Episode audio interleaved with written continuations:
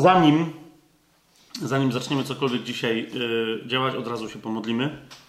Zwłaszcza, że to może być nieco dziwna yy, modlitwa w kontekście rozmaitych modlitw, którymi zaczynaliśmy spotkania tajemnego planu. Jej podstawą yy, będzie Księga Objawienia, piąty rozdział.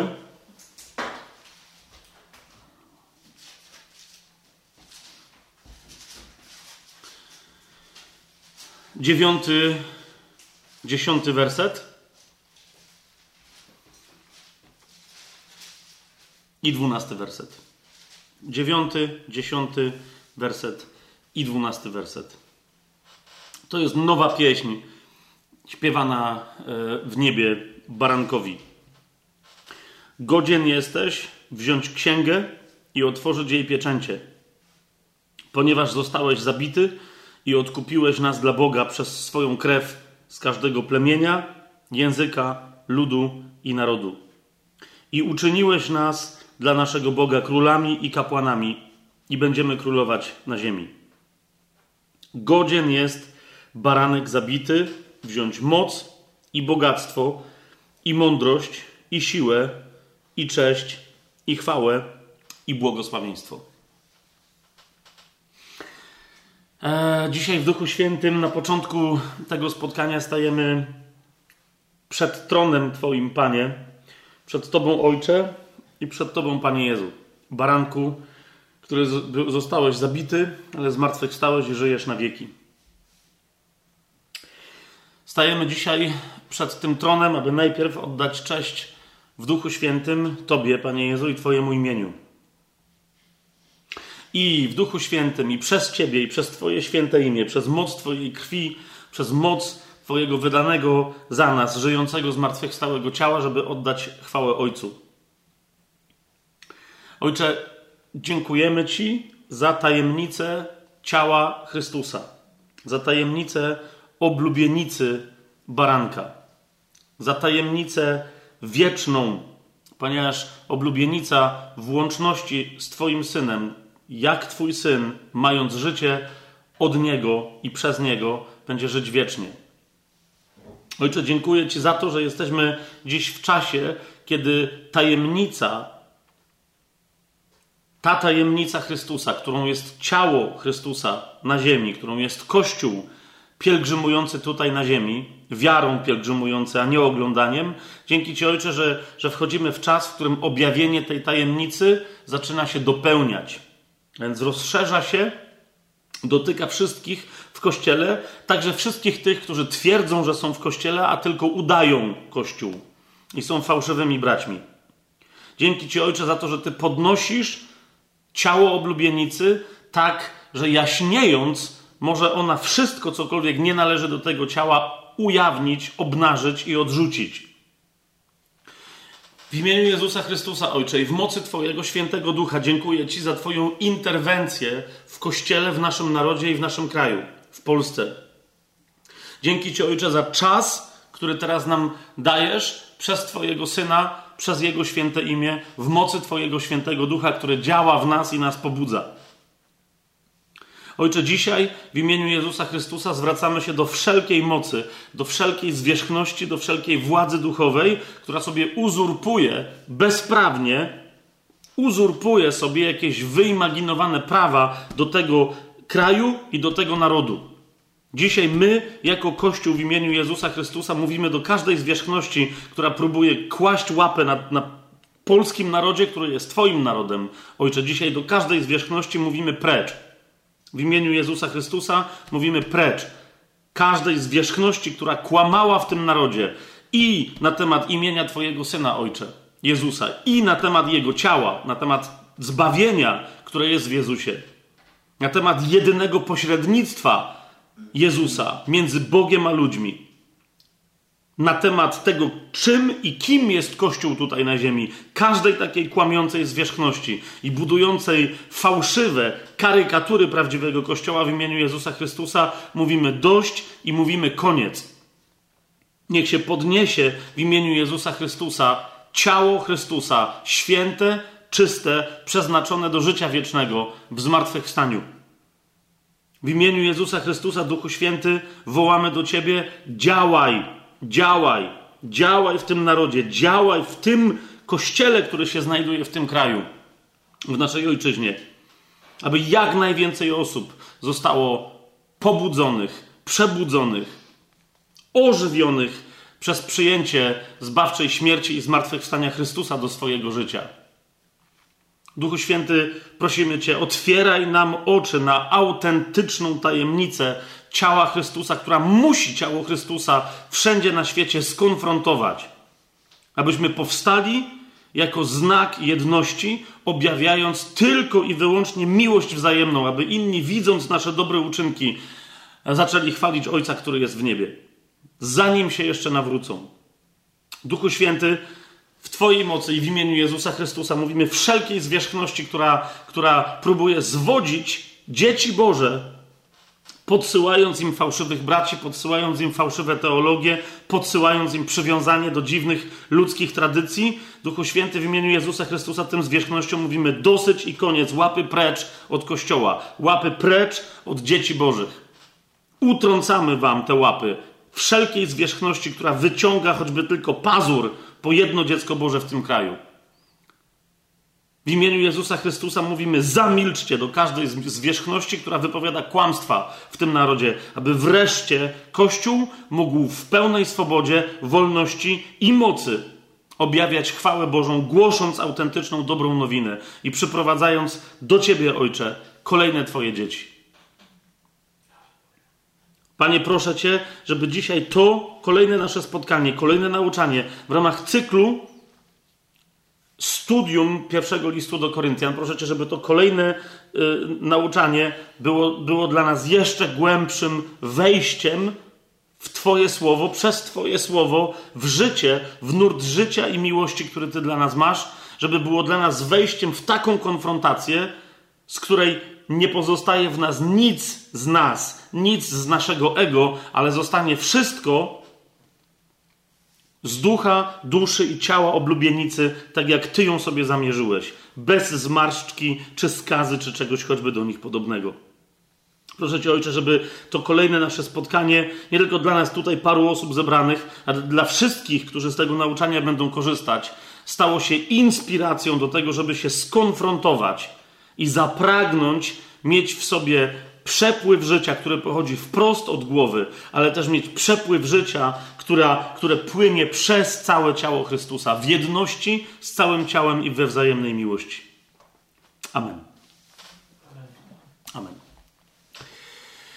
Obiecywałem i się naobiecywałem, nawet w kwestiach obietnic, E, zawsze powinniśmy powtarzać, jak mówi Jakub, nie mów, że coś zrobisz za rok, nie mów, że gdzieś pojedziesz za ileś tam dni, mów, że może tak się stanie, jak Bóg da. Teraz ostatnio obiecywałem po ostatnim naszym spotkaniu, że dzisiaj będziemy mówić na temat e, wieczerzy. Co się stało w czasie wieczerzy? Co się stało, e, czego ona jest znakiem, czego jest reprezentacją? Teraz muszę, e, e, muszę Was nieco tylko zawieść i powiedzieć, że jak Bóg da, to mi się uda zacząć temat wieczerzy następnym razem. A na razie dziś potrzebujemy zrobić jeszcze jedną rzecz. Co mianowicie? Tak się zastanawiałem, yy, ponieważ ze względu na, yy, na kwarantannę koronawirusa, na te tam wszystkie yy, historie, myśmy w pewnym momencie, żeby być w porządku z tym, czego państwo się od nas domagało, przestali, e, jak wiecie, nagrywać. E, na szczęście mieliśmy parę odcinków, e, mieliśmy parę odcinków z ekstra spotkania, które, które od razu były zamyślane jako bonus do tego sezonu, ósmego sezonu tajemnego planu, do pierwszego listu do Koryntian na temat małżeństwa, więc mogliśmy to wykorzystać. Ale jak wróciliśmy, Yy, mówię to tak, żeby wszyscy, którzy tego słuchają, żeby wiedzieli. Dosłownie, jak już bardzo dawno tak nie było, zawsze mieliśmy parę odcinków w zapasie, a teraz nagrywamy w środę albo w czwartek, a zaraz w piątek w tym samym tygodniu ten materiał dzień czy dwa wcześniej nagrany wrzucamy. I tak się zastanawiałem, czy nie powinniśmy trochę przyspieszyć, yy, żeby mieć coś tam w zanadrzu, gdyby jakieś historie wystąpiły. I dzisiaj do mnie dotarło, że nie. Przynajmniej w tym momencie potrzebowaliśmy takiej dynamiki. Dlaczego? Ponieważ po poprzednich dwóch, po poprzednich dwóch naszych spotkaniach przypuszczam, że w zgodzie z tym planem, który miałem w głowie, zrobiłbym dzisiaj dokładnie kolej, gdybyśmy po prostu e, nagrywali to przed publikacjami, nie wiedząc jak tam, e, czy my tutaj, czy, czy inni, którzy od razu e, ten materiał przejmują i studiują, czy inni, którzy potem go odsłuchują na przykład na tajemnym planie, po prostu po poprzednich dwóch spotkaniach dzisiaj byśmy dotknęli od razu tajemnicy, tajemnic związanych z wieczerzą. Gdzie, jak się spodziewałem, tam się dopiero pewne kontrowersje zaczną, jak zaczniemy e, naprawdę się przyglądać, co Słowo Boże naprawdę mówi, a co w najbardziej pobożnych, najbardziej biblijnie wyzna wyznających zborach jest tradycją niekoniecznie zgodną ze Słowem Bożym, w każdym razie w rozumieniu wieczerzy. Tymczasem, już po ostatnim już po ostatnim tym naszym spotkaniu bardzo e, dużo się pojawiło komentarzy, pytań, dużo niezrozumienia, ale o co w ogóle chodzi w tym, w tamtym. I podziękowałem Bogu, że, że nam dał taką dynamikę, jaką nam dał. Dlaczego? Ponieważ dzisiejsze nasze spotkanie będzie reakcją, będzie uzupełnieniem, będzie jeszcze raz opowiedzeniem tego, co już, o czym już mówiliśmy i co studiowaliśmy przez ostatnie dwa spotkania, z jeszcze zupełnie innego kąta, po to, żeby pewne rzeczy, które myśmy, y, które bardzo mocno chciałem upchać i upchałem e, w poprzednich naszych e, spotkaniach, żeby jeszcze raz się im przyjrzeć i żeby dać się Słowu Bożemu poturbować. Teraz, zdaję sobie sprawę, że gdybym być może był lepszym nauczycielem, to tamte dwa spotkania by wystarczyły temat jest bardzo trudny i jeszcze raz powtarzam, gdybym był bardzo dobrym nauczycielem, to może by wystarczyły, ale może nie, tak czy siak. Zdaję sobie sprawę, to jest druga rzecz i to wam chcę tutaj powiedzieć wszystkim, którzy tego słuchają. Zdaję sobie sprawę, że, że całe to moje nauczanie na temat tego bardzo ważkiego w tych ostatnich dniach przed przyjściem Pana Jezusa na ziemię, e, zgłębienie tajemnicy Chrystusa, tego tematu, jest tak istotne, że nie możemy odpuścić. I być może mogłem sobie poradzić lepiej w tych dwóch poprzednich spotkaniach. Ale, ale, ale, więc dlatego dzisiaj poprawiam z jeszcze innej strony, żeby naświetlić te tematy, e, jeszcze in, inną historię dzisiaj opowiedziawszy na ten sam temat, ale muszę jeszcze raz przypomnieć jedną rzecz. Tak? Ponieważ w tych pytaniach, które, y, które dostawałem od publikacji, zwłaszcza ostatniego y, wykładu, jedyne prawdziwe ciało Chrystusa, muszę przyznać jedną rzecz, że w wielu z tych pytań są zawarte tezy, czyli yy, rozumiecie, mnóstwo było pytań, ja tego przesłuchałem, ale co tu? Ja tego przesłuchałem, ale co tam? Ja tego przesłuchałem, ja tego przesłuchałam, ale tu nie rozumiem. Otóż w wielu z tych pytaniach są zawarte, ukryte tezy, które ja wyjaśniłem w tym, co mówiłem, i w wielu z tych pytaniach słychać, jest tu od razu nawet Wam mówię, ok, jak będziemy rozważać pewne rzeczy, zastanów się, czy to nie zostało wytłumaczone, czy to nie zostało przez Ciebie uchwycone. Ok? Ponieważ w wielu z tych pytaniach, które, które padały, e, jak mówię, były ukryte tezy, które świadczyły o tym, że ktoś nie usłyszał tego, co mówiłem, lub usłyszał, ale następnie nie przeprowadził swojego studium. Ok? Ponieważ ja, jeszcze raz powtarzam, mogłem, e, e, mogłem to, to zrobić niedobrze albo w ogóle źle. Tak? Ale jestem przekonany co, co do jednego, a mianowicie, że przekazałem właściwy ciąg Słowa Bożego, które jeżeli ktoś przestudiowałby samodzielnie, powinien przyjść do właściwych wniosków. Plus, tu mamy jeszcze jedną rzecz. Plus tutaj mamy jeszcze jedną rzecz o, o, której my musimy pamiętać. Fakt, że nauczyciel, kiedy dotyka, zwłaszcza kiedy dotyka trudnych rzeczy, ale nie musi, tak? Kaznodzieja i tak dalej. Jeżeli kaznodzieja, nauczyciel i tak dalej posługuje się, to są bardzo ważne zasady, które teraz Wam przekazuję. jeżeli on naucza tylko i wyłącznie swoim słowem, no to w takim razie, jeżeli nikt tego słowa nie rozumie, to, to on ma problem. Ale jeżeli oprócz swojego słowa podaje mnóstwo słowa Bożego, które jest w sposób klarowny ze sobą powiązane i ktoś ciągów tego słowa nie rozumie, to wtedy potrzebuje nie zrzucać winę na um, nauczyciela. Jeszcze raz mówię, ja nie chcę, rozumiecie, wiem, że to jest trudny temat, tylko mówię, gdzie może tkwić pewien problem. On może istnieć po mojej stronie. Jeszcze raz przepraszam, jeżeli w jakichś miejscach zamieszałem. Dzisiaj jeszcze raz się tym zajmiemy. Ale tamtych odcinków nie zdejmujemy. Dlaczego? Ponieważ w tamtych podałem znacznie więcej ciągów Słowa Bożego, które, o których dzisiaj, dzisiaj o pewnych prawdach powiem e, krócej. Tak? Mm, w, w innym harmonogramie, że się tak wyrażę. Ale jeszcze raz. Jeżeli masz podany ciąg Słowa Bożego i tego ciągu nie rozumiesz, to to oznacza, że duch wzywa cię do większego duchowego wysiłku i do większej, głębszej, bardziej serdecznej i oddanej modlitwy o objawienie. Czy to jest jasne, co mówię? W drugim do Koryntian, e, w jedenastym rozdziale, e, w szóstym wersecie, tam Paweł taką zdumiewającą rzecz mówi. To jest drugi do Koryntian, 11 rozdział, szósty werset. Powiada, UBG ma świetne tłumaczenie, mianowicie mówi tak, bo chociaż jestem prostakiem w mowie, to jednak nie w poznaniu, lecz staliśmy się jawni wobec was we wszystkim pod każdym względem. A więc Paweł mówi, możliwy jest wasz odbiór taki, że jestem prostakiem w mowie. Nie wiem, jak tam było z Pawłem i na ile on się trochę naigrawał e, z Koryntian, a z drugiej strony on sam do Koryntian, pamiętacie, w pierwszym się powiedział, że jak przyszedł do nich, to zrezygnował z błyszczenia retoryką, e, technikami e, przemawiania, zrezygnował z tego, żeby pobłyskiwać przed nimi swoją mądrością, a opierał się tylko na słowie i mocy. Amen? Więc całkiem możliwe, że jego nauczanie było dokładnie takie, bam, bam, bam, bam, że, że, że było prostackie być może dla niektórych, ale jeszcze raz, Fakt, że ktoś posługuje się prostackim językiem, czy prostym językiem, całkiem możliwe, że Paweł mówił prostym językiem, a ja się posługuję prostackim językiem. Jesz jeszcze raz, robię co mogę, to jest wszystko, na co mnie stać. Tak? Nie będę za to przepraszał, mogę co najwyżej prosić o modlitwę i dalej nad tym pracować.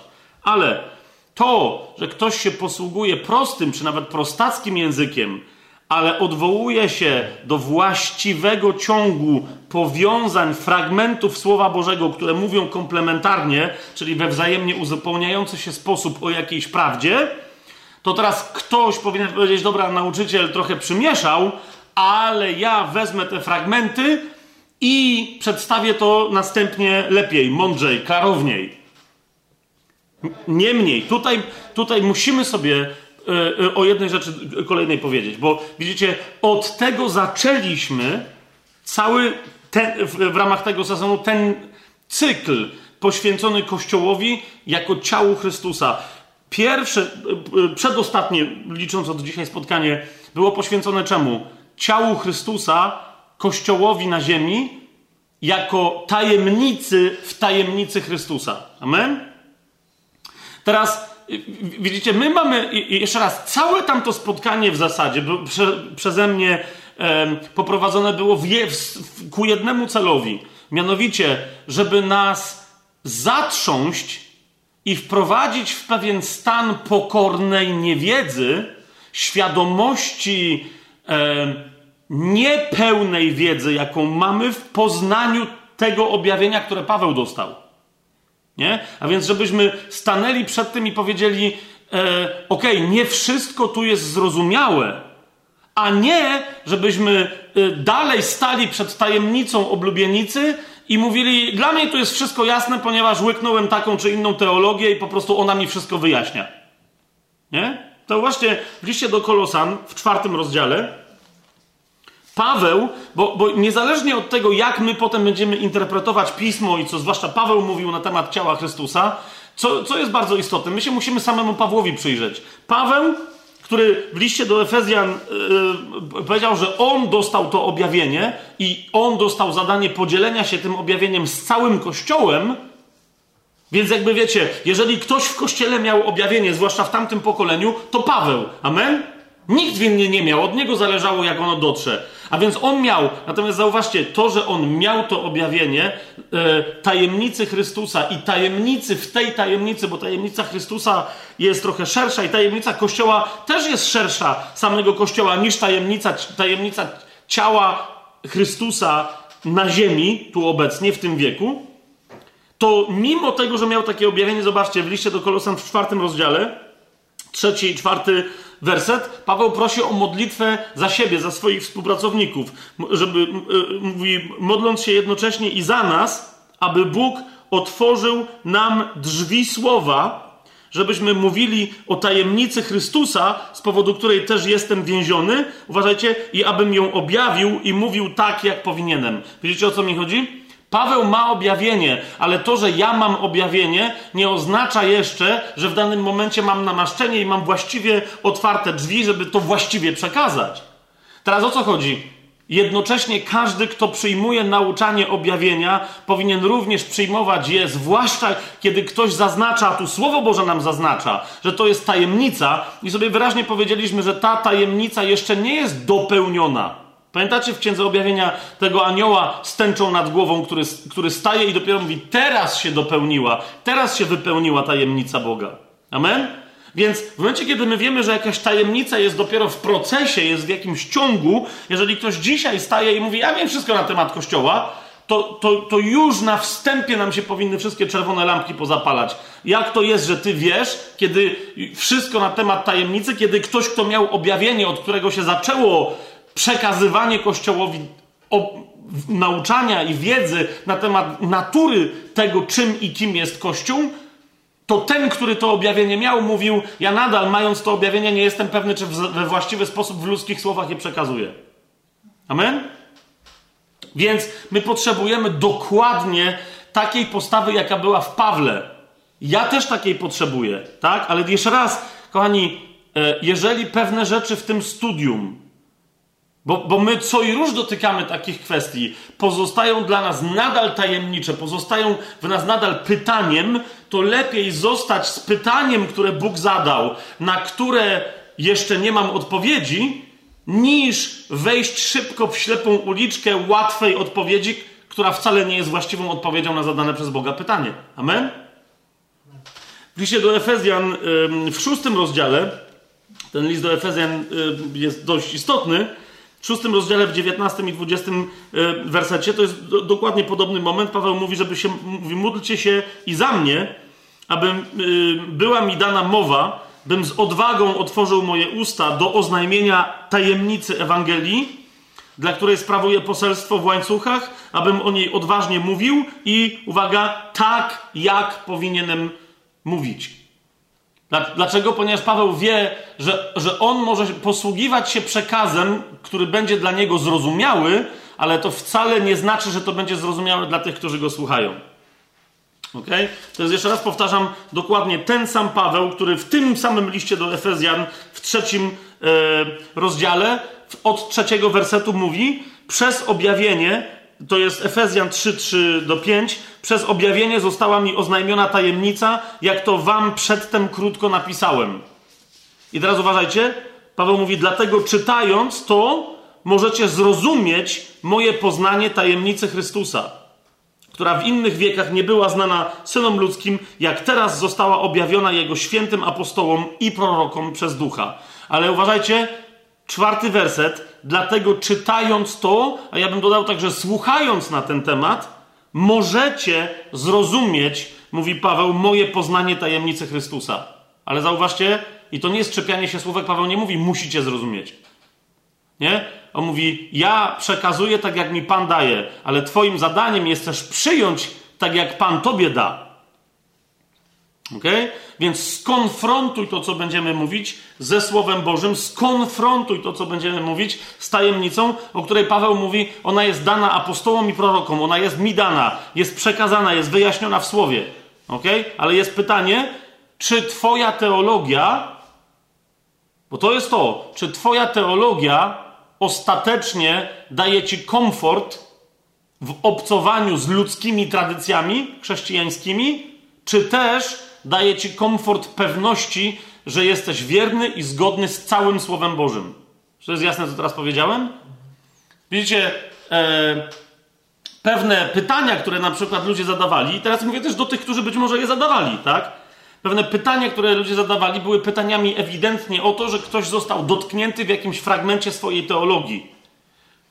I mówi, ale to tu jest nielogiczne, bo okej, okay, bo to się nie zgadza z Twoją teologią. Tylko, że zauważ, że Twoja teologia, jeżeli koniec końców prowadzi do tego, że musisz usunąć jakiś fragment Słowa Bożego, nie jest właściwą teologią, ponieważ się nie zgadza z całym słowem. I mówi, no ale mnie tamte wersety nie pasują.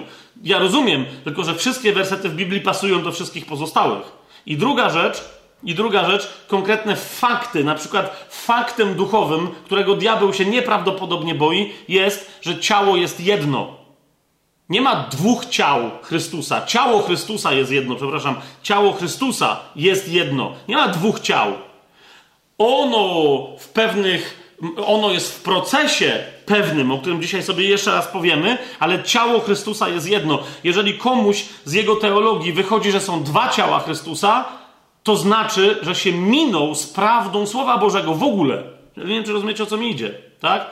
Jeszcze raz mówię, tego przykładem jest Kościół rzymskokatolicki. Ja wiem, że sporo z tych ludzi, którzy się podenerwowali po ostatnim moim wykładzie, nie wszyscy, bo było wielu protestantów, też nie wielu, bo to było tylko tam paru, ale, ale trochę z tych ludzi to byli katolicy, niektórzy e, ukrywający się jako katolicy, którzy ewidentnie zostali w tym strzeleni. Ale jeszcze raz, jeden z problemów, bo my zrobimy, ja myślałem, że w ramach, zrobimy to w ramach tego ciągu, ale my zrobimy osobna, osobno jeszcze jeden, obiecuję to dzisiaj, bonusowy yy, odcinek poświęcony tylko i wyłącznie yy, bluźnierczym skutkom rzymskokatolickiej teologii na temat ciała Chrystusa. A więc y, temu, jak dzisiaj ludzie w ramach religii rzymskokatolickiej zostali wprowadzeni w absolutnie znacznie gorsze bałwochwalstwo niż czczenie obrazów, figurek itd., tak itd. Tak po prostu. W, po prostu w najgorsze możliwe bałwochwalstwo i jeszcze w parę innych bluźnierczych błędów, ze względu na które niektórzy nawet nie są w stanie, dopóki w nie wierzą, przyjąć zbawienia. I mówię, o, na ten temat zrobimy osobne nauczanie. Ale jeden z pierwszych takich elementów, jeżeli ktoś czyta Słowo Boże i przygląda się właśnie na przykład teologii Kościoła Rzymskokatolickiego, to musi to zobaczyć, że według tej teologii istnieją dwa różne ciała Chrystusa. Ok? I które są ze sobą niezwiązane. Jedno ciało to jest to święte ciało, rzekomo obecne w chlebie, który jest konsekrowany e, w magiczny sposób przez kapłanów podczas magicznego obrzędu, który się nazywa msza. I że, i, i rozumiecie, i ludzie czczą to ciało dokładnie tak, jak Słowo Boże mówi, że powinni czcić w miłości, czyli podchodzisz do braci i do sióstr. Tak? I teraz oni mówią, to jest ciało, któremu, któremu należy się kłaniać, to jest ciało, któremu należy służyć. Okay? Ksiądz rozdaje opłatki i ludzie klękają przed nimi, kłaniają się im. Patena jest podstawiona, żeby jeden okruszek nie spadł, ponieważ ten okruszek to jest kolejne powielone ciało Chrystusa, okay, które odpada od tego poprzedniego ciała Chrystusa. I teraz, rozumiecie, tam ludzie, którzy naprawdę w to wierzą, wierzą są gotowi się w błoto rzucić, żeby chronić widę, zdaje się, e, obecny nasz pan prezydent w ramach chyba kampanii e, się tak właśnie e, spektakularnie rzucił E, żeby ratować e, kawałek opłatka, tak? Ponieważ on wierzy, że to jest Chrystus. Teraz jest pytanie, dlaczego to, jeżeli, bo mówią, ale to jest to samo ciało Chrystusa co Kościół, to dlaczego w ludziach jednak nie ma takiej postawy? Ponieważ praktyka pokazuje, a i teologii tej, jak się przyjrzymy, to ona również jest taka, że ciało Chrystusa rozumiane jako Kościół w religii rzymskokatolickiej jest czymś innym niż ciało Chrystusa rozumiane e, fizycznie jako, jako opłatek, jako rzecz zrobiona przez ludzkie ręce, której trzeba oddawać cześć. Ok? Więc teraz, ale teraz na czym cała rzecz polega? Że widzicie, e, ludzie próbują także po stronie ewangelicznie wierzących chrześcijan w ramach e, pozostałości, bo, bo, bo właśnie mnóstwo teologii, raz wybaczcie mi, że ja muszę zrobić ten, ten wstęp, ale to jest naprawdę ważne. Nie pójdziemy dalej, nie pójdziemy do rozważania wieczerzy, chociaż dzisiaj trochę o wieczerzy już powiem. Dopóki to nie zostanie przez nas uchwycone i e, w jaskrawy sposób naświetlone, żebyśmy po prostu, nawet jeżeli się ktoś ze mną teraz nie będzie zgadzał, to nie ma w ogóle żadnego problemu. Ja zaraz autora będę cytować pod koniec naszego spotkania dzisiaj, z którym też w pewnych kwestiach się, e, się kompletnie nie zgadzam, ale widzę w nim człowieka, który szuka prawdy Słowa Bożego, dzieli się e, tym, co istotne, w tym wszystkim, co podstawowe i fundamentalne, jesteśmy zgodni, w całej reszcie szukamy jedności i szukamy zgody. Więc teraz po stronie ewangelicznej są teologie, które, rozumiecie, dzisiaj są wyznawane, bo teraz my mamy swoich teologów od 125 lat, od 240 robimy tak, a nie inaczej. I te pokolenia dzisiaj nawet nie widzą, że ich teologia jest po prostu próbą dyskursu, poprowadzenia jakiegoś dyskursu z czym? Z kierunkiem, który narzuciła teologia rzymskokatolicka na temat ciała Chrystusa i na temat tego, czym jest wieczerza. Tak? Ja mówię, już nawet się nie zapędzając dalej, ale żeby troszeczkę jeszcze powkładać kija w mrowisko, powiem, że, yy, że przy okazji wieczerzy Dzisiaj nawet moją żonę, jak tu jechaliśmy, troszeczkę zszokowałem, jak jej powiedziałem, że no jedna, my, jak nie zrozumiemy kwestii ciała Chrystusa, to przy okazji wieczerzy dopiero będą szoki, jak się okaże, że przy okazji wieczerzy, yy, która przez religię rzymskokatolicką została pokazana w sposób fałszywy jako pewien, yy, yy, jako jedna całościowa rzecz, pra, mnóstwo protestantów, mnóstwo ludzi biblijnie nawet wierzących, ponieważ są w tym dyskursie E, z katolicką mszą nie widzą, że Pan Jezus, uważajcie teraz na to, co powiem, to, jest, to będzie zapowiedź następnego odcinka, to jest to, co mieliśmy dzisiaj między innymi robić, nie widzą tego, że Pan Jezus nie zostawił pamiątki wieczerzy. O, teraz widzę genialne tutaj, w sensie zostawił pamiątkę wieczerzy, ale zostawił też pamiątkę po wieczerzy. Jeżeli tak na mnie patrzycie, to, to rozumiecie, co się stało w czasie wieczerzy? Łamanie chleba. I Pan Jezus powiedział, to czyńcie na moją pamiątkę. Amen? To jest raz. Jak możemy nazywać pamiątką wieczerzy coś, o czym Słowo Boże mówi, podobnie po wieczerzy wziął kielich i tak dalej, i tak dalej. Pamiątką wieczerzy w sensie ścisłym, i nie chodzi teraz o, o łapanie się za słowa, ale zaraz, jeszcze raz mówię, jak będziemy, nie zaraz, następnym razem, jak będziemy to rozważać, to zobaczycie, że tak jest. Pamiątką wieczerzy pamiątką Chrystusa, którą on ustanowił, bo powiedział, że chce, żebyśmy tak robili, jest łamanie chleba. Łamanie się chlebem. A kielich jest pamiątką po wieczerzy i jest związany z inną rzeczywistością i reprezentuje coś innego niż łamanie się chlebem. Ok? Ponieważ to jest kielich we krwi nowego przymierza. One, te dwie rzeczywistości są związane i tak ja wiem, one są tak mocno związane, że i Mateusz, i Marek, i Łukasz, i przede wszystkim Paweł mówią o nich obok siebie, ponieważ one są związane, ale nie bez przyczyny mówią podobnie. Co to znaczy podobnie? Czyli tak jak zrobił pierwszą pamiątkę, tak teraz po powiedział, jest jeszcze druga. I teraz ktoś powie, no ale to ogólnie jest pamiątka jedna. No widzisz, no ogólnie tak. To jest jedna przeplatająca się rzeczywistość, ale Pan Jezus powiedział, że chce, żebyśmy robili dwie rzeczy na Jego pamiątkę. Czy przynajmniej z tym się możemy zgodzić? I jedną powiedział w czasie wieczerzy, to jest niezwykle istotne, a drugą, o drugiej powiedział po wieczerzy i wszyscy to podkreślają. Podobnie jak za pierwszym razem, tak za drugim, ale po wieczerzy wziął kielich, podobnie jak wcześniej wziął chleb. Znowu zrobił podobne rzeczy, ale to nie jest to samo. Ok? To nie jest to samo. W jednym y, z komentarzy, ja od razu mówię dla tych, którzy y, słuchają, od razu mówię, że ja nie, nie czytam komentarzy, nie, nie chodzę po internecie, nie oglądam siebie i nie sprawdzam, jakie są na mnie reakcje we wszechświecie, nawet na tajemnym planie. Ale mamy genialnych y, administratorów, zwłaszcza, no mamy genialnych administratorów. Jeden z nich mi podesłał tam taki komentarz, że no właśnie, że, że jakby sugerujące, że ja celowo komentując ciało Chrystusa i odnosząc się do łamania chleba, pominąłem temat e, kielicha i krwi.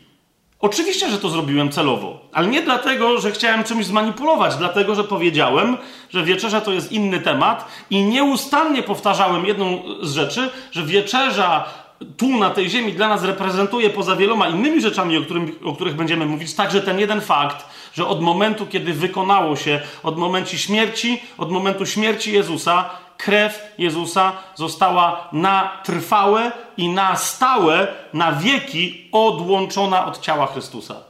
Zmartwychwstały Chrystus, kiedy powstaje z martwych, powstaje na innej zasadzie życia, która jest zasadą duchową, a więc powstaje ożywiony duchem, a nie powstaje ożywiony krwią, w której jest życie tego ciała, które Pan musi zniszczyć. Czy to jest jasne, co mówię? I dlatego, dlatego Pan Jezus nawet w czasie wieczerzy zrobił co innego, połamał chleb, a po wieczerzy odniósł się do swojej krwi, żeby, żebyśmy my na zawsze nie łączyli tych faktów. Teraz jeszcze raz, mówię zupełnie, to będzie zupełnie osobny odcinek, ale zauważcie, e, jedna z prób obrony religii rzymskokatolickiej, tamtej teologii, tego co się dzieje w mszy, to jest twierdzenie, że na ołtarzu składa się ciało, w którym jest krew. Jeszcze raz, to nie jest pamiątka wieczerzy. Ofiara została raz na zawsze złożona. No, a to właśnie, to jest jeden z dowodów na to. Oni mówią, że nie, nie, bo my to symbolicznie, my wiemy, że ta ofiara się dokonała. Jeżeli ona się dokonała, to w tym ciele nie ma krwi. Jedn... Po prostu nie, nie wiem, kto na początku oszukał, bo reszta, myślę, że na zasadzie ignorancji po prostu to przyjęła nie badając. Ale w ciele Chrystusa które my świętujemy, które my celebrujemy podczas naszej pamiątki wieczerzy, nie ma krwi, łamiemy się chlebem i pijemy wino później, a nie mieszamy tego. To rozumiecie, yy, Kościół rzymskokatolicki krzyczał przez, przez cały czas na protestantów, że co Biblia mówi, że Pan Jezus powiedział w Biblii, kto nie pije mojej krwi i nie je mojego ciała. Ok? To dlaczego w takim razie przez kilkaset lat tenże Kościół zabraniał swoim wiernym przystępu do kielicha. No bo to było nielegalne. Ktoś, rozumiecie, przyszedł na świat, żył 80 lat jako katolik, o ile, potem umarł i nigdy w życiu ani kropli krwi z tego kielicha, który ksiądz w, w złocie e, pozłacanego, czy naprawdę złotego, w którym tam se wino wlewał, nikt z wiernych tam nie miał dostępu. Bracia morawscy mieli, to był, to był jeden z tajnych znaków braci morawskich. Czasem wiecie, jak jakiś bardzo stary dom, jakąś budowlę gdzieś się zobaczy na przykład na, e, na Dolnym Śląsku, czy, czy po niemieckiej, na Morawach, czy, czy, czy e, po niemieckiej stronie granicy, za, tam jeszcze za Legnicą.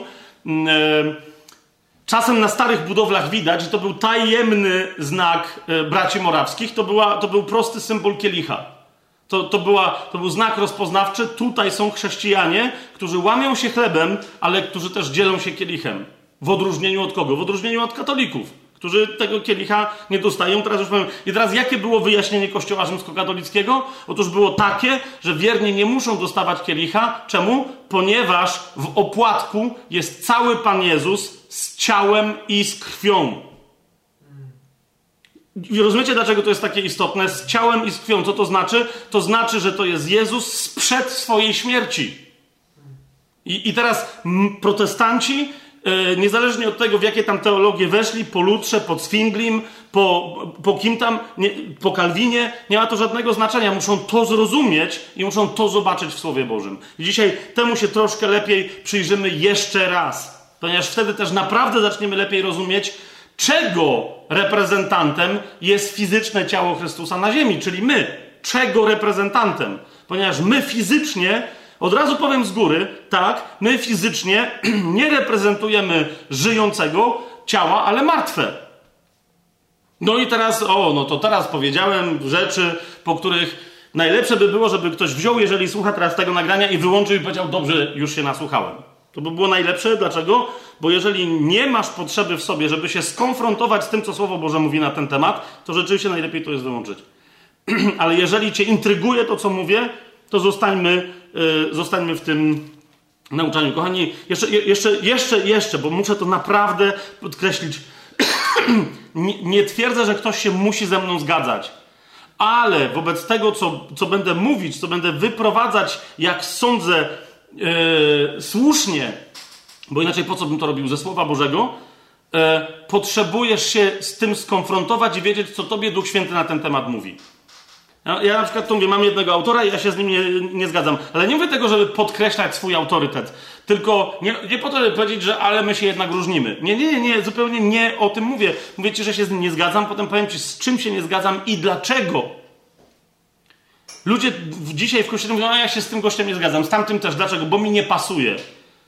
Nie, nie. Jeżeli w ten sposób się nie zgadzasz, ponieważ wprowadza ktoś, jakiś nauczyciel, ewangelista, prorok, ponieważ swoim zachowaniem, głoszeniem i tak dalej po prostu wprowadza dyskomfort e, w to, do czego się przyzwyczaiłaś, czy do czego się przyzwyczaiłeś, ale nie masz podstawy w słowie, nie wiesz o co jemu chodzi z tym zachowaniem albo z tym jego nauczaniem. I po drugie, y, nie, kiedy już wiesz, nie umiesz powiedzieć, dlaczego Słowo Boże jednak Y, raczej według ciebie mówi coś innego niż ta osoba, to to wtedy jeszcze raz skonfrontuj się, bo być może odrzucasz brata i siostrę posłanego albo posłaną do ciebie po to, żeby przywrócić twoje serce do, przez Jezusa w Duchu Świętym do serca Ojca. Amen? W pierwszym Piotra, w pierwszym rozdziale, w dziesiątym wersecie i dalej, yy, o, o całym doświadczeniu naszego zbawienia Piotr pisze następujący sposób, w następujący sposób. Oto zbawienie. Swoją drogą, widzicie, nie o to zbawienie, które my dzisiaj przeżywamy, ale o wykończone dzieło zbawienia. W dziewiątym wersecie Paweł mówi, otrzymując koniec waszej wiary, zbawienie dusz. To pełne doświadczenie zbawienia przyjdzie w pełnym zbawieniu dusz, które będzie zmartwychwstaniem w nowych ciałach. Ale to nie będziemy teraz jeszcze się w to zagłębiać. Więc Paweł, Piotr mówi, oto zbawienie, to jest 1 Piotra 1, 10 do 12, oto zbawienie wywiadywali się i badali je prorocy, którzy prorokowali o przeznaczonej dla was łasce. Prorokowali, ale następnie nie wszystko wiedzieli, o czym w ogóle gadają. Tak? Badali oni, na jaką i jakiego rodzaju porę wskazywał Duch Chrystusa.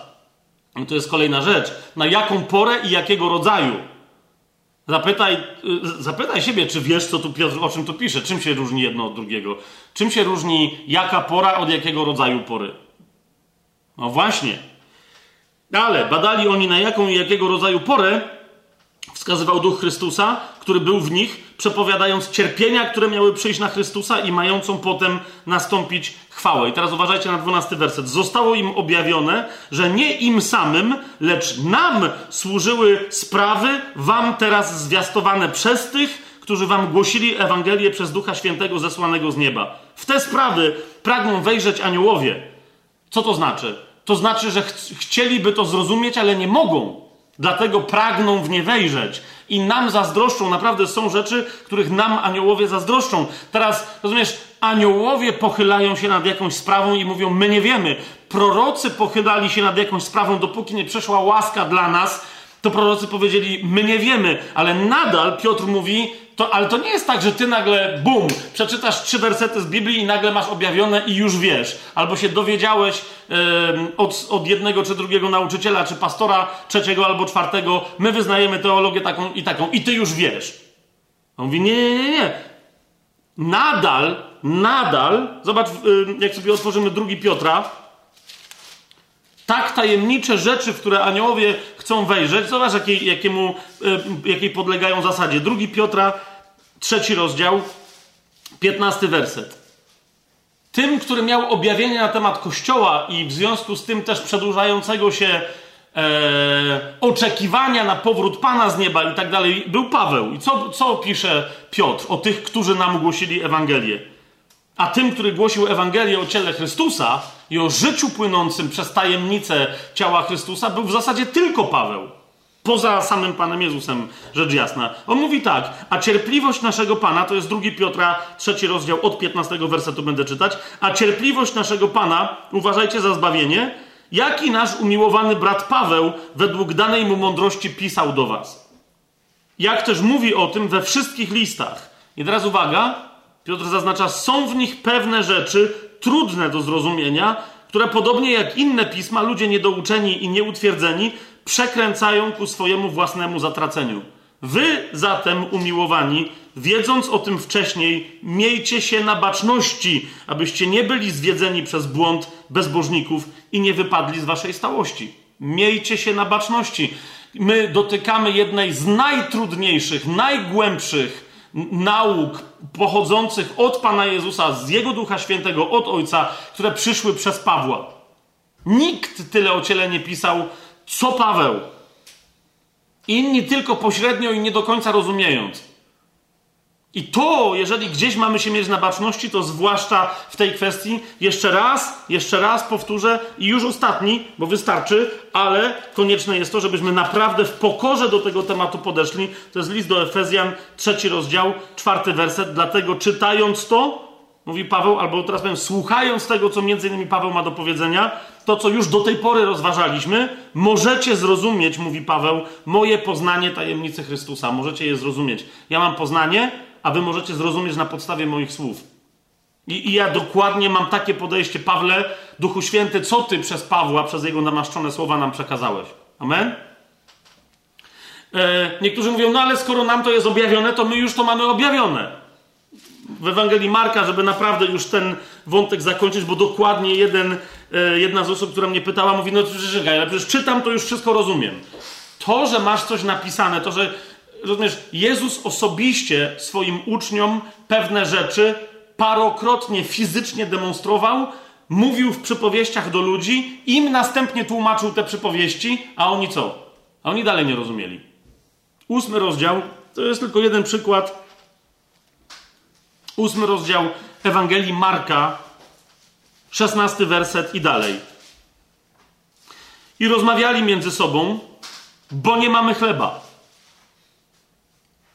By the way, przy okazji. Jezus poznawszy to powiedział do nich: Czemu rozmawiacie o tym, że nie macie chleba? Jeszcze nie pojmujecie i nie rozumiecie? O, to jest pytanie. Jeszcze nie pojmujecie i nie rozumiecie? Jeszcze wasze serce jest odrętwiałe? Macie oczy, a nie widzicie, i macie uszy, a nie słyszycie, i nie pamiętacie? I tam podaje im przykład, co się działo dwukrotnie i tak dalej. Zadaje im pytania, oni odpowiadają na te pytania. A więc mówi, dobrze, no to widzę, że pamiętacie, co się działo. Podajecie mi konkretne, właściwe liczby. 21 werset. I zapytał ich, jakże więc nie rozumiecie? Skoro wszystko pamiętacie, najwyraźniej się nie zastanowiliście. I teraz jeszcze raz, całkiem możliwe, że, że ponieważ mówiłem o trudnych rzeczach, ja sam gadałem w niejasny sposób. Przepraszam tych, którym mogłem coś zamieszać. Zrozumcie mnie, ale jeszcze raz, niech to nikogo z nas nie zwalnia z, z, z osobistego studium. Czy to jest jasne? Z osobistego studium, e, bo do tez, o których mówię i które, i które może nie, nie klarownie wyjaśniam, do tych tez podaję jednocześnie odpowiednio dużo, odpowiednio ważkiego i ciężkiego, odpowiednio grawitacyjnego Słowa Bożego odnoszącego się do tych tez, tak że można te tezy ze Słowem Bożym porównać, a nie z moim. I teraz, i teraz, kochani, więc co my dzisiaj zrobimy? e, już po tym wstępie, w którym już sporo rzeczy zaznaczyłem, e, taki mam nieoficjalny tytuł. Nie wiem, czy ostatecznie na tajemnym e, planie na YouTubie taki tytuł będzie, ale zakrzyknę, żeby naprawdę ta kontrowersja nas doprowadziła do jaskrawego widzenia kontrastów w tych prawdach, o których będziemy mówić. E, tak sobie zakrzyknę cichutko, jako nieoficjalny tytuł tego naszego dzisiejszego studium e, dam taki okrzyk, bo tam jest wykrzyknik na końcu: Niech żyje martwe ciało. Niech żyje martwe ciało. I teraz, e, jak, jak się to ma do ciała Chrystusa? Jak to się ma do ciała Chrystusa? Jak to się ma do tego, co powiedziałem? Kto prześledzi Słowo Boże, to będzie wiedział, co ja mam na myśli. A jak nie, to następnym razem będę klarownie na pewne rzeczy jeszcze dalsze odpowiadać, na przykład przy okazji wieczerzy. Ale kto dziś wyraźnie, dokładnie posłucha tego, co mówię, będzie wiedział, że tak, na przykład, kiedy mówiłem, że Pan Jezus pokazał na swoich uczniów i powiedział: To jest ciało moje.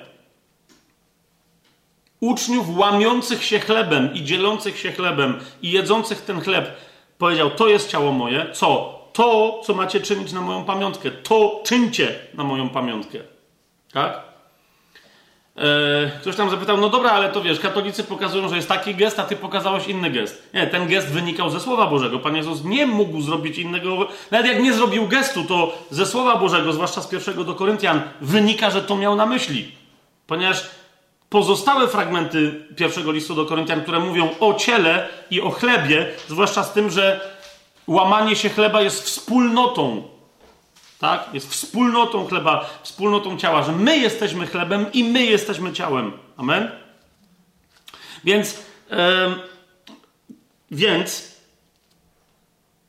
bo tam ktoś zada, mówi, dobra, ale to co by to znaczyło? Że my, bo Pan Jezus nam powiedział, że to jest moje ciało, które za was jest wydawane. Ściśle rzecz ujmując w języku greckim jest powiedziane, które za was jest wydane. To jeżeli my jesteśmy tym ciałem, które jest wydane, to znaczy, że my umieraliśmy na krzyżu sami za siebie? Nie! Ale tak, my jesteśmy tym ciałem, które już umarło.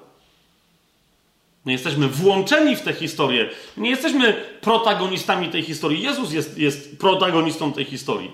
Tak? Ale jeszcze raz, jeszcze raz, kto by prześledził uważnie te wszystkie fragmenty, które do tej pory podawałem, to powinien to zobaczyć, że dokładnie to Jezus ma na myśli, partycypuje w tym, w czym zapowiada proroczo, tym jednym prostym gestem, to w czym my dzisiaj partycypujemy. Ale jeszcze raz, jeszcze raz, żeby zrozumieć, że te słowa wszystkie, one naprawdę się ze sobą wiążą w jedno. Tak? Pokazują naprawdę jedną, klarowną wizję. Potrzebujemy jeszcze raz podsumować sobie to wszystko, co na temat tej tajemnicy, przed którą w pokorze, pragnąc ją zrozumieć, powinniśmy drżeć. Zacznijmy jeszcze raz od początku. Pierwsza teza. Wcielone Słowo Boże, a zatem Bóg druga boska osoba, Słowo Boże, wcielone, to znaczy, które stało się konkretnym człowiekiem, Jezusem z Nazaretu, pojawiło się na świecie. Wcielone Słowo Boże, konkretny człowiek, Jezus z Nazaretu, wcielone Słowo Boże jako konkretny człowiek, pojawiło się na świecie i aż do swojej śmierci to Słowo Boże, jako ten konkretny człowiek pozostający w swoim ciele, Słowo Boże pozostawało w swoim ciele tylko samo. Dlaczego? Ponieważ nikt z ludzi nie mógł wtedy współpracować ze Słowem Bożym w dziele, które było Słowa Bożego zadaniem do wykonania jako człowieka. Czy to jest jasne, co do tej pory powiedziałem? Czy, jeszcze raz, to jest bardzo. Czy to jest jasne? Słowo Boże stało się jednym, pojedynczym, konkretnym człowiekiem i aż do swojej śmierci ten człowiek pozostawał tylko i wyłącznie sam. Okay? Ewangelia Jana. Widzicie, każde z tych, z tych tez, które teraz wypowiem, ona jest ważna, żeby, żeby zrozumieć to, co się potem dalej będzie działo. Dlaczego? Ponieważ to są prawdy, o których zaświadcza nam Słowo Boże. Ok? I teraz, kochani, jedna bardzo istotna kwestia, którą jak, jak pominiesz, no to właśnie, powinniśmy zawsze, kiedy prowadzimy studium Słowa Bożego, rozpoczynać od takich prawd, takich faktów przedstawionych przez Słowo Boże, które są bezsprzeczne. Ok? A potem od tych prawd przechodzić do bardziej dyskusyjnych kwestii. Dlaczego? Ponieważ tam, gdzie jest dyskusja, tam padają pytania, a odpowiedzi na te pytania muszą się zgadzać z tym, co do tej pory już ustaliliśmy, że jest bezsprzeczne. Czy to jest jasne, co mówię? Dlatego między innymi, jeżeli ustaliliśmy, bo Słowo Boże tak mówi i powtarza regularnie, powtarza, powtarza, powtarza tę tezę, którą chociażby znajdujemy w liście do Efezjan, list do Efezjan, to jest list do Efezjan, czwarty rozdział, czwarty werset, jedno ciało. To jest teza Słowa Bożego. Jedno ciało, jeden duch. Piąty werset. Jeden Pan, jedna wiara, jeden chrzest. Czy ten chrzest, który nas wprowadza w śmierć Chrystusa i jednocześnie w życie zmartwychwstaniem e, jest jeden, czy ich jest wiele? Czy chrztów w imieniu Jezusa jest więcej różnych typów? Nie, jest, on jest jeden, Słowo Boże mówi. Czy Jezus jest Panem i oprócz Niego jest jeszcze jakiś inny Pan, czy o co chodzi? Jasne, że Bóg jest Panem, Ojciec jest Panem, Duch jest Panem, ale chodzi mi o to, że tym Panem, który nad nami panuje, Panem Panów, jest jakiś jeszcze inny Pan? Nie, jest jeden Pan. Czy wiara zbawcza, która się zamienia w naszą wierność, gdy już dzięki niej jesteśmy usprawiedliwieni, czy jest jeszcze jakaś inna wiara możliwa? Nie, jest jedna. I w tym sensie, jeżeli Słowo Boże w tym ciągu mówi, że jest jeden Pan, jedna wiara, jeden chrzest, jest jeden duch, i mówi, jest jedno ciało, to co to znaczy? Że jest jedno ciało.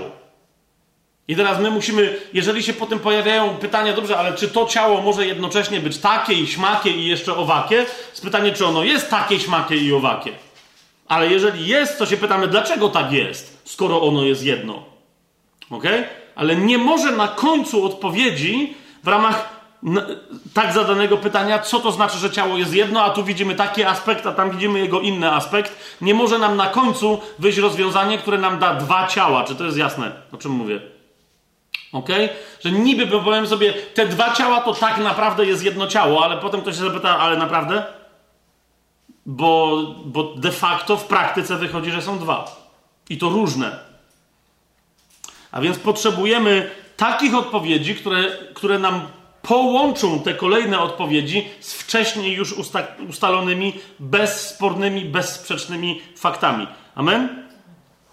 A więc wcielone Słowo Boże, wcielone jako konkretny człowiek, Jezus z Nazaretu, pojawiło się na ziemi i aż do swojej śmierci to Słowo Boże, ten konkretny człowiek, Jezus z Nazaretu, pozostał sam. Dlaczego? Ponieważ sam jeden, jedyny w całej historii wszechdziejów przyszedł na świat bez grzechu i pozostał bez grzechu aż do swojej śmierci, a tylko bezgrzeszny człowiek mógł wykonać dzieło, które wykonał Jezus. Amen?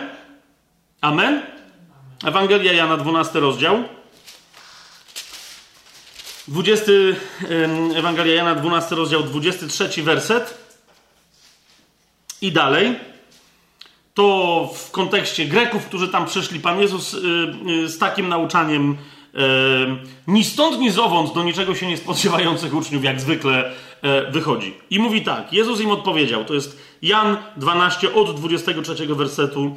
A Jezus im odpowiedział: Nadeszła godzina, aby syn człowieczy został uwielbiony. Co to znaczy? To, żeby umarł, dokończywszy dzieła, no i żeby się potem cała pascha dokonała, właściwa. I na to, kiedy mówi, że nadeszła godzina, powiada Amen, amen, 24 werset. To amen, amen jest też tłumaczone jako zaprawdę, zaprawdę. Powiadam wam, jeżeli ziarno pszenicy wpadłszy w ziemię nie obumrze, samo zostaje. Jeśli jednak obumrze, wydaje obfity plon. Amen? Pan Jezus mówi, ja do tej pory jeszcze nie wpadłem w ziemię, dlaczego? Bo nie, nie obumarłem. Oto wpadam i teraz zacznę, kiedy obumrę, wydawać plon. Kto miłuje swoje życie, utraci je, a kto nienawidzi swojego życia na tym świecie, zachowa je na życie wieczne. To jest to. Jezus mówi, w jaki sposób płynie życie? Jest mnóstwo zasad tutaj podanych. ok? Życie zaczyna się od śmierci obumierającego ziarna, które wydaje się, że wpadło w ziemię, w ciemność, gdzie nie ma słońca i gnije, ale z tego to nie jest gnicie śmiertelne. Z niego powstaje nowe życie, które przyniesie obfity plon. Kto miłuje swoje życie, utraci je, a kto nienawidzi swojego życia na tym świecie, no to ktoś powie, no to kto nienawidzi swojego życia, to umrze. Pan Jezus mówił, okej, okay, to umrze w tym życiu, które i tak się kończy śmiercią, ale otrzyma życie wieczne. Jeżeli ktoś mi służy, mówi Pan Jezus, to jest kolejna zasada, niech idzie za mną, a gdzie ja jestem, tam będzie i mój sługa. A jeśli ktoś będzie mi służył, uczci go mój ojciec. Ja wiem, że y, często ten werset, jeżeli w ogóle jest gdzieś czytany czy podawany, jest podawany jako ozdobnik. Rzadko kiedy ktoś z niego wyciąga nauczanie, podczas gdy w tym nauczaniu, zwłaszcza dla nas i pojedynczo na naszej drodze wiary, ale też dla nas jako dla Kościoła tu funkcjonującego na ziemi, znajduje się kolejna zasada, o której Pan Jezus mówi. Jeżeli ktoś mi służy, mówi Pan Jezus, niech idzie za mną, a gdzie ja jestem, tam będzie i mój sługa. Słowem, jaką drogę przeszedł Jezus, taką drogę musi przejść jego sługa. Dlaczego? Bo w innych miejscach, jak zauważycie, Pan Jezus powie, bo nie jest sługa większy od swojego Pana, y, uczeń od swojego mistrza i tak dalej, i tak. Amen? I to będzie kolejna rzecz. Gdzie był Jezus, tam my też się znajdziemy. Gdzie Jezus mówi, że ja teraz jestem, tam wy będziecie. Gdzie Jezus mówi, że jest? Jest w godzinie. I właśnie mi Weronika pokazała, że minęła godzina tego nauczania. Ok. Jezus mówi, że jest w godzinie, w której zostanie uwielbiony. Nas też jako Kościół czeka godzina uwielbienia. I jeszcze raz. jeszcze raz zobaczcie, gdzie jest, gdzie dokonuje się godzina uwielbienia. Kościół nie może tego pominąć, wręcz powiedziałbym, Kościół tylko i wyłącznie tu na ziemi albo jest w godzinie uwielbienia, tej, o której mówił Pan Jezus, albo się sprzeniewierza swojemu byciu Kościołem, swojej naturze. Czy jest do tej pory na razie jasne to, co mówię? Czy Jezus mówi, gdzie ja jestem, tam wy będziecie, tak? Ale mówi, na razie ja sam robię pewną rzecz. I jaką rzecz robi sam? W Ewangelii Jana w 10 rozdziale, w 17 yy, wersecie, od 17 wersetu, tam dalej, aż do 20, powiedzmy, pierwszego, Pan Jezus mówi tak. Dlatego Ojciec mnie miłuje, bo ja oddaję swoje życie, aby je znowu wziąć. Kto Panu Jezusowi odbiera życie? Nikt mu nie odbiera życia. On się godzi na pewne rzeczy, tak? Ale on, on kontroluje całą tę sytuację. Dlatego ojciec mnie miłuje, powiada, bo ja oddaję swoje życie, aby je znowu wziąć. Nikt mi go nie odbiera. 18 werset. Ale ja oddaję je sam z siebie. I znowu, oczywiście, że ja to czynię, ale to powiedzenie w języku greckim ono mówi, ale zauważcie też, że ja jestem sam w tym dziele. Nawet Ojciec, nawet Duch Święty się wycofują w dziele oddawania mojego życia. Ja to robię naprawdę sam w pojedynkę. Potem Ojciec zwraca życie synowi przez ducha, i, I syn co robi wtedy? Bierze je sobie od, od ojca przez ducha. Czy to jest jasne, co teraz powiedziałem? Więc on musi je dostać z powrotem i wtedy sam je również weźmie, ale już nie sam dla siebie. Tak? Niemniej na początku sam, kompletnie sam je oddaje. Taka była umowa z ojcem, o czym mówiliśmy poprzednimi razy. Więc mówi, nikt mi go nie odbiera, 18 werset, ale ja oddaję je sam z siebie. Mam moc je oddać i mam moc znowu je wziąć. Ten nakaz otrzymałem od mojego ojca. Chcę, żebyście zwrócili uwagę na to słowo, ten nakaz. Nie wiem, czy macie skojarzenie z jakimś innym powiedzeniem Jezusa, nawet w tej samej Ewangelii, nawet byłoby dobrze, żeby to była ta sama Ewangelia, kiedy Jezus mówi o nakazie, nie który On nam daje, ale który On ma od Ojca. W jakiej randze się znajduje ten nakaz? Ok, zaraz tam przeskoczymy. Ale Jezus mówi, że taki dostał nakaz od Ojca, aby oddać życie, a potem je z powrotem wziąć. Ok? I teraz, dlaczego o tym mówię? Bo zauważcie, już tu, kiedy Jezus mówi o oddawaniu życia i braniu i tak dalej, już tu, wśród ludzi, którzy rozumieją Słowo Boże, a Jezus tu kompletnie opiera się na Słowie Bożym, ale mówi językiem absolutnie niereligijnym. Mówi o tym, jak się urodzi Kościół. I już tu, co się dzieje, 19 werset, nastąpił rozłam wśród Żydów z powodu tych słów. I wielu z nich mówiło, ma demona i szaleje. Czemu go słuchacie? Inni mówili, to nie są słowa człowieka mającego demona. Czy demon może otwierać oczy ślepych? Widzicie, tamci drudzy mówili, my, my też nie wiemy, co on gada ale ponieważ moc przez niego działa, to może jednak warto byłoby posłuchać, co on gada. Ale nikt nie wie, co on mówi. Rozumiecie? On, nikt, nie, nikt nie wie, co się tak naprawdę dzieje. Jak to on odda życie, a potem sobie je weźmie? Co się tu dzieje? I teraz sęk w tym, że to jest tajemnice. My, my często się ślizgamy po powierzchni tej prawdy i my sobie mówimy, w kościele Jezus oddał życie, Jezus wziął, Jezus coś tam.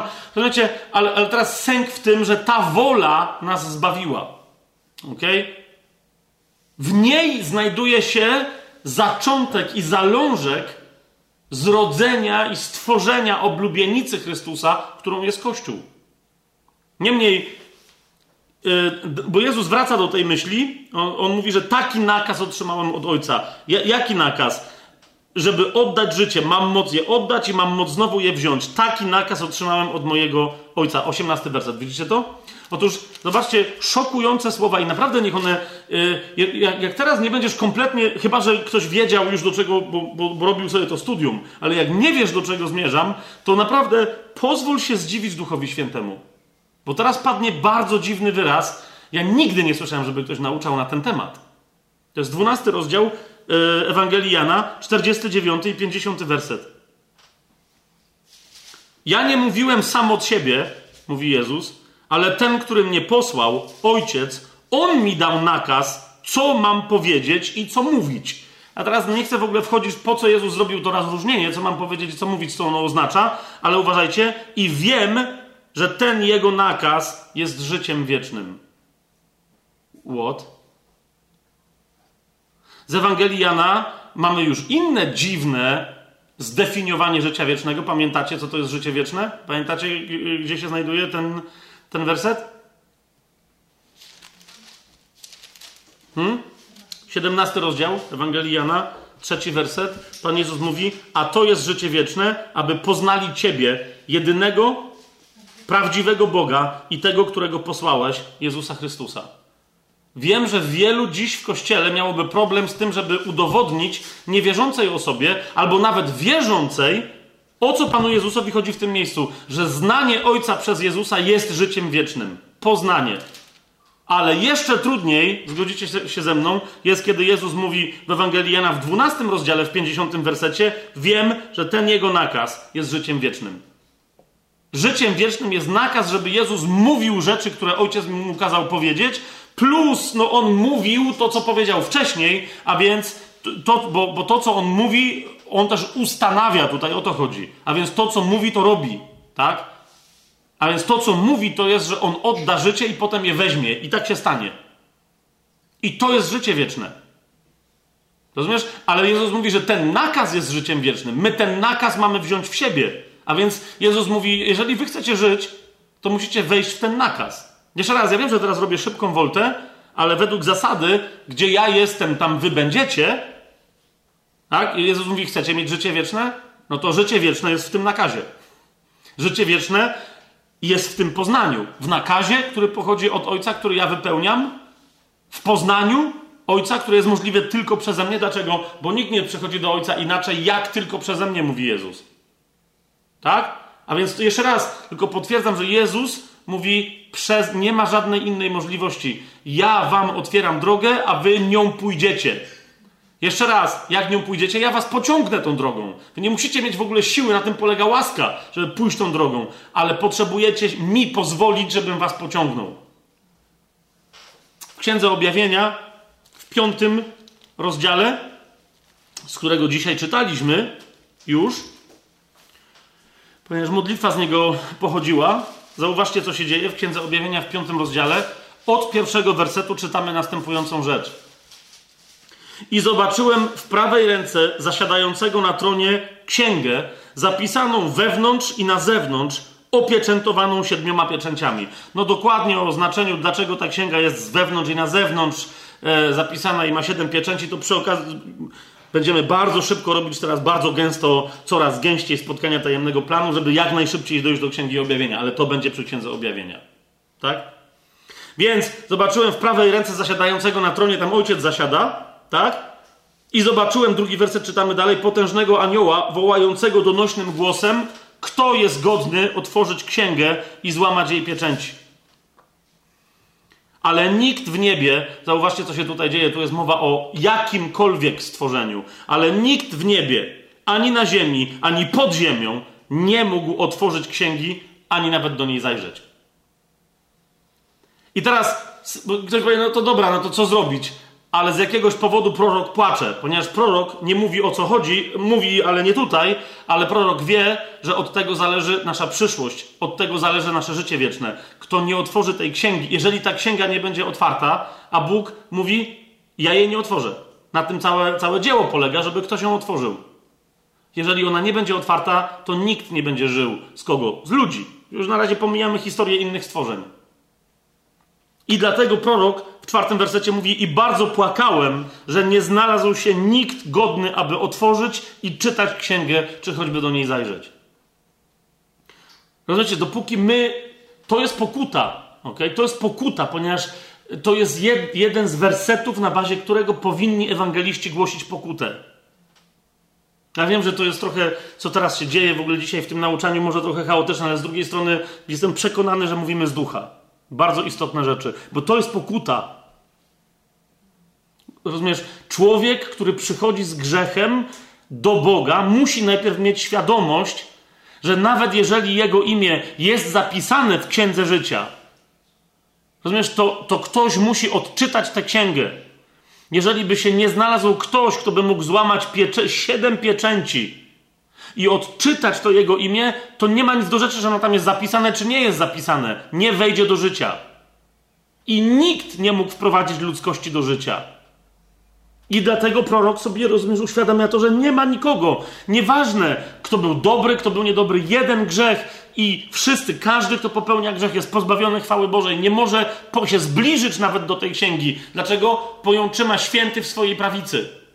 Rozumiesz? Podnosi ją i mówi, kto ją otworzy. To samo z siebie jest wyrokiem śmierci. Nie który Bóg wydaje, bo, bo to myśmy te, to zapieczętowali. Dlatego przy, przy, kolejnej pieczęci potem się dzieją rzeczy na ziemi, które się dzieją. One, one po prostu ustanawiają sąd. One demonstrują to, co ludzie zrobili przeciwko Bogu i przeciwko sobie nawzajem, przeciwko całej, całemu stworzeniu. Bóg mówi: to, to jest wasze dzieło. Kto to przełamie? I bardzo płakałem, że nie znalazł się nikt godny.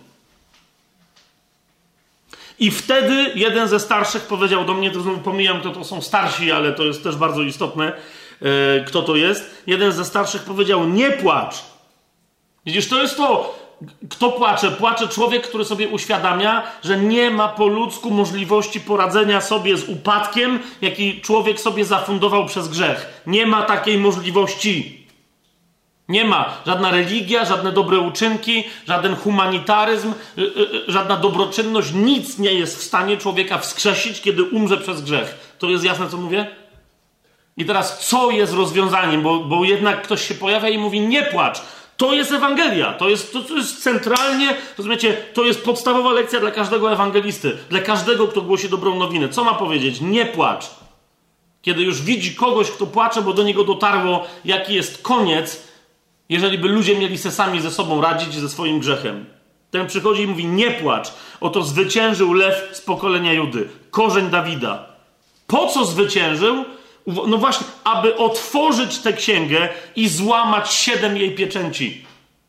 To jest jego zwycięstwo, że on zwyciężył i to zwycięstwo dało mu prawo. Gdzie zwyciężył? Na krzyżu. I dlatego powiedział: Wykonało się. Co to znaczy? Wygrałem. I kto przyjmie to, co ja teraz zrobiłem, wygra razem ze mną. Dlatego naszym zwycięstwem, które zwycięża ten świat, jest co? Nasza wiara. I zobaczyłem, a oto między tronem i czterema stworzeniami i między starszymi stał nasz baranek. I teraz, to jest bardzo istotne, to nie, jeszcze raz, to nie jest ozdobnik, to nie jest poezja. Każde słowo w Biblii się liczy, ale jeżeli każde słowo w Biblii się liczy, to, to, to, to w Księdze Objawienia każde słowo się liczy po dziesięć, po, po stokroć nawet bym powiedział. ok? Ponieważ ma wagę wielu, wielu, wielu znaczeń. Kto stał w pośrodku tego zgromadzenia? Baranek jakby zabity. My musimy rozumieć, co to znaczy, że on jest jakby zabity który miał siedem rogów i siedmioro oczu, które są siedmioma duchami Boga posłanymi na całą ziemię. A więc stał baranek wypełniony Duchem Świętym. Wtedy on podszedł i wziął księgę, halleluja, z prawej ręki zasiadającego na tronie. Jeżeli już ktoś ma taką, taki autorytet, żeby podejść do, do, do, do ojca i wziąć z jego ręki cokolwiek, to już jesteśmy, rozumiecie, to już jest dobrze. On podszedł i wziął księgę z prawej ręki zasiadającego na tronie, a gdy wziął księgę, cztery stworzenia i dwudziestu czterech starszych upadło przed barankiem. W księdze objawienia upada się tylko przed Bogiem. W całej Biblii się upada tylko przed Bogiem, ale w księdze objawienia, jak ktoś upada nie przed Bogiem, nawet jak to jest potężny anioł, to ten anioł mówi, co robisz. A więc Upadli przed barankiem, a każdy z nich miał harfę i złote czasze pełne wonności, którymi są modlitwy świętych. Nasze modlitwy tu na ziemi, modlitwy tych naszych braci i sióstr, którzy są w niebie, ale nasze modlitwy tu na ziemi trafiają do czasz tych 24 starszych, którzy są w niebie.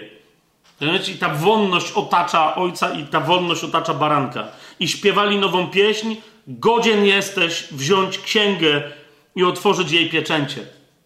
To jest to, dlatego Janie nie płacz, bo baranek jest godzien. Dlaczego? Ponieważ zostałeś zabity i odkupiłeś nas dla Boga przez swoją krew z każdego plemienia, języka, ludu i narodu. Baranek nas odkupił przez swoją krew, kiedy został co? Zabity, a więc kiedy wypłynęła z niego ostatnia kropla. Jeszcze raz, czytajmy ze zrozumieniem i z uwagą Słowo Boże.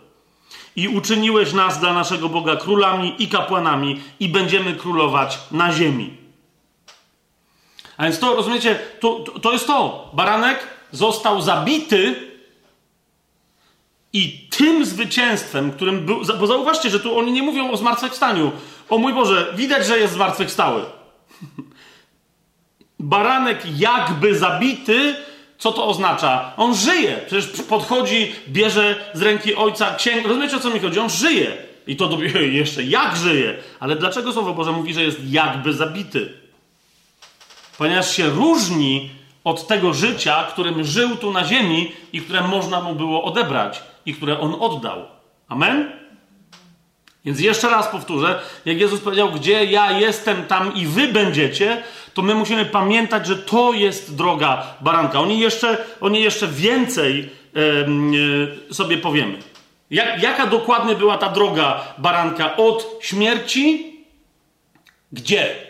No do nieba się dowiedzieliśmy, że poszedł. Pokrótce, bo to jest dla nas istotne dla zrozumienia tego, co dzisiaj na świecie, co to znaczy, że dziś na świecie my fizycznie reprezentujemy ciało Chrystusa. Po pierwsze, dzieje apostolskie, drugi rozdział. Pierwszy rozumiecie, Kościół, ja powiedziałem ostatnio, że Kościół jest wyjęty z przebitego boku Chrystusa. Kościół wychodzi ze śmierci Chrystusa. Ale tak jak Ewa, inaczej, tak jak żebro wyjęte z boku Adama nie od razu było Ewą, zgodzicie się ze mną, tylko najpierw było żebrem, bo Słowo Boże mówi, że Bóg wyjął żebro. Więc jeżeli je wyjął, to ono było wyjęte. A więc na zewnątrz Adama dalej było żebrem. I potem w jakimś procesie, który może trwał i sekundę, ale to był jakiś proces, z tego żebra powstała Ewa. Amen? Tak samo Kościół. On jest już wyjęty z boku Chrystusa. Chrystus, Chrystus na struktury, na fundamenty tego kościoła, na apostołów jedenastu, bo jeden się powiesił, potem dwunasty do nich w zastępstwie dopiero później dotarł. Ale kiedy Pan Jezus się pojawia przez 40 dni, na apostołów na przykład tchnął ducha, pamiętacie? Komu odpuścicie grzechy, będą odpuszczone i tak dalej. Ale i tak to uczynił tylko dla nich przy nich, dniem pokazania Chrystusowi i światu Jego cudownej oblubienicy był dzień czego? Pięćdziesiątnicy. To był, to był moment, kiedy ojciec przyprowadził oblubienicę i powiedział: Zobacz. A Pan Jezus powiedział: Ta jest prawdziwie ciałem z mojego ciała, kością z moich kości. Ta mi będzie równorzędną dla mnie pomocą. Tak powiedział Pan Jezus, patrząc na oblubienicę, patrząc na eklezję. ale ten proces tworzenia Kościoła zaczyna się w momencie, kiedy Jezus umiera, kiedy wypływa z niego ostatnia kropla krwi, jak o tym mówi pierwszy list Jana e, w piątym rozdziale, jak pamiętacie. Tak? O tym, który przyszedł przez wodę i krew. Trzej świadczą w niebie i trzej na ziemi, duch, woda i krew i tak dalej, i tak dalej. Okej. Okay. Teraz ta oblubienica w momencie, kiedy otwiera oczy i, i, sobie uświadamia, jestem oblubienicą, w dzień pięćdziesiątnicy wychodzi i ta oblubienica ustami Piotra mówi następującą rzecz. To jest drugi rozdział dziejów apostolskich, 31 werset i dalej. Mówi o przepowiedni Dawida, który powiedział, że nie pozwolisz zniszc zniszczyć ciału y, i nie zostawisz jego duszy, w, y, ciału swojego świętego i nie zostawisz jego duszy w piekle, czyli w Szeolu. I teraz oblubienica ustami Piotra w pierwszym dniu swojego publicznego, jawnego istnienia mówi tak: Przepowiadał to i mówił Dawid o zmartwychwstaniu Chrystusa, że mianowicie jego dusza nie pozostanie w piekle, a jego ciało, co się stanie, nie dozna zniszczenia. Słowem, ciało Pana Jezusa jest martwe, to, jest jeden, to nie jest jedyne miejsce w Biblii, tylko my nie mamy czasu, żeby każdym z aspekcików teraz, wiecie, drobiazgowo tam wchodzić się wgryzać, ale jeżeli ktoś chce, niech to rozważy. Ciało Pana Jezusa na krzyżu, w momencie, kiedy On wydaje ostatnie tchnienie, jest martwe, ale nie podlega zniszczeniu. Ok? To, to, to jest ten. Je... Dlaczego? Ponieważ On, Jego nie dosięgnęła śmierć w zapłacie za grzech. Czy to jest jasne, co mówię? On umarł, a nie miał prawa ten, który chciał go zabić, go zabijać. Ok? Śmierć nie miała do niego prawa. Dlaczego? Bo zapłatą za grzech jest śmierć. Ok? Jezus wziął w swoje ciało grzechy wszystkich nas, fizycznie, ale jeszcze raz, to nie były jego grzechy. To ciało więc zostało zabite, ale nie podległo zasadzie zniszczenia. Czy, czy to jest w miarę jasne? Okej, okay, okay. więc przepowiadał to i mówił o zmartwychwstaniu Chrystusa, że jego dusza nie pozostanie w piekle, a jego ciało nie dozna zniszczenia. Tego to Jezusa wskrzesił Bóg, czego my wszyscy jesteśmy świadkami. Będąc więc wywyższony prawicą Boga, otrzymał od Ojca obietnicę Ducha Świętego i wylał to, co wy teraz widzicie i słyszycie. A więc ten Jezus nie pozostał, ale teraz uważajcie, on mówi, że nie został, jego dusza nie została w piekle. Jego dusza nie została w Szeolu, tak? Ale tam była. Nie pozostała tam, ale tam była. W momencie, kiedy ciało Jezusa czeka na wskrzeszenie, Jezus jest aktywny i w swojej duszy, oczywiście w swoim duchu, także schodzi do piekieł. O tym jeszcze będziemy więcej mówić. Potem wraz staje się na powrót jeden zjednoczony jako zmartwychwstały Jezus, jako zmartwychwstały Chrystus, pojawia się uczniom przez 40 dni i potem na ich oczach jest wzięty do nieba. I on teraz, ten Jezus z Nazaretu, to konkretne Słowo Boże jest wzięte, wcielone Słowo Boże jest wzięte do nieba. Amen? Drugi yy, do Tymoteusza, yy, drugi rozdział, ósmy werset. Jeszcze raz, bo niektórzy mówią, nie, nie, nie, to już to, co zmartwychwstaje, to jest, są takie teologie, że to jest Chrystus mistyczny. E, e, wszystko fajnie, jasne, to jest Chrystus mistyczny. To tylko ja wolę pamiętać to, co Paweł pisze, żeby pamiętać. A Paweł w drugim do Tymoteusza, w drugim rozdziale, w ósmym wersecie mówi, pamiętaj, że Jezus Chrystus potomek Dawida powstał z martwych, według mojej Ewangelii. To jest, on mówi konkretnie, ten konkretny fizyczny człowiek fizycznie powstał z martwych. I kto twierdzi inaczej, począwszy od twierdzeń, że Pan Jezus w ogóle tak naprawdę nie przyszedł fizycznie na ziemię i tak dalej, mówi z ducha antychrysta. O tym yy, znowu nie będę tam wchodził, ale jakby ktoś chciał yy, więcej ten temat postudiować, to jeszcze raz o tym mówi zwłaszcza Jan w pierwszym swoim liście do całego Kościoła. Amen? Pierwszym do Tymoteusza, jak już jesteśmy u Tymoteusza, to jeszcze to sobie przypomnijmy, w drugim rozdziale, w piątym i szóstym wersecie, w związku z tym, dlatego właśnie tak e, Paweł mówi. Jeden bowiem jest Bóg, jeden też pośrednik między Bogiem a ludźmi, człowiek Chrystus Jezus. I niektórzy, wy między innymi wiecie, z tych, którzy atakują bóstwo Jezusa, oni wyciągają ten fragment mówią, Jezus jest człowiekiem. No, bo jest, tylko że to nie przeczy jego byciu Bogiem. Chodzi o to, że w tym aspekcie, w którym on jest człowiekiem, ten fizyczny potomek Dawidy, Dawida, który fizycznie zmartwychwstał, jako człowiek został wzięty do nieba i on fizycznie, on, ponieważ on w swoim ciele jeden jedyny mógł dokonać tego, czego dokonał, on teraz w swoim ciele przez moc wylanej przez siebie krwi jest naszym wstawiennikiem, jest jedynym pośrednikiem, nie ma żadnego innego. Dlaczego? Bo on jeden w swoim ciele wykonał to, co miał wykonać. Amen? On jeden w swoim ciele, to o czym list do Rzymian mówi, do którego jeszcze później wrócimy, ale to o czym list do Rzymian mówi w ósmym rozdziale, w trzecim wersecie, co było bowiem niemożliwe dla prawa, w czym było ono słabe z powodu ciała, Bóg posławszy swojego syna w podobieństwie grzesznego ciała i z powodu grzechu potępił grzech w ciele. W czyim ciele? W jego ciele. Ponieważ zmiażdżył ten grzech w jego ciele aż na śmierć na krzyżu. To jest list do Rzymian, ósmy rozdział, yy, Madzia, trzeci werset. Okay? Co bowiem było niemożliwe dla prawa, w czym było ono słabe z powodu ciała, Bóg posławszy swojego syna w podobieństwie grzesznego ciała. Pamiętajcie o tym, on był w podobieństwie grzesznego ciała, nawet jeżeli w pewnym momencie to ciało zamieniło się dosłownie w grzech. To w momencie, kiedy to ciało zostało zabite, to de facto jedyne co się stało, to grzech, cały grzech całego świata został w ten sposób raz na zawsze zmiażdżony, zniesiony, zapis dłużny wymazany. Gdzie? W jego ciele. Amen? I dlatego, i dlatego, pierwszy do Tymoteusza, drugi rozdział, piąty, werset mówi, jeden bowiem jest Bóg, jeden też pośrednik między Bogiem a ludźmi, człowiek, Chrystus Jezus, który wydał samego siebie na okup za wszystkich, na świadectwo we właściwym czasie.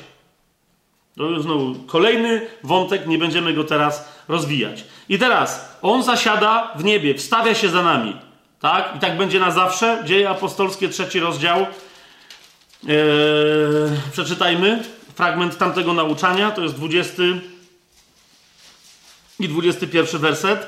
Nie, Jezus jest w niebie, ale ojciec znowu go pośle na ziemię. 19 werset, nawet niech będzie trzeci rozdział, 19 werset. Dlatego pokutujcie i nawróćcie się, aby wasze grzechy były zgładzone. Gdy nadejdą od obecności Pana czasy ochłody i pośle tego, który był wam głoszony, Jezusa Chrystusa, którego niebo musi przyjąć aż do czasu. Znowu, pojawi się kolejny właściwy czas i Jezus wróci. Jego niebo musi przyjąć aż do czasu. Do jakiego czasu? Odnowienia wszystkich rzeczy. Jak Bóg od wieków przepowiadał przez usta wszystkich swoich świętych proroków. A więc niebo go musi zatrzymać aż do czasu. A jak ten czas się, jak ten czas się wypełni, jak ten czas przyjdzie, to, to, to z czym najpierw Pan Jezus przyjdzie? Otóż w 17 rozdziale dziejów apostolskich, chociażby w 31 wersecie, Paweł to jest to jego e, sławne, niesławne troszeczkę dla niektórych głoszenie w Atenach na Aeropagu. E, w 17 rozdziale dziejów apostolskich, w 31 wersecie, e, Paweł głosi, że Bóg wyznaczył dzień, w którym będzie sprawiedliwie sądził cały świat. Przez kogo? Przez człowieka, którego do tego przeznaczył. Zapewniając o tym wszystkich przez wskrzeszenie go z martwych. A więc widzicie, ojciec wskrzeszając Jezusa z martwych nie tylko dał znak, że przyjął jego ofiarę, ale dał znak całemu światu, że ta ofiara jest przyjęta za co? Za cały świat. Kto, kto się zgodzi, że ta ofiara była złożona za niego, ten nie będzie sądzony. Wtedy, kiedy Bóg będzie sądził cały świat przez tego człowieka. Pan Jezus powiedział: Ja nie będę sądził. No pewnie, że nie, ponieważ jego przyjście jaskrawie rozróżni ludzi. O, o, oddzieli tych, którzy uwierzyli Jemu, oddali Mu swoje życie, a przyjęli życie wieczne, uznali Jego ofiarę na krzyżu, rozpoznali Jego zmartwychwstanie jako znak od Ojca dla całego świata, że Ojciec Jego i tylko Jego, ponieważ przyjął Jego ofiarę, uczynił sprawiedliwym sędzią. Amen? I ci więc będą oddzieleni od całej reszty, która tego nie przyjęła. No tak jak wtedy przynajmniej ci, którzy się z Jezusa, nie z Jezusa, tylko z Pawła, jak usłyszeli, usłyszeli o zmartwychwstaniu, zaczęli się z niego nabijać. Teraz, kochani, teraz, teraz, jak już to mamy powiedziane, musimy sobie powiedzieć jedną rzecz. W momencie, kiedy Jezus umiera na krzyżu, krzyczy: Wykonało się, oddaje ducha na świat i przebijają jego bok, wypływa z tego boku ostatnia kropla krwi i woda, wtedy też rozpoczyna się nowe stworzenie. Duch wchodzi na świat. Jezus powiedział: Wykonało się, rozpoczyna się nowe stworzenie. I teraz od tego momentu ten jeden człowiek dalej jest jednym człowiekiem, ale złożonym z wielu ludzi. Tu się zaczyna nowe stworzenie. I dlatego Paweł mówi wyraźnie: nowe stworzenie powoduje, że nawet jeżeli ktoś znał fizycznie Jezusa i widział go, wiesz o co mi chodzi, jako Jezusa, chodzącego w krwi i w ciele, w mięsie ludzkim i w ludzkiej krwi, nawet jeżeli ktoś go tak znał, już go nie może od tej pory tak znać. Dlaczego? Ponieważ on rozpoczął nowe stworzenie. On jest początkiem zupełnie nowego stworzenia. Na świecie pojawiła się kompletnie nowa istota. Był czas, kiedy na świecie nie było człowieka. Amen? Człowiek, jak się pojawił, Adam i Ewa, to było nowe stworzenie. Amen? Teraz chodzi o to, że Jezus zapoczątkowuje samym sobą na świecie nowe i ostateczne w tej nowości stworzenie. I od tej pory, dlatego rozumiecie, Jan, który go znał, który za jego życia spoczy, głowę kładł na jego piersi, mówił, mówił panie, a to, a tamto, zadawał mu pytania. W momencie, kiedy staje przed nim, on wie, kogo widzi i jednocześnie nie wie. W Księdze Objawienia on mówi, zobaczyłem kogoś jakby Syna Człowieczego i z szacunkiem mówi o nim baranek. No, pamiętacie, to Jan jest jednym z tych ludzi, którzy pierwsi na świecie na własne uszy usłyszeli, Jan Ewangelista od Jana Chrzciciela, on i jeszcze drugi uczeń, usłyszeli co? Oto baranek Boży, który gładzi grzech świata. On to usłyszał fizycznie i on nigdy nie nazwał Jezusa barankiem. Fizy- no do niego mówił mistrzu, rabbi i tak dalej, i tak dalej. W Księdze Objawienia, będąc dalej tu na ziemi, to jest ktoś, kto znał fizycznie, obserwował, oglądał Jezusa naocznie. Amen? A, a mówi, zobaczyłem kogoś jakby Syna Człowieczego. Mówi, a pośrodku stał baranek. On wie, kto to jest i jednocześnie wie, że to już nie jest tylko ten pojedynczy człowiek, którego on znał, który samotnie wypełniał swoją misję. Ponieważ wie, że baranek nie istnieje bez oblubienicy. Baranek nie istnieje bez kościoła. On umarł, aby mieć potomstwo, które jest jego żoną. Amen? Amen? Więc drugi do Koryntian, nie będę tu za bardzo, e, wiecie, kombinować, tylko jed, jeden przywołam cytat, żebyśmy się dzisiaj z tym wszystkim e, w ogóle wyrobili. Drugi list do Koryntian, piąty rozdział, mówi na ten temat i Paweł naprawdę, on mówi tylko krótko, mówi albo przyjmiesz to jako tajemnicę i Duch ci to objawi, albo w ogóle o czym my gadamy. Z drugi do Koryntian, piąty rozdział, szesnasty i siedemnasty werset. Paweł mówi, dlatego my, dlaczego? No bo 14-15 werset. Miłość Chrystusa bowiem przymusza nas, jako tych, którzy uznaliśmy, że skoro jeden umarł za wszystkich, to wszyscy umarli. By the way, niech żyje co? Martwe ciało. Skoro jeden umarł za wszystkich, to wszyscy, którzy przyjęli tę jego śmierć, co się stało z nimi? Też umarli. Wy teraz patrzycie na martwego człowieka. Albo ktoś to rozpoznaje w duchu, albo jest cielesny, nawet jeżeli jest nawrócony. Przepraszam. Ok? Skoro jeden umarł za wszystkich, to co to znaczy? Że wszyscy umarli. Jest czas najwyższy, żebyśmy wszyscy umarli. Przestali gadać, żeśmy umarli, przestali tworzyć teologię, jak to wielce umarliśmy. Czas jest najwyższy, żebyśmy najzwyczajniej w świecie umarli. Co to znaczy, to za chwileczkę jeszcze będziemy o tym więcej mówić. Ale to jest to, czas najwyższy, żebyśmy zaczęli być martwym ciałem. A umarł za wszystkich, aby ci, którzy żyją, no i tu jest wyjaśnienie, co to znaczy, że są martwi. Aby ci, którzy żyją, już więcej nie żyli dla siebie, ale dla tego, który za nich umarł i został wskrzeszony. Aby już więcej nie żyli dla siebie. To to znaczy. Rozumiesz, moje ciało ma być wyrazem tego, że ja nie żyję dla siebie. Za każdym razem, kiedy grzeszę, to znaczy, że żyję dla siebie. Za każdym razem, kiedy robię coś, co mi się wydaje, że nie jest grzechem, ale robię to dla siebie, to grzeszę. Dlaczego? Ponieważ nie robię tego, co powinienem robić dla tego, który za mnie umarł i zmartwychwstał i żyje.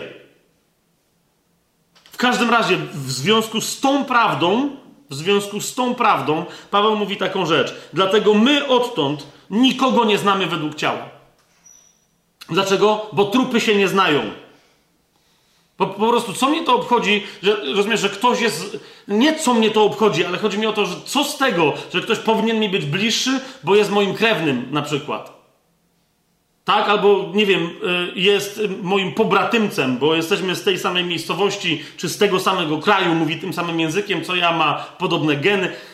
Nieważne. Paweł mówi nikogo, o, dlatego właśnie. Dlaczego? Bo wszyscy umarli. Nie znamy nikogo według ciała. Dlaczego? No bo co, jak się trup może znać z trupem?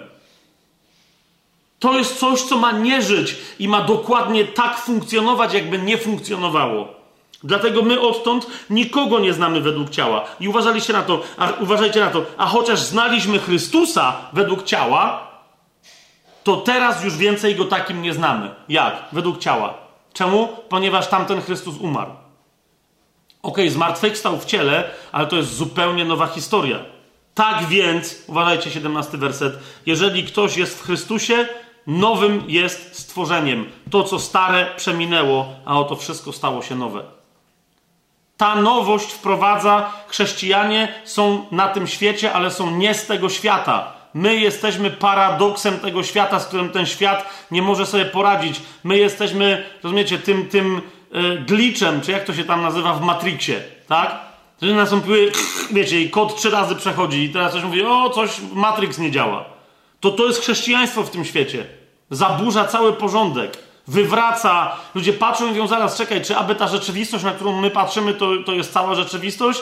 Fakt istnienia jednej chrześcijanki czy jednego chrześcijanina zaburza te iluzje i mówi, nie, to jest iluzja, którą dla ciebie tworzy diabeł. a istnieje zaburzenie. Rozumiesz, to zaburzenie znaczy, że co, że istnieje inna rzeczywistość, która jest właściwą rzeczywistością. Tą rzeczywistością jest Chrystus. 19 do 21 wersetu. Bóg bowiem był w Chrystusie, jednając świat z samym sobą, czyli kiedy? Na krzyżu. Bóg tam był. Tam był Ojciec, tam był Syn, tam był Duch Święty. W tym człowieku, Jezusie Chrystusie, dlatego w nim mieszka cała pełnia bóstwa. List do Kolosan. Pamiętacie? W nim zamieszkała cieleśnie cała pełnia bóstwa. Pamiętacie? Bóg bowiem był w Chrystusie, jednając świat z samym sobą, nie poczytując ludziom ich grzechów, i nam powierzył to słowo pojednania. 21 werset. On bowiem tego, który nie znał grzechu, za nas grzechem uczynił, abyśmy w nim stali się sprawiedliwością Bożą. Kiedy to się stało? Kiedy Jezus umarł, kiedy krzyknął: Wykonało się i oddał ducha. Kiedy umarł, doszło do zamiany. Jeszcze wtedy nikt z tej zamiany nie skorzystał, ponieważ kiedy można było zacząć korzystać? Od momentu, kiedy Jezus zmartwychwstał. Dlaczego? Ponieważ kto jest włączany w tę wymianę, w tę zamianę? Ktoś, kto w sercu uwierzył, że Bóg Jezusa wskrzesił z martwych, a ustami wyznał Jezusa swoim Panem. Amen? Amen? Więc dopóki Jezus nie zmartwychwstał, to dla, dla, żadnego innego człowieka to się nie stało, wiecie, żyjącego na ziemi. O właśnie, bo to jest kolejna rzecz. Żyjącego na ziemi w ciele. Jeszcze nie mogło się to stać faktem, bo nikt nie wiedział zmartwychwstałego. Tak? Ale Jezus, który już było wiadomo w świecie duchowym, że wygrał, już było wiadomo, że ofiara jest przyjęta i że zmartwychwstanie, Jezus wtedy, nie fizycznie, ale poszedł do Szeolu i zaczął robić porządek. Ok? Ale o tym, yy, ale o tym ale o tym e, za chwilę. Dochodzi więc do świętej wymiany, i w ramach tej świętej wymiany, kiedy Chrystus umiera, nowy Adam zasypia, powstaje co? Powstaje nowe stworzenie. Co jest nowym stworzeniem? Nowym stworzeniem jest małżeństwo, wieczne małżeństwo Chrystusa z jego żoną, Kościołem. A więc Chrystus Słowo wcielone jako Jezus z Nazaretu rozpoczyna małżeństwo wieczne ze stworzoną z Jego paschy żoną. Co jest Jego paschą? Jego śmierć i Jego zmartwychwstanie, Jego przejście od życia doczesnego do życia wiecznego, Jego oddanie życia doczesnego, a wzięcie życia wiecznego. Czy to jest jasne, co teraz mówię? Każde z tych słów, którymi się posługuję, wierzcie mi, Proszę o to Ducha Świętego, o namaszczenie. Każde z tych słów, tych, tych haseł, które rzucam, którymi się posługuję, jest naprawdę dobrym tematem, żeby prześledzić yy, nauczanie na temat dosłownie takiego na przykład stwierdzenia jak to, że Jezus jest naszą paską w całym słowie. A zatem Chrystus rozpoczyna małżeństwo wieczne ze stworzoną z jego paschy żoną, którą mu tworzy ojciec. Tak jak z Adama wyjął żebro i z tego żebra stworzył Ewę, tak z Jezusa Ojciec w Duchu Świętym wyjmuje Kościół. Kościół wychodzi ze śmierci Jezusa. Dlatego trzej dają świadectwo na ziemi duch, woda i krew. Ok? Ponieważ tu na ziemi działa duch i tylko w duchu ojciec z synem przychodzą do tych, którzy jego ofiarę na krzyżu zamienną przyjmują. To jest, to jest ofiara za... Mnie się należała ta śmierć na krzyżu. Amen? Mnie się należała po prostu śmierć za mój grzech w cierpieniach. A Jezus wziął cały mój grzech i jeżeli ja się na to godzę, a się na to zgodziłem, powiedziałem, Panie, amen, dziękuję, że to dla mnie zrobiłeś. Od tej pory śmierć nie ma do mnie żadnego prawa. Dlaczego? Bo ja nie mam żadnej historii grzechu w duchu. Nie mam żadnej historii. Okej? Okay? Mam tę historię w ciele, no ale przecież to ciało jest martwe. Czy nie? Czy tylko udajemy? O tym będziemy sobie teraz mówić. W każdym razie, e, skąd my wiemy, że doszło do tego małżeństwa? I teraz, co jest bardzo istotne, kochani. Kościół nie istnieje niezależnie od tego, że Pan Jezus mówi o Kościele, inna rzecz, że mówi tylko raz w Ewangelii Mateusza, wprost, że będzie takie zjawisko, ale Kościół, to jest bardzo istotne, Kościół nie istnieje przed śmiercią Jezusa. Ok? Kościół istnieje proroczo, Kościół istnieje w ponadczasowym, pozaczasowym planie Bożym i w pozaczasowo funkcjonującej tajemnicy Chrystusa, uniwersalnego i kosmicznego, że tak powiem, i ponadkosmicznego, którym jest Słowo Boże, mające plan stania się człowiekiem, ale w czasie Kościół nie istnieje, zanim Chrystus nie umrze. Czy to jest, czy to jest jasne, co ja mówię? Potem będę to nieco więcej rozwijał, ale dlatego, kiedy Jezus mówi, po, mówi, to czyńcie na moją pamiątkę, to znaczy, że dopiero kiedy wy to będziecie czynić, to będziecie to czynić jako Kościół. To czyńcie na moją pamiątkę. Ok? Bo wtedy już moje ciało będzie wydane. Zauważcie, Jezus mówi, to jest moje ciało, które za was jest właśnie wydawane. ok? Tam jest imię słów w czasie teraźniejszym. Pasywny imię słów bierny. Yy, więc będę więcej to, to studiować i analizować. Jezus mówi, to jest moje ciało, no ale przecież to ciało siedzi przed nimi. Tak? Chodzi o to, że Jezus wie, bo, bo jest też poza czasem jako Bóg i On wie, jakie rzeczy się wydarzają w tym, w tym czasie. Jeszcze bardziej w Jego śmierci partycypuje kto? Jest jedna kobieta, o której potrzebujemy bardzo pamiętać, ponieważ Jezus powiedział, że gdziekolwiek będzie głoszona dobra nowina, ma być głoszony jej przykład. To jest znowu, jeżeli słuchają mnie ewangeliści, po, Pan Jezus obiecał y, specjalne, bo powiedział, nie tylko obiecał, ale nakazał, żeby gdziekolwiek, gdzie będzie głoszona dobra nowina, żeby było głoszony jej przykład. Jaka to jest kobieta? Hmm? Ta, która wylała olejek na Pana Jezusa. Co Pan Jezus powiedział? Ona to uczyniła na mój pogrzeb. No teraz, ale zaraz, ale siedzi i on tu żyje z wszystkimi. Jak ona mogła uczynić to na jego pogrzeb? Ponieważ proroczo pewne akty się wykonuje wyprzedzając czas, ale Jezus, kiedy widzi, że to robi duch, przyjmuje jakby te akty prorocze i, i ustawia je we właściwym dla nich czasie. Okay? Nie będę teraz rozwijał zaś jeszcze tej myśli, ale chodzi mi o to, że namaszczenie Jezusa na pogrzeb dokonuje się grubo przed pogrzebem. Nie tak znowu grubo, no ale jednak przed. Tak? Podobnie jak Jezus mówi, ja wam coś zostawiam, ale to nabierze pełnego znaczenia, kiedy dopiero w momencie, dopiero w momencie, kiedy, no na przykład, yy, podam, podam wam pewien przykład. Jezus pojawia się po swoim zmartwychwstaniu dwóm uczniom, którzy pryskają do Emaus z Jerozolimy. Pamiętacie to? I oni go nie rozpoznają kompletnie. Zmartwychwstałego nie rozpoznają.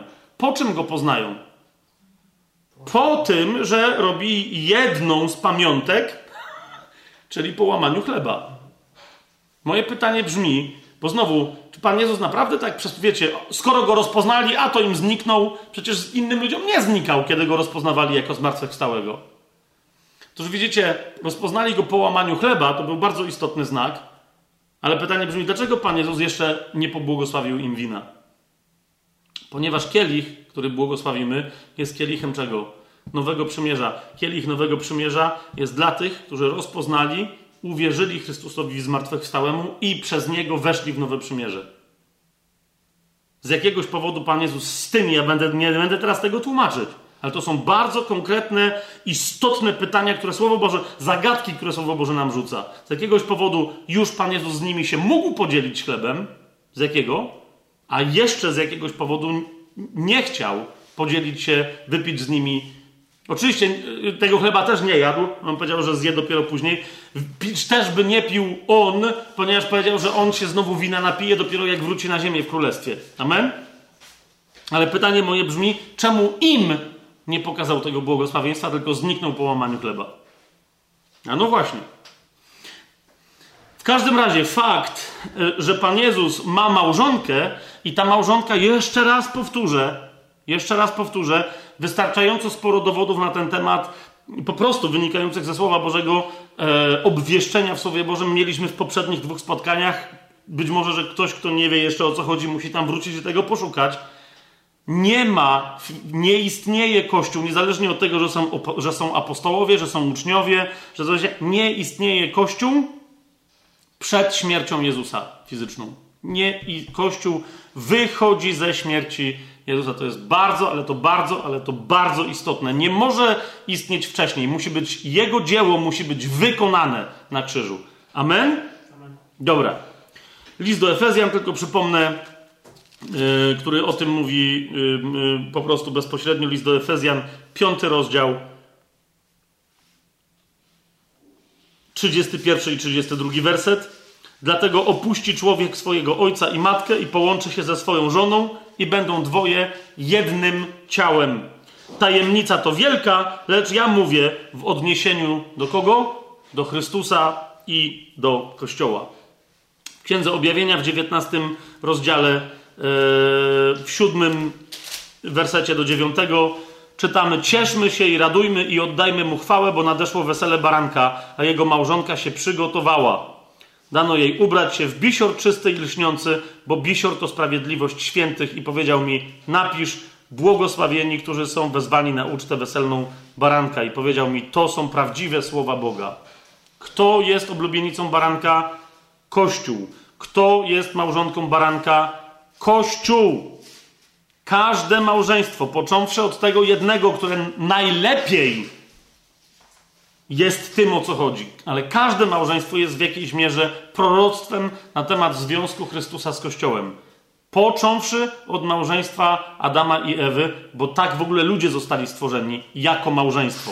Okay? Nie jako dzieci, zauważcie. Człowiek został stworzony jako małżeństwo. Nie jako mężczyzna, a potem jako kobieta. Nie, jako małżeństwo. Tak jest stworzony człowiek. Wtedy się do, kiedy się pojawiła kobieta, mężczyzna ją rozpoznał jako ciało ze swojego ciała i kość ze swojej kości. Wówczas to, było do, to był koniec, wtedy pojawiło się błogosławieństwo, zachwyt Boży, ponieważ w ten sposób Bóg zakończył stwarzanie człowieka. Amen? Ale na czym polega nowe stworzenie? Bo otóż już sobie o tym mówiliśmy ostatnio. To, że Adam zobaczył Ewę i wypowiedział proroctwo, to jest ciało z mojego ciała i kość z mojej kości, to było proroctwo. Dlaczego? Ponieważ ona stanowiła ciało wyjęte z jego ciała i kość wyjętą z jego kości, ale oni razem nie stanowili jednego ciała. Czy to jest jasne, co, co mówimy? No, oczywiście, że tak. No, ona miała swoją głowę, on miał swoją głowę, ona i tak dalej, i tak dalej. Więc teraz to, że w małżeństwach chrześcijańskich, w małżeństwach chrześcijańskich mąż jest głową żony, okej, okay, świetnie, wszystko dlatego, że już istnieje Kościół, w którym Chrystus jest głową dla swojej oblubienicy. Amen? Teraz e, w liście do Efezjan, właśnie jeszcze wróćmy do tego listu do Efezjan, piątego rozdziału.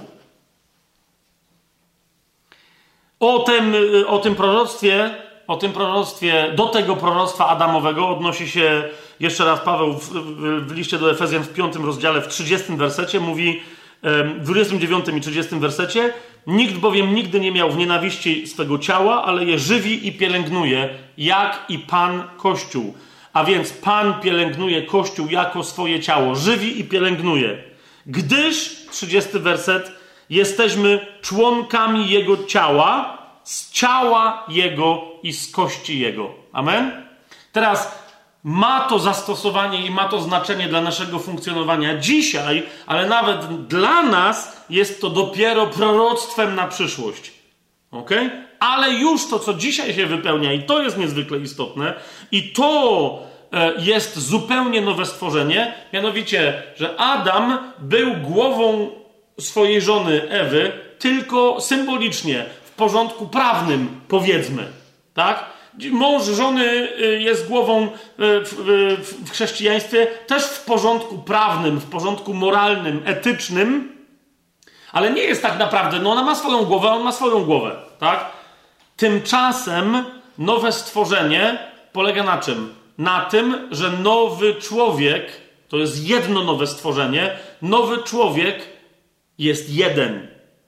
On ma głowę, a ta głowa ma ciało, ale ta ciało, to ciało jest tym samym ciałem, w którym jest też głowa. Okay? To ciało nie ma żadnej drugiej głowy. Podobnie jak ta głowa nie ma jednego udawanego ciała, a drugie po prostu istnieje jeden Chrystus, istnieje jedno ciało. Jasne? Którego, i teraz uważajcie, którego ów fizyczny człowiek, który rozpoczął całe dzieło, w swoim fizycznym ciele, w którym zmartwychwstał, ten fizyczny człowiek, zmartwychwstały, wcielony Bóg, jest głową całej reszty ciała. I w tym sensie jego fizyczne ciało, w którym zmartwychwstał, jest głową, ale my, kiedy zmartwychwstaniemy w naszych ciałach na wzór Jego już uwielbionego ciała, będziemy resztą Jego ciała. On dalej będzie głową, a my będziemy resztą Jego ciała. Jest to jasne, co mówię? To jest nowe stworzenie. To jest nowe stworzenie. I to jest coś, co, to jest kolejny krok, który potrzebujemy naprawdę zrozumieć, przyjąć, pojąć, wziąć od Ducha Świętego, że to nie jest udawanka. Ok? List do Efezjan, pierwszy rozdział, skoro już jesteśmy w tym liście do Efezjan, list do Efezjan, pierwszy rozdział, yy, w dwudziestym wersecie i dalej mówi w ten sposób, że Bóg swoją moc, wielkość swojej mocy i tak dalej objawił, no gdzie? Na przykład, dwudziesty werset, okazał ją w Chrystusie, gdy go wskrzesił z martwych i posadził po swojej prawicy w miejscach niebiańskich. Okej. Okay. Zrobiłem przerwę, bo się zastanawiałem, czy, czy, czy złapiecie pytanie, które tutaj powinno być natychmiast zadane. Kiedy Pan Jezus i jak został posadzony na wyżynach niebieskich? Skoro my, fizycznie będąc jeszcze tutaj, też już siedzimy na wyżynach niebieskich razem z Nim. Okej, okay, ale nie, nie będę dalej mieszał. Chodzi mi tylko o to, że niezależnie od tego, jakby którą opcję to przyjąć, Pan go wskrzesił, w tym okazał swoją moc i w tym, że go wziął do nieba. Wysoko ponad wszelką zwierzchnością i władzą, mocą, panowaniem, ponad wszelkim in imieniem, które może być wypowiedziane nie tylko w tym wieku, ale i w przyszłym. I wszystko poddał pod jego stopy. Uważajcie, z wyjątkiem jednej rzeczy, której nie poddał pod jego stopy.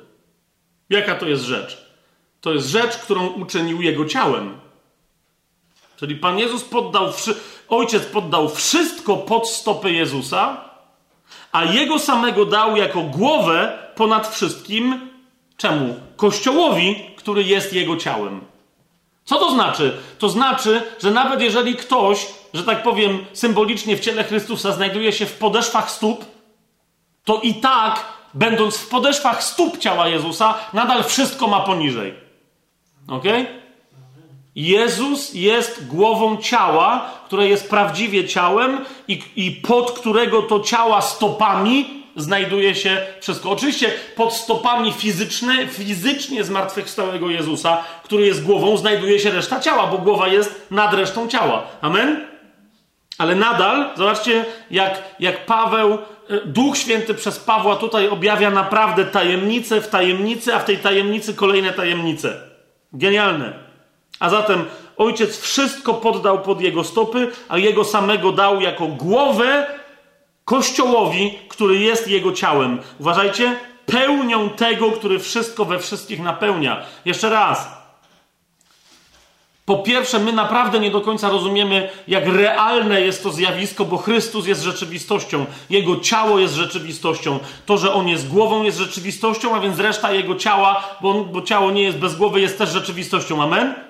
Teraz powiedzcie mi, jak ta rzeczywistość może być, jak ona po pierwsze jest dzisiaj głoszona, ale po drugie, jak jest głoszona pełnia tego, który wszystko we wszystkich napełnia.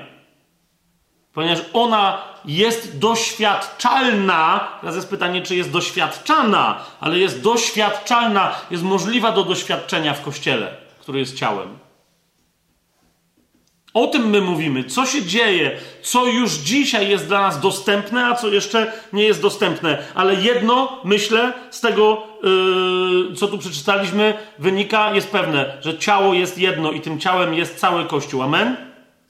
Amen? Okej, okay, okej. Okay. Teraz drugi rozdział, yy, pierwszy werset powiada, teraz zauważcie, bo, bo ten drugi rozdział mówi, że nawet jak my jesteśmy na ziemi, to że, to, że my musimy pamiętać o pewnej dwoistości tego naszego istnienia, tego paradoksu, które nowe stworzenie wprowadziło w, w stary świat i w starą epokę, która jeszcze nas otacza. Otóż jest powiedziane, że my jesteśmy w Jego ciele, tak? Czyli, że Jego, pod, pod Jego stopy poddał wszystko, Jego samego dał jako głowę Kościołowi, który jest Jego ciałem, a was, mówi Paweł, ożywił, którzy byliście umarli w upadkach i w grzechach. I dalej, piąty i szósty werset. Gdy byliśmy umarli w grzechach, ożywił nas razem z Chrystusem, gdyż łaską jesteście zbawieni.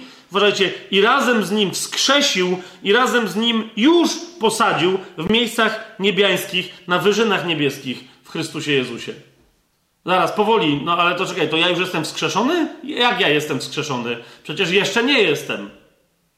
Zresztą Słowo Boże potem, sam Paweł mówi, pojawili się mieszacze i powiedzieli, że zmartwychwstanie już nastąpiło. Ale to, że ja nauczę, to jest właśnie to, czym, przed, przed czym Piotr ostrzega. Mówi, od Pawła można różne rzeczy wyciągnąć, zamieszać, bo ktoś nie zrozumiał, albo celowo e, przeinacza i jakieś koncepcje tworzyć. I Paweł mówi, nie dajcie się, nie, nie, nie, nie nastąpiło żadne zmartwychwstanie. My jesteśmy wskrzeszeni duchowo, ale fizycznie przecież każdy widzi, że jeszcze nie powstaliśmy z martwych.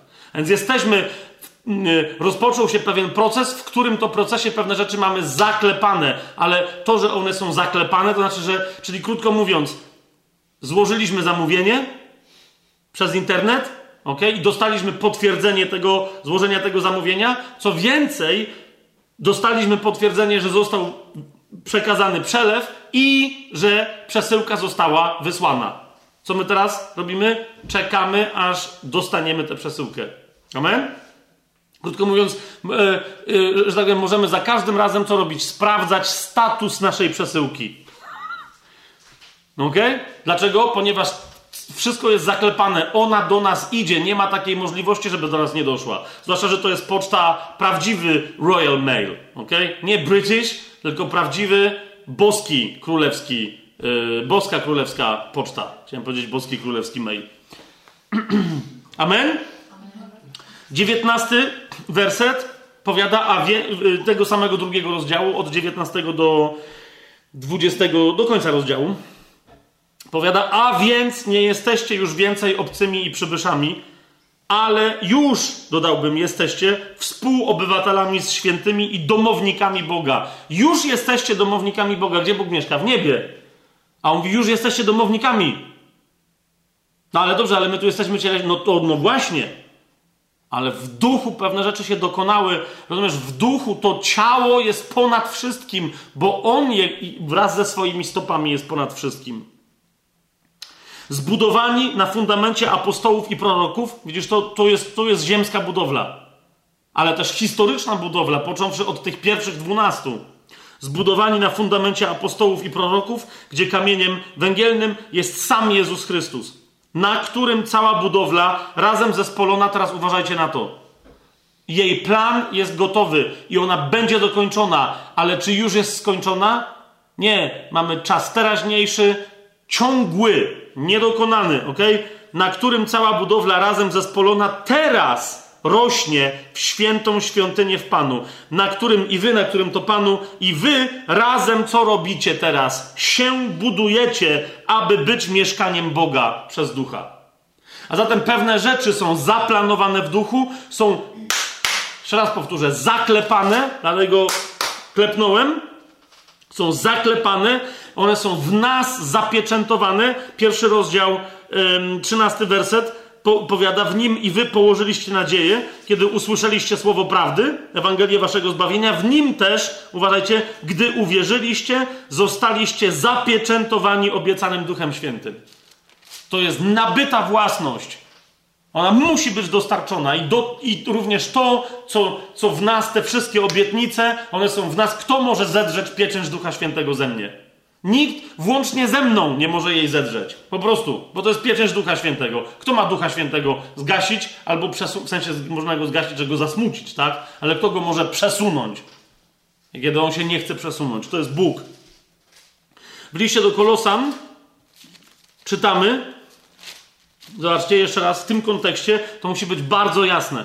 Jest jedno stworzenie, jest jeden człowiek i tym jednym człowiekiem, jednym stworzeniem jest ciał, cały Chrystus, którym jest Chrystus Jezus jako głowa, fizycznie zmartwychwstały, namaszczony Pan, który będzie królować fizycznie, zasiadając na tronie z arki Dawidowym tutaj na ziemi. I całe jego ciało, czyli społeczność ludzi przez niego zbawionych i odkupionych. List do Kolosan, pierwszy rozdział, dwunasty werset i dalej powiada: Dziękując Ojcu, który nas uzdolnił do uczestnictwa w dziedzictwie świętych w światłości. On nas uzdolnił do tego uczestnictwa, ale w sensie, że my dopiero jesteśmy zdolni, żeby coś osiągnąć? Nie, który już nas wyrwał z mocy ciemności i już nas przeniósł do królestwa swojego umiłowanego syna. Jesteśmy dalej w ciemności? Nie, jesteśmy w królestwie Jego umiłowanego Syna. Królestwo jest rzeczywistością Jego ciała. Amen? W którym mamy odkupienie, już je mamy przez Jego krew, przebaczenie grzechów. On jest obrazem Boga niewidzialnego i pierworodnym wszelkiego stworzenia. Nowego stworzenia. Przez Niego bowiem wszystko zostało stworzone to, co w niebie i to, co na ziemi, to, co widzialne i co niewidzialne, czy trony, czy panowania, czy zwierzchności, czy władze. Wszystko przez Niego i dla Niego zostało stworzone. Dlatego Bóg go wywyższył ponad te wszystkie moce. Ponieważ On oryginalnie w ogóle jest ich źródłem. Amen? On jest przed wszystkim i wszystko istnieje dzięki Niemu. Amen? I dlatego jakby, rozumiecie, w tej swojej nowej formie, którą przyjął, bo on nie zawsze był człowiekiem, tak? Ale zawsze był tym odwiecznym Bogiem, Słowem, przez które wszystko się stało. I teraz uważajcie, On jest przed wszystkim i wszystko istnieje dzięki Niemu. On też jest głową ciała Kościoła. On jest początkiem i pierworodnym z umarłych, aby we wszystkim był pierwszy. I teraz uważajcie, On jest czym? Początkiem i pierworodnym z umarłych. Co to znaczy? On jest pierwszym z wszystkich umarłych, który zmartwychwstał i żyje. Ciało na razie znajduje się w trzech fazach. Wybaczcie mi trochę takie dzikie określenie, tak? Za chwilę trochę do tego wrócę, ale tu jest istotny ten obraz. Głowa jest już w swojej ostatecznej formie, w jakiej będzie na wieki wieków. Ponieważ baranek, jakby zabity, żyje na wieki wieków tak, jak już żyje. Amen? Teraz część umarłych żyje dalej i żyją w niebie, ale żyją bez ciała, bo dopiero czekają na zmartwychwstanie. Amen? A część umarłych wciąż jeszcze żyje w tych umarłych ciałach. O tym naszym umarciu, tak w cudzysłowie się kolokwialnie wyraża, o tym naszym umarciu jeszcze sobie więcej dzisiaj powiemy, ale chodzi mi o to, że część umarłych dalej funkcjonuje w, w ciałach umarłych. Ale nadal nasz los jest dokładnie taki sam jak naszych sióstr i braci, którzy czekają na zmartwychwstanie, tylko którzy już fizycznie z tego swojego, tego swojego starego ciała, tego swojego zmurszałego starego namiotu już się pozbyli. Amen?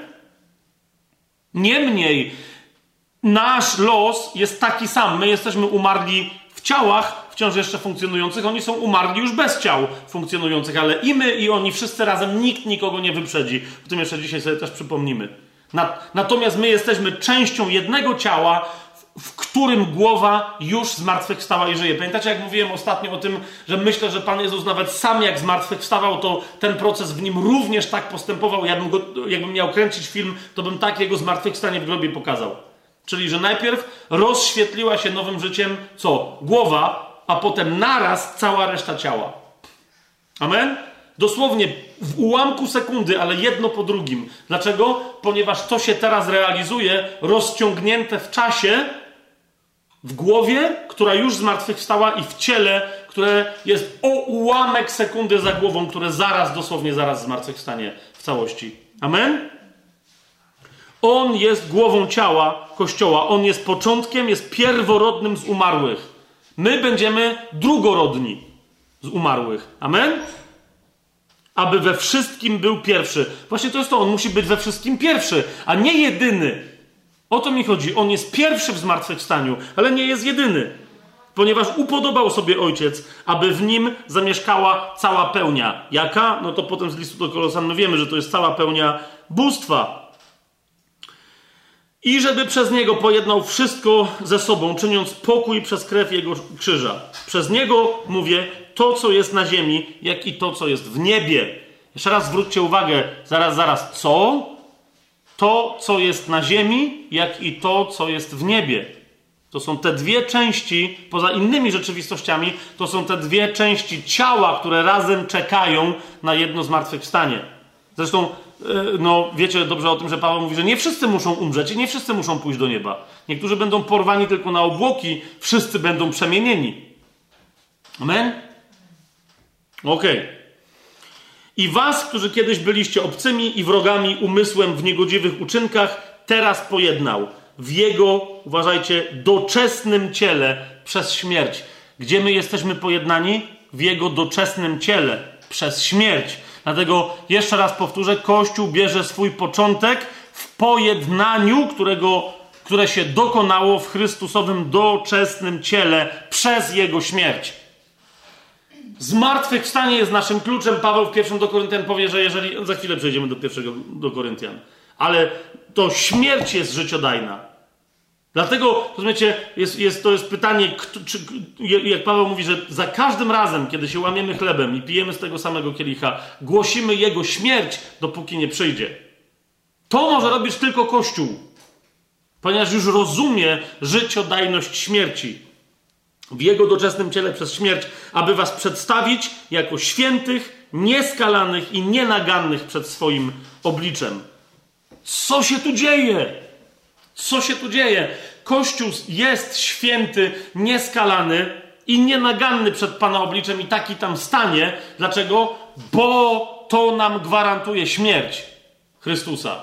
W momencie, kiedy Chrystus rozprawił się z grzechem w swoim ciele, od tej pory grzech, śmierć, piekło, diabeł nie mają głosu i nie istnieją. Są przeznaczone te wszystkie rzeczywistości na wieczne potępienie w wiecznym ogniu y, gehenny w jeziorze ognistym. Amen? I dlatego 27 werset, jak Paweł mówi, że on głosi tajemnicę, która, która była ukryta od wieków i pokoleń, ale teraz została objawiona jego świętym Mówi, którym Bóg, 27 werset tego pierwszego rozdziału listu do Kolosjan, którym Bóg zechciał oznajmić, jakie jest wśród pogan bogactwo chwały tej tajemnicy. Ta tajemnica ma chwałę, a chwała tej tajemnicy jest przebogata. Ona sama w sobie jest bogactwem. Studium tylko i wyłącznie tych trzech wyrazów w takim złączeniu już przyprowadza zupełnie nowe namaszczenie. A więc Jakie jest wśród pogan bogactwo chwały tej tajemnicy? Jakiej tajemnicy? Którą jest Chrystus w Was, nadzieja chwały. Otóż to, dlatego rozumiecie, my naprawdę jesteśmy Jego ciałem. Dlaczego? Ponieważ każdy z nas, będąc najmniejszą cząsteczką Jego ciała, jest wypełniony Nim. To jest tajemnica. Chrystus w nas. Chrystus w Tobie, Weronika. Chrystus we mnie, Fabianeczku. Chrystus w Tobie, Tymoteuszu i Chrystus w Tobie, Madzia. Chrystus w nas, nadzieja chwały. On jest naszą nadzieją. Słuchajcie, kto mi ma go wyrwać? To jest założony we mnie fundament. To jest góra Syjon, co się nie porusza we mnie. I nikt jej nie poruszy, bo ona się nie chce ruszyć. To jest założony fundament. W pierwszym liście do Koryntian, jeszcze co czytamy, bo przecież yy, całe zamieszanie wynika z tego, że studiujemy pierwsze do Koryntian. W 15 rozdziale Paweł powiada, w 20 wersecie, on wcześniej dowodzi, mówi, wszystko jest w śmierci Jezusa. Ale to, że to wszystko tam jest, wynika z czego? Z tego, że Jezus zmartwychwstał. Tak? 17 werset. Jeżeli Chrystus nie został wskrzeszony, daremna jest wasza wiara i nadal jesteście w swoich grzechach. Tak? Wszystko zostało załatwione w śmierci. Chodzi o to, że zmartwychwstanie jest dowodem na to, że wszystko zostało załatwione w śmierci. E, jasne to jest to, to, to, to co mówimy?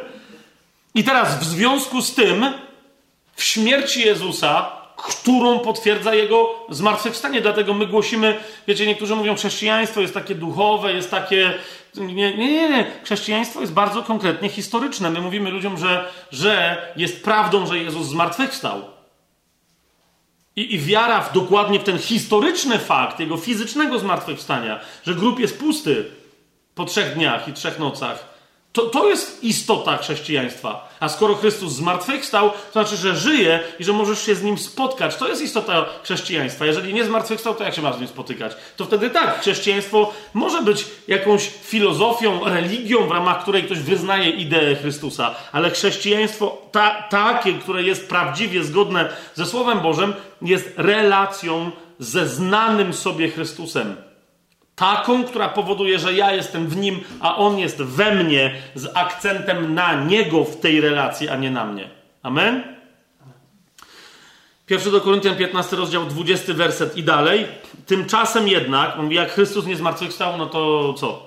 Ale Paweł mówi, tymczasem jednak Chrystus został wskrzeszony z martwych i on tu się posługuje innym językiem, ale mówimy cały czas o tym samym i stał się pierwszym plonem tych, którzy zasnęli. To samo, co mówili do Kolosan. Tak? On jest pierwszym spośród umarłych, a tu mówi, jest pierwszym plonem spośród tych, którzy zasnęli. My wszyscy albo pomrzemy, albo de facto skończymy, jakbyśmy pomarli. Tak? A on jeden jest już po tej drugiej stronie, ale on jest pierwszym plonem z całego plonu. Tak? On jest pierwszym zebranym kłosem z całego żniwa, które, o którym mówi: podnieście oczy i zobaczcie żniwo, jak bieleje. Amen? Jak bowiem w Adamie wszyscy umierają, tak też w Chrystusie wszyscy zostaną ożywieni. No tylko w zależności od tego, jak za życia swojego ciała potraktowali dobrą nowinę o Chrystusie, tak też zostaną wskrzeszeni. Każdy, powiada Paweł, ale każdy w swojej kolejności. Chrystus już jest wskrzeszony, no bo się o tym dowiedzieliśmy z 20 wersetu, tymczasem jednak Chrystus został wskrzeszony z martwych. A więc każdy w swojej kolejności. Chrystus jako pierwszy plon. Już zmartwychwstał. W drugiej kolejności kto? Potem ci, którzy należą do Chrystusa. Kiedy? W czasie Jego przyjścia. Hmm? A potem, po tysiącletnim królestwie, będzie koniec, gdy przekaże królestwo Bogu i Ojcu, gdy zniszczy wszelką zwierzchność oraz wszelką władzę i moc, bo on musi królować, aż położy wszystkich wrogów pod swoje stopy. A ostatni wróg, który zostanie zniszczony, to śmierć. Wszystko bowiem poddał pod jego stopy kto? Ojciec. To już o tym w liście do Efezjan czytaliśmy. A gdy mówi, że wszystko jest mu poddane, jest jasne, że oprócz tego, który mu wszystko poddał, czyli nie ojciec. Oczywiście. Gdy zaś wszystko zostanie mu poddane, czyli komu? Synowi, wtedy i sam syn będzie poddany temu, który mu poddał wszystko, aby Bóg był wszystkim we wszystkich. Halleluja! Halleluja. To, to jest, rozumiecie, to jest ta kolej. W Księdze Objawienia w 21 yy, rozdziale czytamy, to jest 20, tak, 21 rozdział, 9, 10 werset. Tak wszystko będzie mu poddane. Tak Bóg będzie wszystkim we wszystkich. I przyszedł do mnie jeden z siedmiu aniołów i tak dalej i odezwał się do mnie mówiąc Chodź tutaj, pokażę ci oblubienicę, małżonkę baranka. I przeniósł mnie w duchu na górę wielką i wysoką i pokazał mi wielkie miasto, święte Jerusalem, zstępujące z nieba od Boga. To jest małżonka. To jest to miasto duchowe, w którym my jesteśmy, w którym my jesteśmy budowani. Ale teraz, co dalej się dowiadujemy na temat tego miasta od 22 wersetu, 22-23 wersecie, lecz świątyni w tym mieście nie widziałem, bo jego świątynią jest Pan Bóg Wszechmogący oraz Baranek. To jest sytuacja, kiedy syn poddawszy wszystko, poniżywszy i skończywszy jakiekolwiek wrogie działania wszystkich przeciwników, sam siebie z tym wszystkim, co jest poddane, poddaje Ojcu. Gdzie? Pośrodku tego wszystkiego, co jest centrum poddania się Ojcu. Świątynia to jest coś, co ma reprezentować obecność Boga na ziemi, co ma pokazywać Boga ludziom, którzy go normalnie nie widzą. Amen? W Nowym Jerusalem nie, nie będzie tego typu budowli. Dlaczego? Ponieważ będzie bezpośredni dostęp. On od środka swoją obecnością będzie rozświetlać to miasto.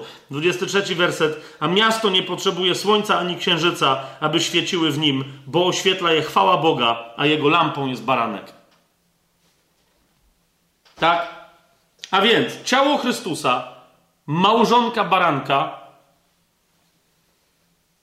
jest jedno z głową w odróżnieniu od Adama i Ewy. Tu mamy małżeństwo, które stanowi dosłownie jedną osobę, bym powiedział.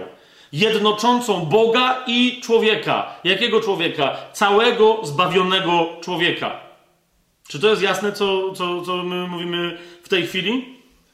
Więc ciało Chrystusa, małżonka baranka, to jest chmura świadków w niebie. Jeszcze raz, jakby ktoś szukał, gdzie są niby e, ci wszyscy święci w niebie. E, ich, o ich obecności i to świadomej obecności Biblia mówi w wielu miejscach, niezależnie od tego, co prapoczątki adwentystów Dnia Siódmego, teologiczne i badacze Pisma i Świadków Jehowy tam opowiadają. Słowo Boże bardzo wyraźnie mówi o tym, że ci, którzy umierają będąc duchowymi osobami, nie tracą świadomości, nie idą do żadnego szaolu, ale i, i nie czekają w nieświadomości, ale czekają absolutnie w świadomości, wiedząc, co się dzieje na oczekujące następne wydarzenia, gdzie? W niebie. Amen? Ale taki przykład tego to jest list do Hebrajczyków, 12 rozdział, pierwszy werset, który powiada: Skoro i my mamy wokół siebie tak wielką chmurę świadków. Jaką? Taką, jaka jest opisana w liście do Hebrajczyków w 11 rozdziale, gdzie wszystkie osoby tam opisane są na ziemi fizycznie już martwe. Ich szczątki wiadomo gdzie leżą, albo nawet nie wiadomo gdzie leżą, ale chodzi o to, że ich już nie ma fizycznie na ziemi. A Słowo Boże mówi wyraźnie, że mamy wokół siebie ich jako chmurę świadków, jako dosłownie dopingujący nas tłum e, obserwujących nas ludzi. Amen? Więc jest chmura świadków w niebie, cieleśni świadkowie, a więc nawró- nowonarodzone, nawrócone osoby tutaj na ziemi. Czyli Kościół tu na ziemi, który jest jeszcze w biegu. Ci w niebie już skończyli bieg.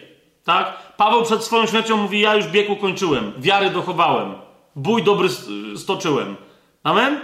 A my jeszcze cały czas biegniemy, o właśnie dopingowani przez tę chmurę świadków. Nadal ten sam 12 rozdział yy, dokładnie o tym mówi. Zrzućmy z siebie, skoro mamy taką chmurę świadków, zrzućmy z siebie wszelki ciężar i grzech, które nas tak łatwo osacza. W cierpliwości biegnijmy w wyznaczonym nam wyścigu, patrząc na Jezusa, Twórcę i dokończyciela wiary. Więc, więc my jesteśmy tu na ziemi yy, yy, w, w biegu, tak? Natomiast te obydwie, że tak powiem, części planu Bożego, którym jest nowe Jerusalem, jako zjednoczona z Chrystusem, jako swoją głową małżonka, stanowiąca Jego ciało, te dwie części będą ostatecznie e, zjednoczone. Zjednoczenie ciała oblubienicy nastąpi kiedy? We wspólnym zmartwychwstaniu. Wtedy już nie będzie żadnego rozróżnienia w ciele, ci są tu, tam, gdzie będzie jedno ciało, co więcej, to jedno ciało będzie fizycznie, dlatego jest cały czas mowa o ciele. Tak?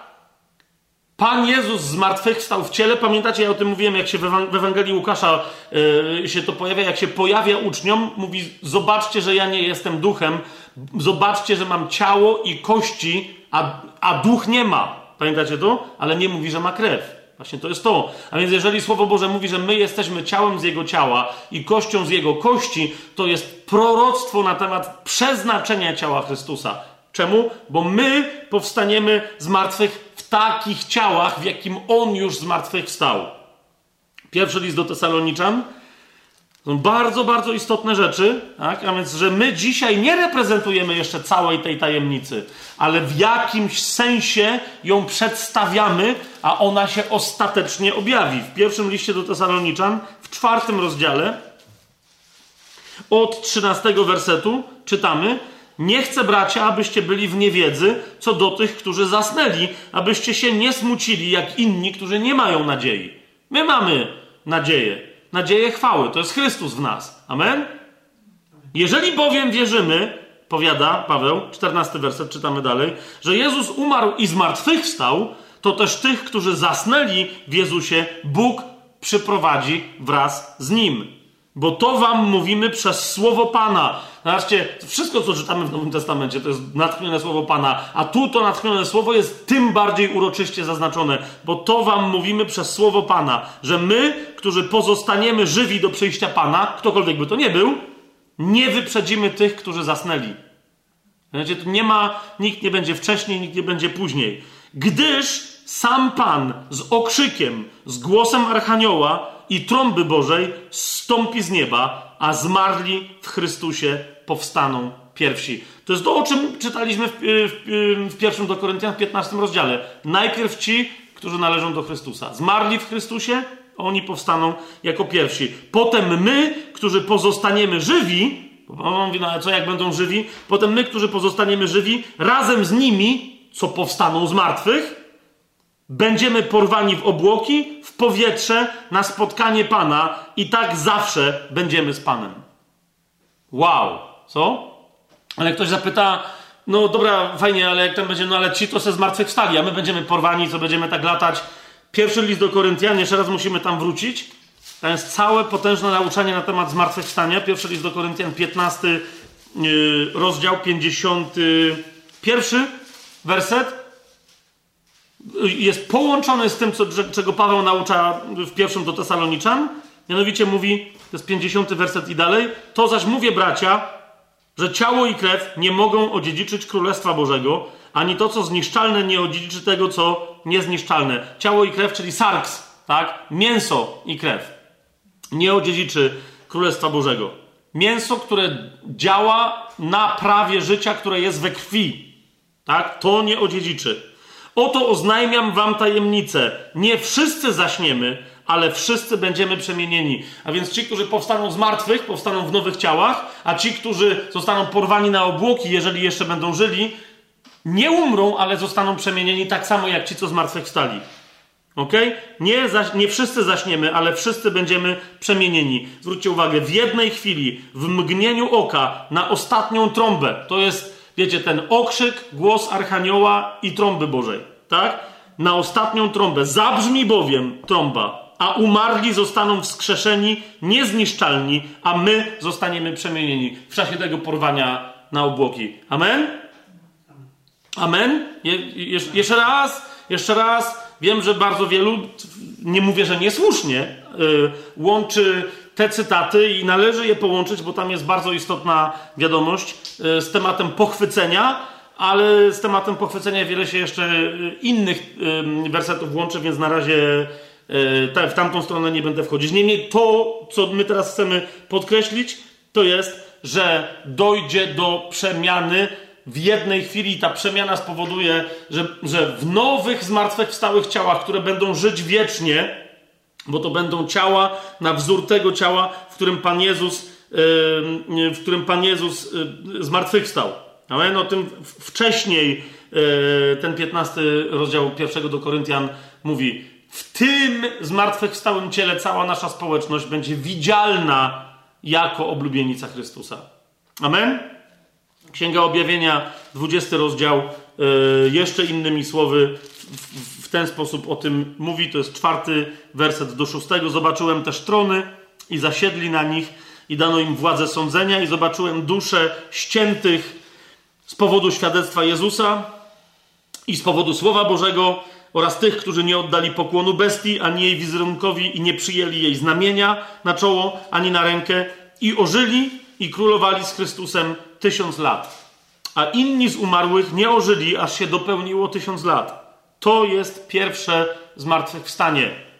Te inne fragmenty nam uzupełniają wieści, którzy to, bo, niektórzy mówią, że, że tutaj tylko zmartwychwstaną ci, którzy, yy, którzy, należą, yy, którzy należą do yy, ucisku Rzeczywiście tu jest mowa o świętych przechodzących z ucisku, ale chcę zwrócić jeszcze raz uwagę na to, kto to są starsi, którzy sądzą. Ok?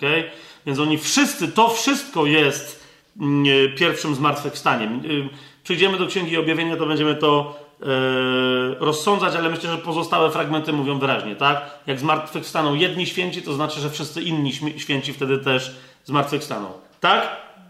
Błogosławiony, mówi szósty werset, i święty ten, kto ma udział w pierwszym zmartwychwstaniu. Nad nimi, tymi z pierwszego zmartwychwstania, druga śmierć nie ma władzy, lecz będą kapłanami Boga i Chrystusa i będą z nim królować tysiąc lat. Jeszcze raz, gdyby tu ktoś w ramach tego studium się zapętlił, że ale to są tylko ci z wielkiego ucisku, to jeszcze raz przypomnę, E, że o tym, że będą królować i będą kapłanami z Chrystusem na zawsze, nie tylko przez te tysiąc lat, począwszy od tego tysiąca lat, śpiewają e, no właśnie starsi w piątym, e, w piątym rozdziale. I uczyniłeś nas dla naszego Boga królami i kapłanami i będziemy królować na ziemi. Amen? Więc jeszcze raz, mówię, tam Jan mówi o pewnym aspekcie rzeczywistości po uciskowej, E, ale to nie jest opis całej rzeczywistości, o którą nam, e, o którą nam by tutaj e, chodziło. I teraz, kochani, zanim pójdziemy dalej, zanim pójdziemy dalej, a nie wiem, czy się dzisiaj z tym wszystkim dorobimy, ale powiedzcie mi taką rzecz szybciutko, bo to też będzie znak dla, dla mnie co do pozostałych, którzy mogą słuchać nagrań z tego. Czy to, dotychczasowe tematy, które poruszaliśmy inaczej podczas poprzednich dwóch studiów, e, wam porządkuje, rozjaśnia, czy. Okej, okay, dobrze. I teraz posłużę się tym autorem, którego uwielbiam, z którym nie ze wszystkim się zgadzam, ale wcale nie dlatego, że jestem mądrzejszy, bo że jestem głupszy po prostu, jeszcze nie wiem. Chcę zacytować e, Watchmana Nie, no bo kogo? Chcę zacytować Watchmana Nie, książkę e, Chwalebny Kościół. Dlaczego?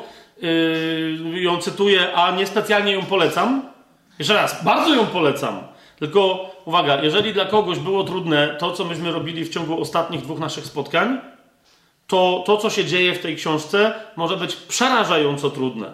Tak? W pierwszej jej części, a w drugiej jej części to już może być zupełny odlot. Okay?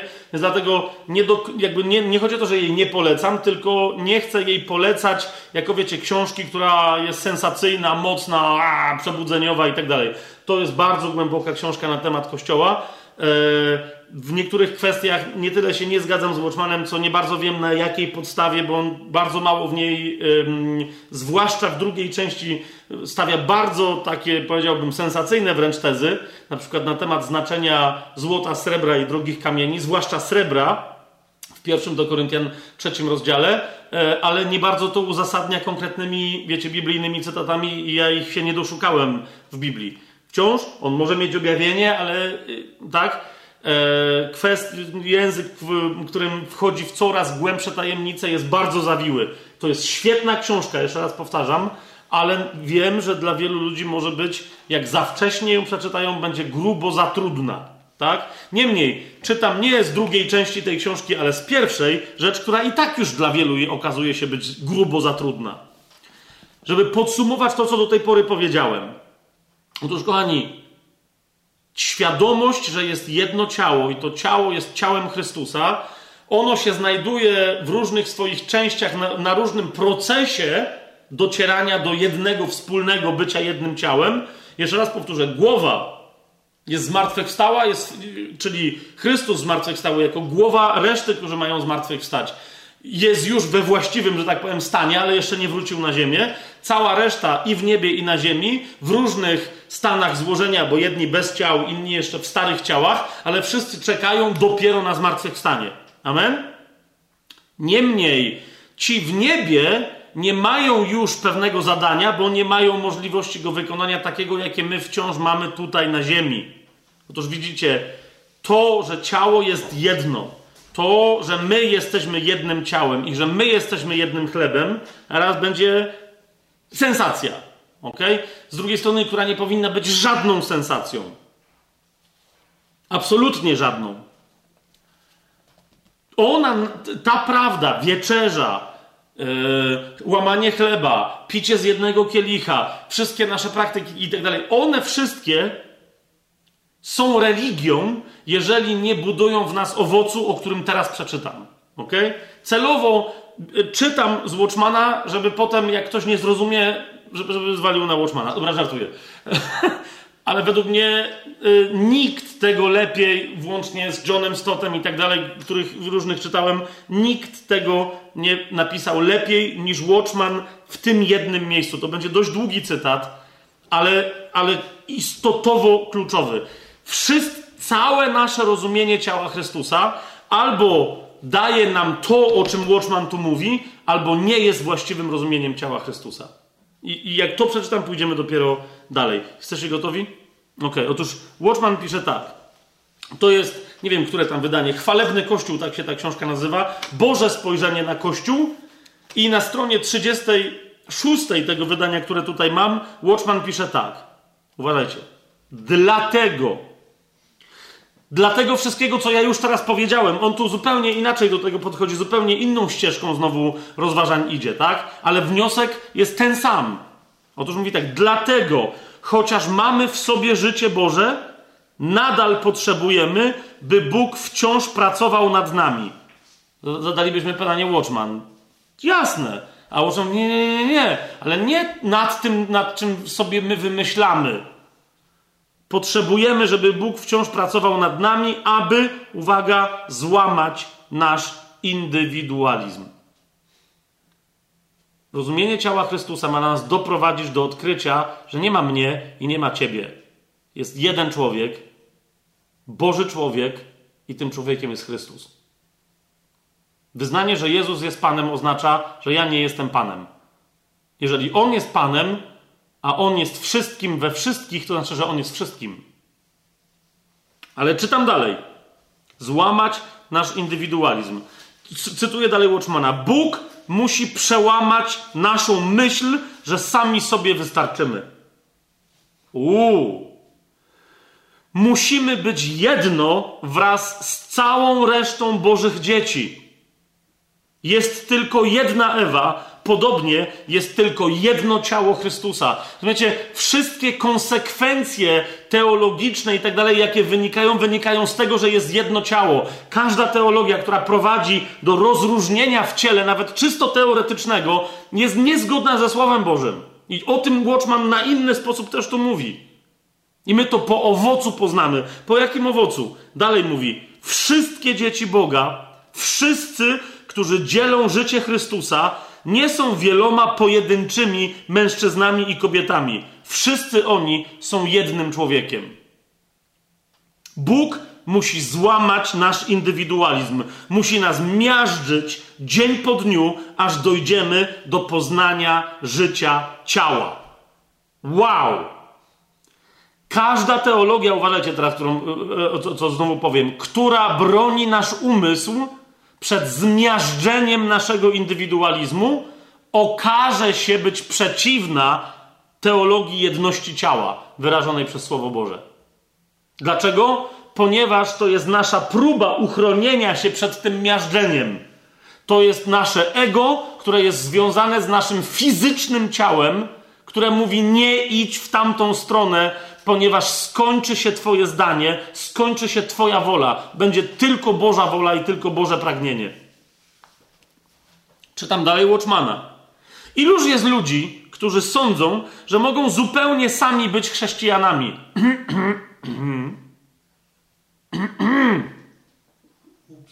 Zawsze się chrząka, jak próbuje się komuś zwrócić uwagę, że powinien posłuchać. Ja chrząkam na siebie.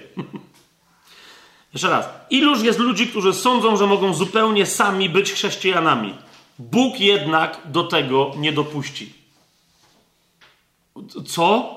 No tak, właśnie ciało jest jedno. I niezależnie od tego, jak jeszcze Bóg na pewne rzeczy pozwala, to ostatecznie do tego nie dopuści. I Watchman tu ma absolutnie rację.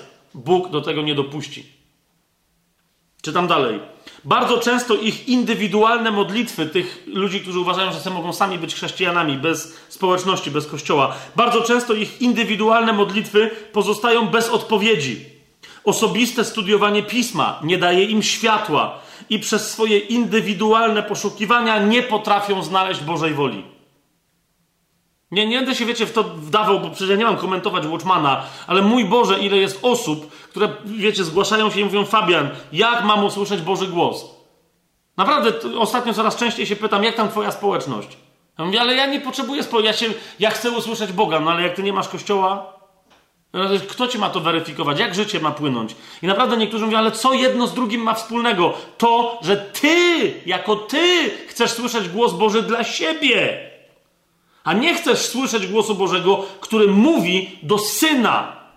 My, ja nie mam przymierza z Bogiem. Syn ma przymierze z Ojcem. I ponieważ syn mnie w siebie wchłonął i mi pozwolił czerpać z wszystkiego, co on ma, to ja mam przez niego przymierze z Ojcem. Ja nie mam przymierza sam z Ojcem. To jest tajemnica kielicha przymierza. Jedna z. Dobra, wracam tutaj. No więc właśnie, indywidualne poszukiwania, a nie potrafią znaleźć woli Bożej. Gdyby ktoś taki zechciał powiedzieć innemu bratu czy siostrze, po prostu nie potrafię sam sobie z tym poradzić, pomożesz mi? To gdyby tych dwoje pomodliło się razem, wtedy w końcu wiedziałby, co robić. Ale jeszcze raz ja to dodam, ale musiałby się naprawdę otworzyć na to, że ta druga osoba może mówić do, jej, do, do, do, jego życia czy do jej życia. Wiecie o co mi chodzi? A nie, dobra, pomódl się ze mną, ale ja następnie będę sędzią tego, co ty do mnie powiesz. No bo to wtedy jest dokładnie to, nadal ja jestem sam sobie, ja decyduję. Bóg może do mnie chcieć przemówić coś, mówi do mnie od środka i z zewnątrz, ale ja jestem sędzią tego, co Bóg mówi do mnie. Tu chodzi Wiecie o jakie wyjście do brata czy do siostry, tak? Takie wyjście, w ramach którego mówię, dobrze, naprawdę chcę razem z tobą posłuchać. Jak ja źle słyszę, przetkaj mi uszy. To, czytam dalej Watchmana, czego nie mógł zrozumieć sam, zobaczyłby wyraźnie, gdyby poszukał odpowiedzi razem ze swym bratem. Często taki ktoś jest nadal dumny, uważając, że przeważnie potrafi sobie sam dać z tym radę, a tylko tym razem nie umie sobie z tym poradzić. Oto jego indywidualizm. Właśnie to jest to, że czasem ktoś wychodzi i mówi, proszę cię, pomóż mi w tym. No nie? Ale wiecie, to jest takie wyjątkowe. Ja sobie zasadniczo radzę, no ale z tą jedną rzeczą przydałaby mi się pomoc. To jest nadal, to jest, to jest ten sam indywidualizm cały czas. I Watchman kontynuuje. W kościele ten indywidualizm musi zostać złamany. Musimy pozwolić, by Chrystus w nas i Chrystus we wszystkich pozostałych połączył nas razem w jedno ciało. I jeszcze jeden akapit przeczytam. Może najbardziej wstrząsający, ale nieprawdopodobnie prawdziwy. Absolutne objawienie i namaszczenie. Watchman pisze: Wielu chrześcijan zna życie, jakie mamy w Chrystusie, lecz z przykrością trzeba to powiedzieć, nie zna życia w ciele Chrystusa. Jeszcze raz przeczytam to zdanie i, i po prostu ono jest zabijające. Wielu chrześcijan zna życie, jakie mamy w Chrystusie osobiście, przez połączenie z głową, ale z przykrością trzeba to powiedzieć, nie zna życia w ciele Chrystusa. Dokładnie, czytam dalej Watchmana, tak samo jak rzeczywistością jest życie Chrystusa, tak też rzeczywistością jest życie ciała Chrystusa. Chrześcijanie to nie pojedynczy ludzie, to jeden człowiek. Apostoł Paweł powiedział, że chociaż jest nas wielu, jesteśmy nadal jednym chlebem i jednym ciałem. Kto? My! My! I niezależnie od tego, jak to komu łamie jakąś teologię spirytualną, jeżeli ta teologia nie pozwala mu zrozumieć, że my jesteśmy jednym człowiekiem, to po prostu to jest nędzna teologia, która nie ma nic wspólnego ze Słowem Bożym, ani z dziełem Chrystusa, którego owocem tu na ziemi jesteśmy my jako Kościół, a Kościół jest jedną osobą. Apostoł Paweł powiedział, kończę ten cytat, apostoł Paweł powiedział, że chociaż jest nas wielu, jesteśmy nadal jednym chlebem i jednym ciałem. Jeżeli żyjesz według Chrystusa, to jesteś jedno z wszystkimi pozostałymi chrześcijanami. Jeżeli jednak żyjesz według samego siebie, oddzielasz siebie od wszystkich dzieci Bożych. Okej. Okay. To był Watchman, chwalebny Kościół, Boże spojrzenie na Kościół, strona 36. Więcej nie będę mówił. Teraz teraz ktoś powie, no dobrze, okej, okay, yy, świetnie, czyli co, yy, jak to, co, jak my tu, o co chodzi? Jak to my jesteśmy tutaj tym jednym ciałem? Jak mamy tej jedności? Bo to jest jedność przecież duchowa, tak? No jakżeż, jakżeż my inaczej do tej pory ciało Chrystusa, Kościół, małżonka musi cały czas, póki jeszcze jest, póki się nie zacznie nowa epoka, musi iść drogą, którą już poszła głowa. Za głową idzie reszta ciała. Amen? Żebyśmy my zrozumieli, co się dzieje, na czym polega, po czym polegają te nasze fazy procesu, na których nasza jedność ma konkretny objaw swój, zewnętrzny, wyraz zewnętrzny, musimy zobaczyć najpierw, jaką drogę przeszła głowa. Bo Jezus powiedział, gdzie ja jestem, tam wy będziecie. Tak? My jesteśmy tymi, którzy idą za barankiem dokądkolwiek pójdzie, więc my idziemy za nim w całym tym jego procesie. Zwłaszcza, że, no wiecie, jeżeli głowa i ciało to jest jedno całe duże ciało, to jeżeli się coś dzieje z głową, bo wszystko się zaczyna od głowy, tak? Wiemy, że ryba się psuje od głowy, a ciało z martwych wstaje od głowy. To jaki to jest proces? Otóż, bardzo szybko. Ewangelia Jana, 16 rozdział. Ewangelia Jana, 16 rozdział, 28 werset.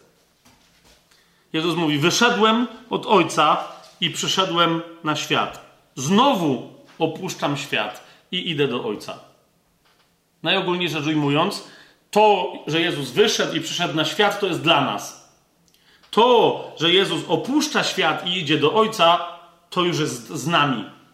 Przyjście tu było dla nas, pójście tam jest z nami. Czy to jest jasne, co mówię? Przyjście tutaj na ziemię, ten pierwszy ruch jest do momentu śmierci Jezusa. Amen? Ruch w drugą stronę Jezusa zaczyna się od czego? Od śmierci Jezusa. Ta droga w górę jest specyficzna, ale nawet jak się z Marią Magdaleną Pan Jezus spotyka, nie wiem czy pamiętacie, ona chce go dotknąć i on mówi, nie dotykaj mnie, bo ja idę do Ojca. Chcesz zaburzyć pewne... Znowu, nie będziemy teraz tego rozważać, ale w Ewangelii Jana w 13 rozdziale, w 33 wersecie i dalej Pan Jezus mówi, dzieci, jeszcze krótko jestem z wami, będziecie mnie szukać, ale jak powiedziałem Żydom, gdzie ja idę, wy przyjść nie możecie, tak i wam teraz mówię.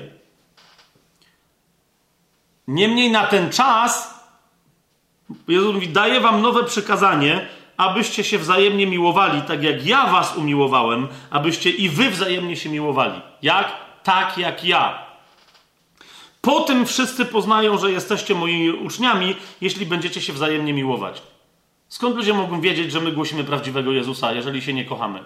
Bo mamy właściwą teologię, bo cytujemy Pismo Święte, bo nosimy krzyżyk na, yy, na szyi, albo nie wiem, tatuaż Galacjan 2.20 na, na, na plecach? Nie, po tym, że się wzajemnie miłujemy. Zapytał go Szymon Piotr, panie, dokąd idziesz? Jezus mu odpowiedział: Dokąd ja idę, ty teraz za mną iść nie możesz, ale potem pójdziesz. Wtedy Piotr powiedział mu: Panie, czemu teraz nie mogę iść za tobą? Moje życie oddam za ciebie. Jezus mu odpowiedział: Swoje życie za mnie oddasz? Zaprawdę, zaprawdę powiadam ci, zanim kogut zapieje, trzy razy się mnie wyprzesz. Najpierw on musi oddać życie za nas, żebyśmy my byli w stanie oddawać życie za innych. Amen? Od momentu, kiedy on to zrobił, zobaczcie, w zasadzie cały list Jana, a już zwłaszcza od, od drugiego e, rozdziału o tym mówi. Ale cały list Jana de facto o tym mówi. Że skoro on tak nas umiłował, to my siebie tak powinniśmy miłować. Ja za was oddaję życie. I wy się miłujcie tak, jak ja was umiłowałem. Ale Jezus jeszcze wtedy do Piotra mówi, jeszcze na razie tam nie możesz pójść, gdzie ja idę. Jaka to jest droga? Jeszcze jedno takie clue, taką wskazóweczkę z Ewangelii Jana sobie weźmiemy z y, rozdziału 5. To jest Ewangelia Jana, 5 rozdział, 25 werset. Pan Jezus mówi, zaprawdę, zaprawdę. O, w 24 wersecie jeszcze, tak? No, Jezus mówi, kto słucha mojego słowa i wierzy temu, który mnie posłał, ma życie wieczne i nie będzie potępiony, ale przeszedł za śmierci do życia. I tu to musiała być jedna z sensacji dla Żydów z całą pewnością, ale dla, do dzisiaj dla niektórych chrześcijan jest niezrozumiała. Jezus mówi: Zaprawdę, zaprawdę powiadam wam, nadchodzi godzina i teraz jest, gdy umarli usłyszą głos Syna Bożego, a ci, którzy usłyszą, będą żyć. To jest no, odpowiedź na, na pytanie tych, którzy mówią: No a co z tymi, co umarli, zanim Pan Jezus przyszedł na świat? No, on powiedział wyraźnie: pójdzie głosić umarłym.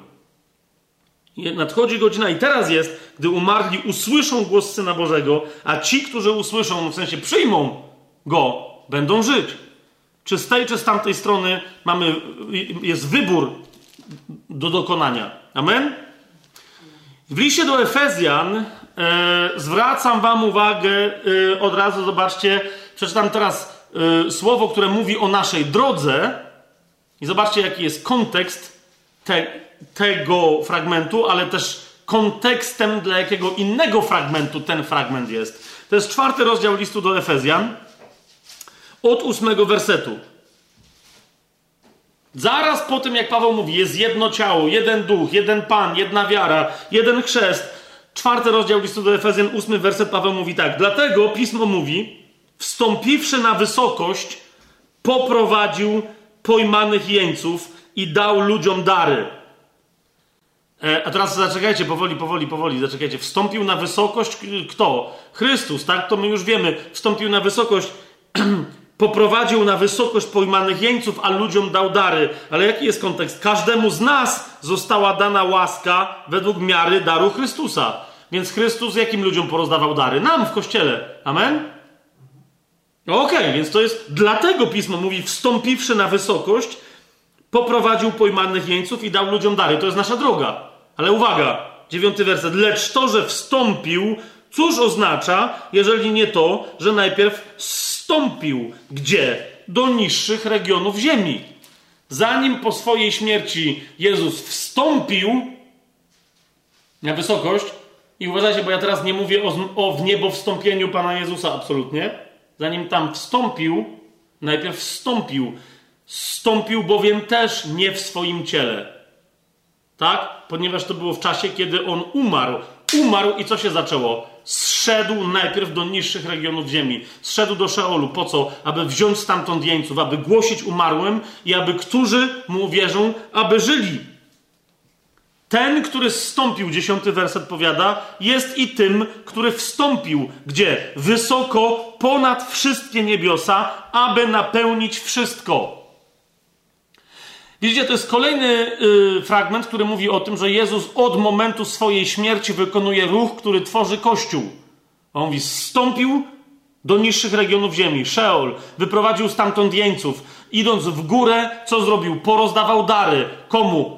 Nam, bo, bo Paweł o tym mówi, że każdy z nas ma łaskę według dary, miaru, według miary daru Chrystusowego. ok? I jednocześnie mówi, wstąpił na niebiosa i on ustanowił jednych apostołami, drugich prorokami. Mamy klasyczny fragment opisujący pięcioraką służbę. Zaraz po, po tym, jak Paweł opisuje dzieło Chrystusa, zanim jeszcze zmartwychwstał. Widzicie to? A więc Jezus, ktoś powie, zaraz, zaraz powoli, czyli on w duchu, no w duszy i w duchu poszedł do piekła. Tak jest. Tam spoliczkował diabła, powiedział oddawaj klucze, klucze są moje i, i mówi, kto chce wyjść. Wierzymy, że tam no, wszyscy uwierzyli, poszli z Panem Jezusem. Gdzie? Czekać do nieba. Tak jak wszyscy inni wierzący, jak umierają wierzący, idą gdzie? Do nieba, tam czekać. Tak? Kiedy to się stało? Zanim Jezus zmartwychwstał, był w niebie w duchu. Dlatego rozumiecie, kiedy Jezus poszedł do nieba? Jeszcze w duchu swoim i w duszy, w ciele dołączył 40 dni po swoim zmartwychwstaniu, ale on w duchu działał. Przecież z jakiego powodu, jeżeli nie z tego, Ewangelia Łukasza nam mówi, bo to jest bardzo konkretna obietnica Jezusa. To jest 23 rozdział, 43 werset. Pamiętacie chłopa, co wisiał obok Jezusa na krzyżu?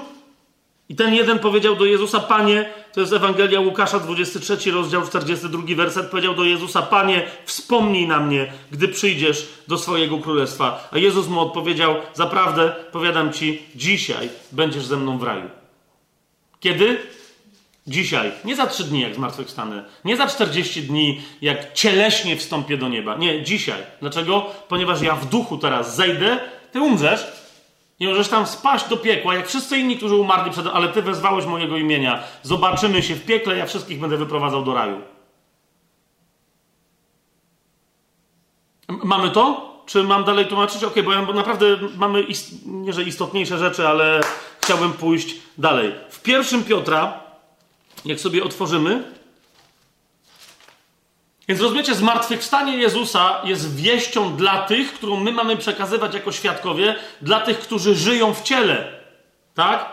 Ale którzy umierają, nie usłyszawszy, albo umierali wcześniej, nie usłyszawszy o, o zbawczym dziele Jezusa, nadal od czasu, jak Jezus umarł, nie idą do żadnego Szeolu. Najpierw słysz im, jako umarłym jest głoszona dobronowina osobiście przez Pana Jezusa. On powiedział, ja mam klucze yy, śmierci i piekła. I tam nikt nie wchodzi. Nie jest żaden diabeł tam żadnym klucznikiem. To do niego nie należy. W pierwszym Piotra, jak sobie otworzymy, tenże, w trzecim rozdziale, w osiemnastym wersecie, Piotr też dokładnie o tym pisze. I tam jeszcze wkłada jedną bardzo istotną jedną bardzo istotną informację, informację. To jest 1 Piotra 3 rozdział od 18 wersetu. Gdyż i Chrystus raz za grzechy cierpiał, sprawiedliwy za niesprawiedliwych, aby nas przyprowadzić do Boga, uśmiercony w ciele, lecz ożywiony duchem. To właśnie, on mówi uśmiercony w ciele, a więc w momencie, kiedy był nawet martwy w swoim ciele, był już żywy duchem, w którym poszedł i głosił też duchom będącym w więzieniu. Widzicie to? W momencie, kiedy Jezus umiera i wszyscy patrzą i mówią, no dobra, umarł chłop, teraz co, co zrobić? A w tym momencie Jezus rozpoczyna ruch przez dolne części ziemi, ale, ale swoją wędrówkę w górę. I w swoim duchu, i w swojej duszy, i w swoim ciele. Jako kto? Jako głowa. Ale chodzi mi teraz o co? Że my w tej samej dynamice mamy zmierzać do nieba. W jakiej dynamice? Która gdzie się zaczyna? Która się zaczyna w ostatnim tchnieniu Jezusa. Kościół nie zaczyna się przed. Kościół jest wydanym i martwym ciałem Chrystusa. Jak? Zaraz sobie będziemy to dalej tłumaczyć. Ale Kościół się nie zaczyna przed śmiercią. On się zaczyna w tej akcji, która, która, której śmierć jest strzałem startowym. Czy jest to zrozumiałe, co mówimy? Okej. Okay. A więc Chrystus e, uśmiercony w ciele, ale ożywiony duchem, w którym poszedł i głosił też duchom będącym w więzieniu. Niegdyś nieposłusznym, gdy za dni Noego raz oczekiwała Boża cierpliwość. Widzicie, mówi o wszystkich, tak? Nawet tych sprzed Noego. I kończy, że ten tenże, 22 werset, poszedłszy do nieba, jest po prawicy Boga, a zostali mu poddani aniołowie zwierzchności i moce. No, jest tu 20, zwłaszcza 21 werset, który o czymś mówi, ale do tego za chwileczkę dopiero wrócimy. Jeszcze Paweł do tego wątku, y, Piotr y, wraca w tym pierwszym liście, w czwartym rozdziale, w szóstym wersecie, gdzie mówi: Dlatego bowiem i umarłym głoszono Ewangelię, aby byli sądzeni według ludzi w ciele, ale żyli według Boga w duchu. Jeszcze, jeszcze raz, widzicie, to jest podkreślone. Kolejny raz. Więc ci, którzy umarli, to jest, ale ci, którzy słyszą Ewangelię i rodzą się do życia wiecznego, nie jako umarli, ale jako żyjący tu, w tych ciałach, mają pewną dynamikę. Włączają się w ciało, którego historia zaczyna się od śmierci Jezusa na krzyżu. Czy to jest jasne? Teraz, kiedy Jezus umarł, powiedziałbym, moja teza jest taka, że nawet zanim jeszcze zmartwychwstał, to jest bardzo istotne, tak? Wyprowadził tych jeńców i gdzie ich poprowadził? Do nieba. Ale najpierw on tam poszedł w duchu, on wykonał całą tę akcję, na mocy której zresztą ojciec go następnie wskrzesza z martwych. Przy do Hebrajczyków my będziemy o tym więcej mówić, tak? Ale dlaczego ojciec wskrzesza Jezusa z martwych? Ponieważ przyjął jego ofiarę. Amen? Jak przyjął jego ofiarę?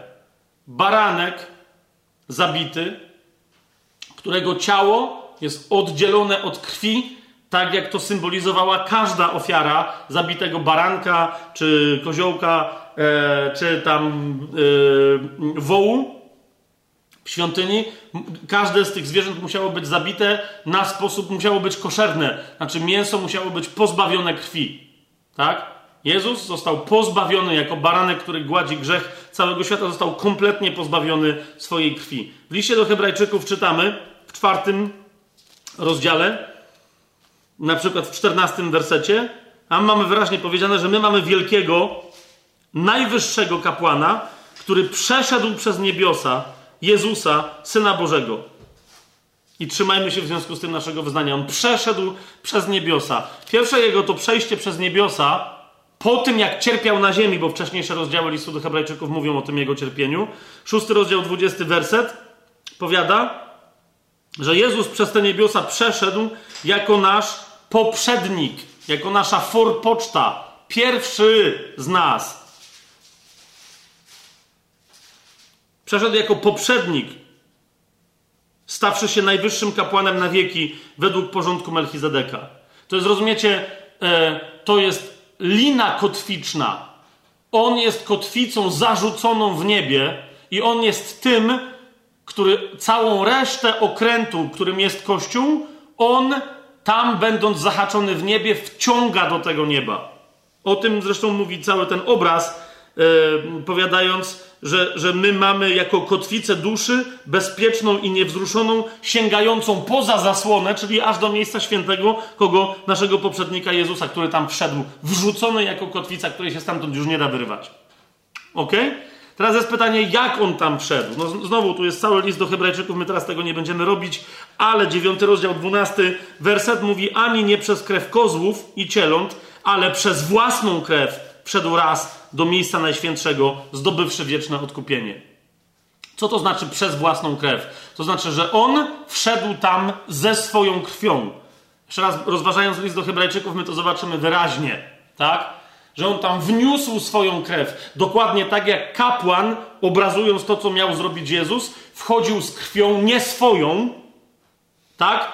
I nie w sobie. Dlatego to nie była jego krew. Jezus wszedł ze swoją krwią, ale jak kapłan, to znaczy, że wniósł krew nie w sobie, tylko ją wniósł, że tak powiem, na rękach, jako dar ofiarny dla Boga, który jest ofiarą raz na zawsze złożoną. Więc w ten sam sposób on pierwszy wszedł jako arcykapłan, a przez to, o, to ta krew nam otworzyła drogę i jego rozdarte ciało.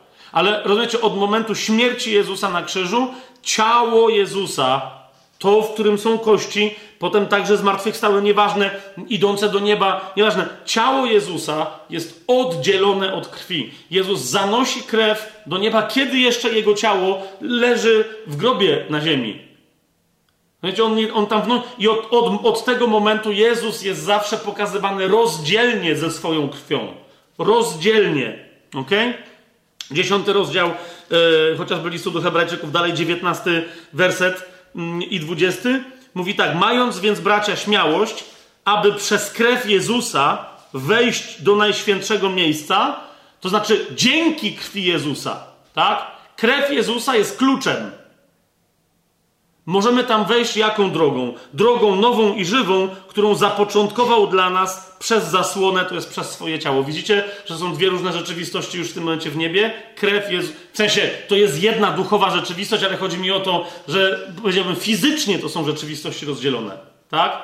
Krew jest świadectwem w niebie. I, a ciało Jezusa jest, jest bramą i one są połączone tak, jak klucz pasuje do drzwi. Tak? Ale klucz nie jest drzwiami. Rozumiecie, co, co, co, co mówię? Że przejść przez drzwi trzeba mieć klucz, którym go otworzysz. Ten, tym kluczem jest krew, drzwi się otwierają, a tymi drzwiami, tą, tą bramą do nieba jest rozdarte ciało Jezusa na krzyżu.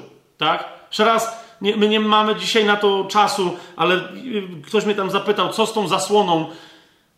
Jak ludzie zostali wyrzuceni y, z Edenu ziemskiego, z ziemskiego raju, kto został postawiony na straży, żeby nie znaleźli drogi z powrotem, a znalazłszy, żeby nie weszli, żeby nie jedli z drzewa życia? Cherubini.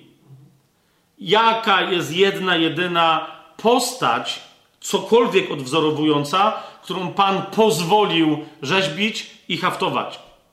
Cherubini.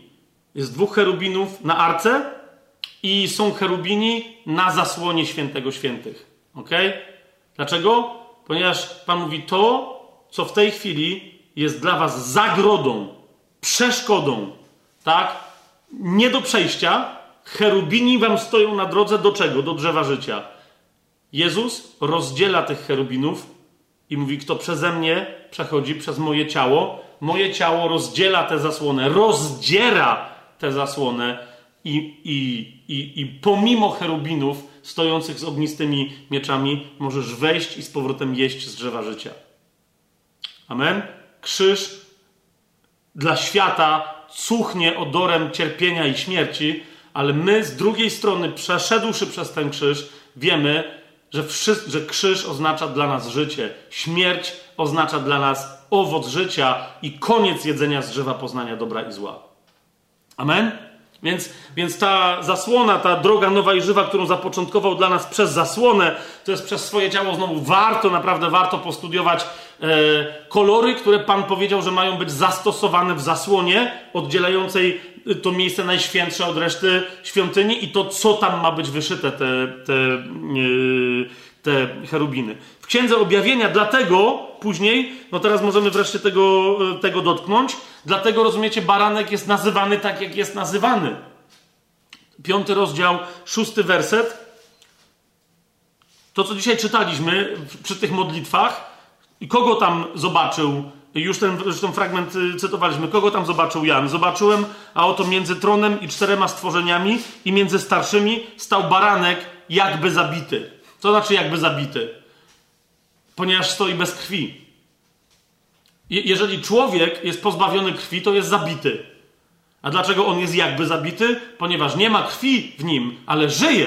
Dlatego jest jakby zabity. To jest syn człowieczy, ale on żyje w nowym ciele według nowej duchowej zasady. Amen? Dalej, w dwunastym wersecie jest powiedziane: Godzien jest baranek zabity. Zauważcie, przecież on żyje, on tam działa, oni go wielbią, a nazywają go barankiem zabitym. Dlaczego? Ponieważ jego śmierć zapoczątkowała, odwróciła, że tak powiem, kolej wszelkiej rzeczy, którą zamieszali ludzie razem z diabłem, poddając się woli diabła. To jest początek wszystkiego. Baranek zabity. I oni go nazywają barankiem zabitym. Teraz sęk w tym, że to jest baranek zabity, który żyje na wieki. E, niektórzy mówią, no ale gdzie jest ten baranek zabity, który, jakby zabity, który żyje na wieki? Chodzi mi o to, że to jest cały piąty rozdział. On mówi o baranku jakby zabitym, który następnie, czternasty werset, jest o nim powiedziane, że jest żyjący na wieki. Czternasty werset tego piątego rozdziału. Cztery stworzenia mówiły Amen, a dwudziestu czterech starców upadło i oddało pokłon żyjącemu na wieki wieków. Amen. Więc cały piąty rozdział mówi o baranku jakby zabitym, który wszakże zmartwychwstał i żyje na wieki. Amen? W Księdze Objawienia, zobaczcie jeszcze w 13 y, rozdziale, tylko tak, żeby na to zwrócić uwagę, to jest naprawdę, to jest tytuł baranka. Okay? Tam jest ten tytuł jeszcze ciekawie rozbudowany w 13 rozdziale, w 8 wersecie.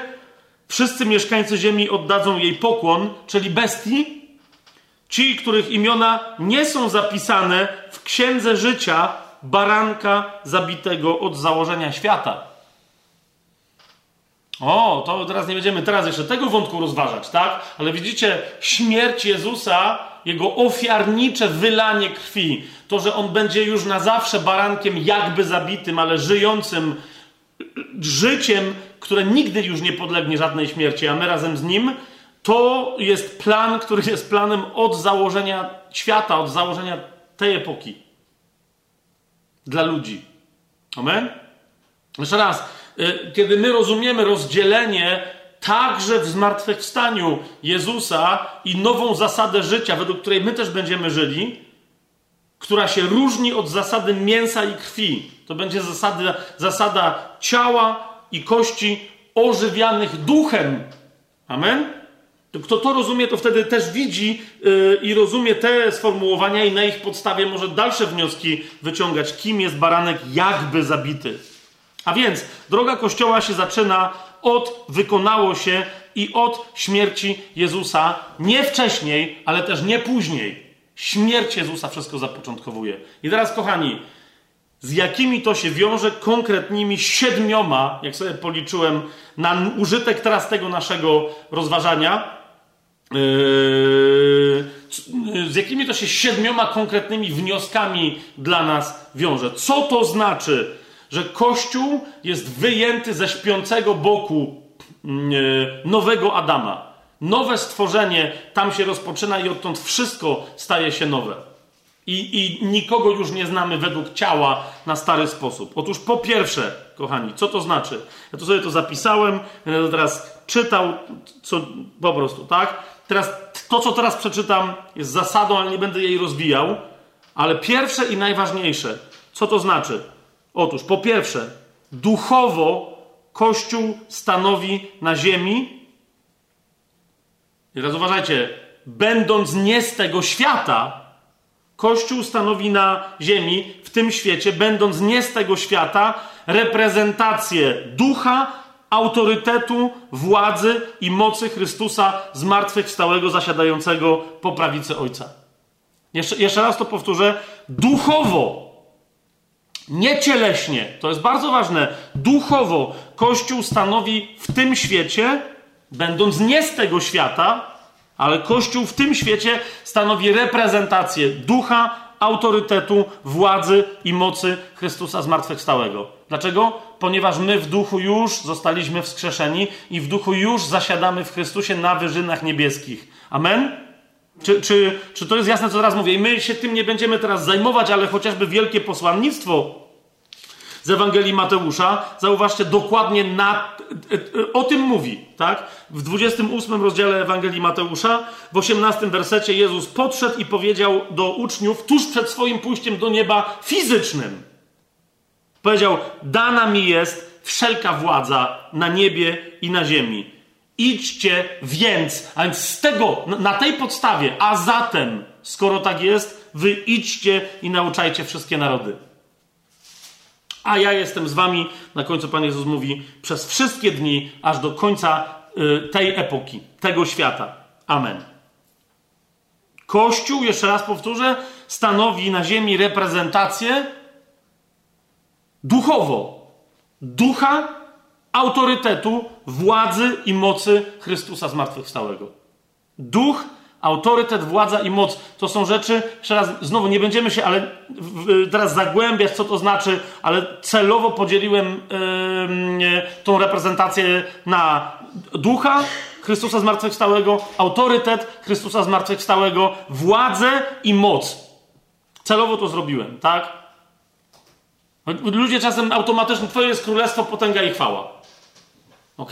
I, I, potem, ale, ale wiesz, co to znaczy? To nie jest końcówka, to nie jest liturgiczny ornament, który się wypowiada na końcu powszechnej jakiejś tam modlitwy, powszechnie znanej. Nie.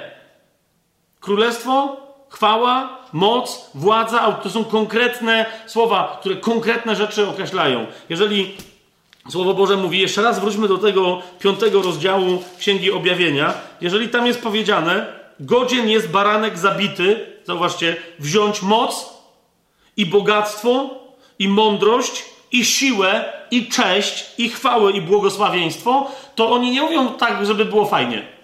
Tylko oni mówią o wszystkim, co się barankowi należy. O wszystkim, co dobre. Ale no jest pytanie, czym się różni moc od siły? Y, tu po polsku, jak to mówimy. Czym się różni cześć od chwały? Rozumiecie, co się dzieje? Więc jeszcze raz, ja również nie bez przyczyny powiedziałem, że Kościół duchowo na tej ziemi stanowi reprezentację ducha, autorytetu, władzy i mocy Chrystusa zmartwychwstałego. To jest to, co my mamy duchowo reprezentować i duchowo objawiać. I teraz uważajcie. Żeby to było możliwe, żeby Kościół mógł reprezentować na ziemi jawnie i skutecznie ducha, autorytet, władzę i moc Chrystusa, aby to objawienie ducha i mocy było możliwe, Kościół musi na ziemi reprezentować martwe, czyli ukrzyżowane i pogrzebane ciało Jezusa jako swojej już zmartwychwstałej głowy. Tu na ziemi moc zmartwychwstałej głowy, chwała, objawienie, duch, autorytet, władza zmartwychwstałej głowy przepływa swobodnie tylko i wyłącznie nie przez pojedynczych wierzących, ale przez całe ciało Chrystusa, które tu na ziemi fizycznie ma być martwe. I dlatego tak, kiedy Jezus przy ostatniej wieczerzy powiedziałem, że pokazuje na uczniów i mówi: To jest ciało moje, które jest za was wydawane, które jest za was wydane, które jest w pierwszym do Koryntian Paweł pisze, które jest za was łamane albo złamane, to tak dokładnie ma na myśli swoje martwe ciało. Nie umierające ciało. My nie umieraliśmy sami za siebie na krzyżu. Jezus za nas umarł. Po co? Po to, żeby nasze przeznaczenie rozpoczęło się wraz z braćmi i siostrami w reprezentowaniu mocy, którą Chrystus chce przez nas reprezentować, jako razem martwe ciało, święte ciało, błogosławione ciało, które uwolniło cały świat, odkupiło cały świat od przekleństwa, grzechu i śmierci, ale które czeka na swoje zmartwychwstanie. Ktoś powie, ok, dobra, Fabian, tam to pierwsze można było przełknąć. Celowo tam nie podawałem żadnych cytatów, żeby, wiecie, się nie zagłębiać, ale tu musimy sobie podać cytaty. Jeszcze raz, to powtórzę. Ta teza niech zabrzmi tak, jak ma zabrzmieć, i teraz przeczytam konkretne fragmenty ze Słowa Bożego i powiedzcie mi, czy one się zgadzają, czy one się nie zgadzają. Bo jeżeli się zgadzają, to my to musimy wziąć na klatę i usłyszeć, co mówi Watchman, ponieważ to, co mówi Watchman, wynika z tego, co teraz powiedziałem. Jeszcze raz, aby to objawienie ducha i mocy, autorytetu i władzy Chrystusa zmartwychwstałego było w ogóle możliwe, ono jest możliwe tylko poprzez Kościół. Jaki Kościół? Kościół tu na ziemi, reprezentujący martwe, czyli ukrzyżowane i pogrzebane ciało Jezusa. Kropka. Skąd to wiem? List do Kolosan, i skąd to wszyscy mamy wiedzieć. List do Kolosan, drugi rozdział. List do Kolosan, drugi rozdział. Od 9 do 12 wersetu. Gdyż w nim mieszka cieleśnie cała pełnia bóstwa. Ok? I co? I jesteście dopełnieni w nim, który jest głową wszelkiej zwierzchności i władzy. W nim też zostaliście obrzezani obrzezaniem nie ręką uczynionym, lecz obrzezaniem Chrystusa, które na czym polegało? Przez zrzucenie grzesznego ciała doczesnego. Pogrzebani z nim w chrzcie. Co, jeszcze raz? Co zrobieni? Pogrzebani. I, będziemy następny cel, ale musimy zwrócić uwagę wreszcie na te cytaty. Chrzest nie jest żartem. Ktoś mnie zapytał, jak człowiek w końcu wchodzi w to ciało Chrystusa? Przez nowonarodzenie. Przecież mówiliśmy o tym ostatnio. Ale człowiek nowonarodzony, który w sercu uwierzył, ustami wyznał Jezusa swoim Panem. Amen? Jeżeli ustami wyznał Jezusa swoim Panem, to szybko widzi, że potrzebuje łaski, aby jego ciało zostało poddane pod kontrolę nowego ducha, którego teraz w sobie ma. Amen? A więc człowiek, który wyznał ustami Jezusa Panem, wcześniej czy później, ale raczej wcześniej czy później, bo duch go przyciska. Co robi? Idzie się chrzcić. To znaczy, decyduje się umrzeć. Nie swoją śmiercią, ale tą śmiercią, w której się dokonuje zamiana. Nie tą śmiercią, która się mu należała, ponieważ jest grzesznikiem, ale śmiercią, którą Jezus za niego umarł. Śmiercią, w której on oddaje swoje życie Jezusowi grzeszne i Jezus za ten jego grzech umiera, a on co robi? Bierze w siebie jego życie wieczne, zawsze niewinne i staje się sprawiedliwością Bożą w Chrystusie. Zauważcie ten y, list Piotra, y, który przywołałem, pierwszy list Piotra, jak sobie do niego na chwilkę wrócimy.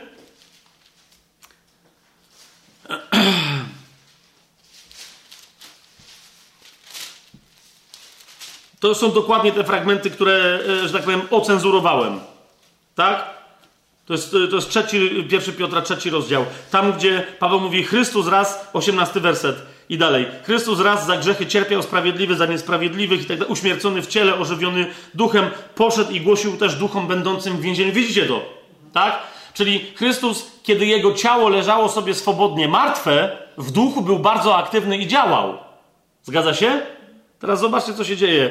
21 werset. Teraz chrzest, będąc tego odbiciem, zbawia nas. Chrzest jest odbiciem czego? Tej przedziwnej działalności Chrystusa, że kiedy On umarł, wcale nie przestał być aktywny, ale dopiero zaczął być. A więc, że ciało, które wzięło w sobie grzech całego świata, uśmierciło ten grzech i wygląda jak martwe, ale żyje w duchu. Teraz chrzest, będąc tego odbiciem, zbawia nas nie jest usunięciem cielesnego brudu, widzicie, ale odpowiedzią czystego sumienia wobec Boga przez zmartwychwstanie Jezusa Chrystusa. I tak dalej, i tak dalej. A zatem to, to rozumiecie, to jest to, jeszcze raz, list do Kolosan, drugi rozdział. Je, w nim zostaliście obrzezani. Przez to, przez zrzucenie grzesznego ciała doczesnego. To jest to. My wszyscy, ciało Chrystusa na ziemi ma reprezentować martwe ciało, w którym grzech fizycznie umarł. I w tym sensie my fizycznie reprezentujemy ciało Chrystusa, i w tym sensie my fizycznie mamy demonstrować, jak wyglądało martwe ciało Jezusa na krzyżu, a potem zdjęte z krzyża i zaniesione do grobu. Zaraz zobaczymy więcej tego, tak? pogrzebani z nim w chrzcie, w którym też razem z nim zostaliście wskrzeszeni przez wiarę, która jest działaniem Boga, który jego wskrzesił z martwych. Oczywiście, właśnie o to chodzi, że my mocy zmartwychwstania doświadczamy w nas i ona ma działać przez nas. Ale kiedy się jest to możliwe? Tylko wtedy, kiedy my fizycznie decydujemy się, żeby nasze ciało było martwe dla grzechu. List do Rzymian. Siódmy rozdział. Ja to mówię ostatnio cytowałem, może ja to źle zrobiłem. Okej, okay, przyznaję. Przejdźmy jeszcze raz tę ścieżkę. List do Rzymian. Siódmy rozdział. 23, 24 werset. Paweł mówi wyraźnie, że nawet człowiek, on w sobie, jako w nawróconym człowieku, widzi, że ciało To ciało, które żyje według zasady krwi, to jest ciało, które jest pod prawem grzechu i skończy śmiercią. Po prostu nie ma żadnej innej możliwości. Bo mówię wyraźnie. Lecz widzę inne prawo, list do Rzymian 7, 23-24, lecz widzę inne prawo w moich członkach, walczące z prawem mojego umysłu, które bierze mnie w niewolę czego? Prawa grzechu, które jest w moich członkach. Gdzie jest prawo grzechu? W moich członkach. Fizycznie ono tam jest. Nędzny ja człowiek. Kto mnie wybawi z tego ciała śmierci? W moich, ciał, w moich członkach, członkach mojego ciała jest prawo grzechu. W związku z tym to ciało musi umrzeć, ponieważ tak kończy grzech. Zapłatą za grzech jest śmierć, koniec. I to, że my jesteśmy zbawieni, to nie dotyka naszego ciała. My musimy dostać nowe ciała. Tak? Ale rozumiecie, przez chrzest, co się dzieje? List do Rzymian, ósmy rozdział, piąty werset. Ci bowiem, którzy żyją według ciała, myślą o tym, co cielesne. Ale ci, którzy żyją według ducha, myślą o tym, co duchowe. Gdyż zamysł ciała to śmierć. No to już sobie wyjaśniliśmy powielekroć. Ale zamysł ducha to życie i pokój. Dlatego, że zamysł ciała jest nieprzyjacielem Boga, bo nie poddaje się prawu Bożemu, gdyż i nie może. Ci więc, którzy są w ciele, nie mogą podobać się Bogu. Uwaga, lecz wy nie jesteście w ciele. Jeszcze raz, co, co, co, się, co się dzieje? Wy nie jesteście w ciele. Właśnie dlatego, że jesteśmy w ciele Chrystusa, które jest martwe. Od tego się zaczyna droga Jezusa. Ciało Chrystusa było martwe, w duchu on wtedy działał, a potem ono wstało z martwych. My czekamy na nasze zmartwychwstanie. Amen? Więc, więc, więc do, do tej pory nasze ciała ma. I dlatego Paweł mówi, ale wy nie jesteście w tym ciele. Wy jesteście w ciele Chrystusa, a ciało Chrystusa co robi? Uśmierca ciało fizyczne.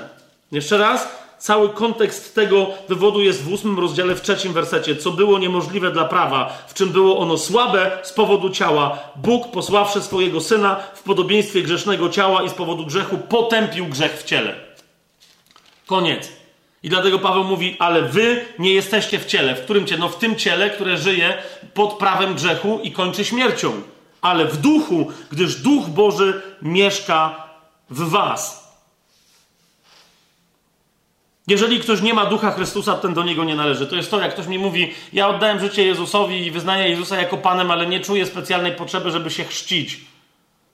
Miałem taką jedną czy drugą rozmowę, gdzie komuś wytłumaczyłem, o może nie rozumiesz chrztu, to jest, wiesz, to jest pójście na śmierć dla grzechu i jedna taka osoba powiedziała mi wprost, to tym bardziej nie mam ochoty się chrzcić. Musiałem wprost tej osobie powiedzieć, to ja mam wątpliwość, czy jesteś nowonarodzoną osobą. Ponieważ nowonarodzenie zaczyna się od starcia z grzechem. Pamiętacie płaczącego Jana, który mówi, to jeżeli nikt nie może. Dlaczego? Ponieważ zapłatą za grzech jest śmierć. Jeżeli ty nie masz po rzekomym nowonarodzeniu, nie masz obrzydzenia, nie masz wstydu za grzech, nie masz potem, no to, no to jasne, to wtedy to, że, że ta zasada pracuje w twoim ciele, to cię nie męczy. Ponieważ dlaczego chrześcijanin idzie się ochrzcić? Ponieważ go męczy, potrzebuje ekstra pomocy. Gdzie jest ekstra pomoc? Ekstra pomoc jest w martwym ciele Chrystusa. Jest w ukrzyżowaniu się z Chrystusem, w byciu pogrzebanym fizycznie razem z Nim. Czy to jest jasne, co ja teraz mówię? Czy, czy to jest teraz jakoś takie szokujące, jak, jak jeszcze niedawno było, że my mamy reprezentować fizycznie martwe ciało Chrystusa?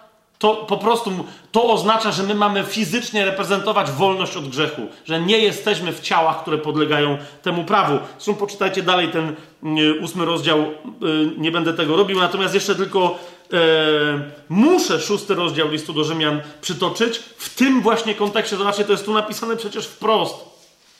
Szósty rozdział, wersety 3 i 4. Czyż nie wiecie? No to jest dobre pytanie. Czyż nie wiecie, że my wszyscy, którzy zostaliśmy zanurzeni w Jezusie Chrystusie, w Jego śmierci zostaliśmy zanurzeni?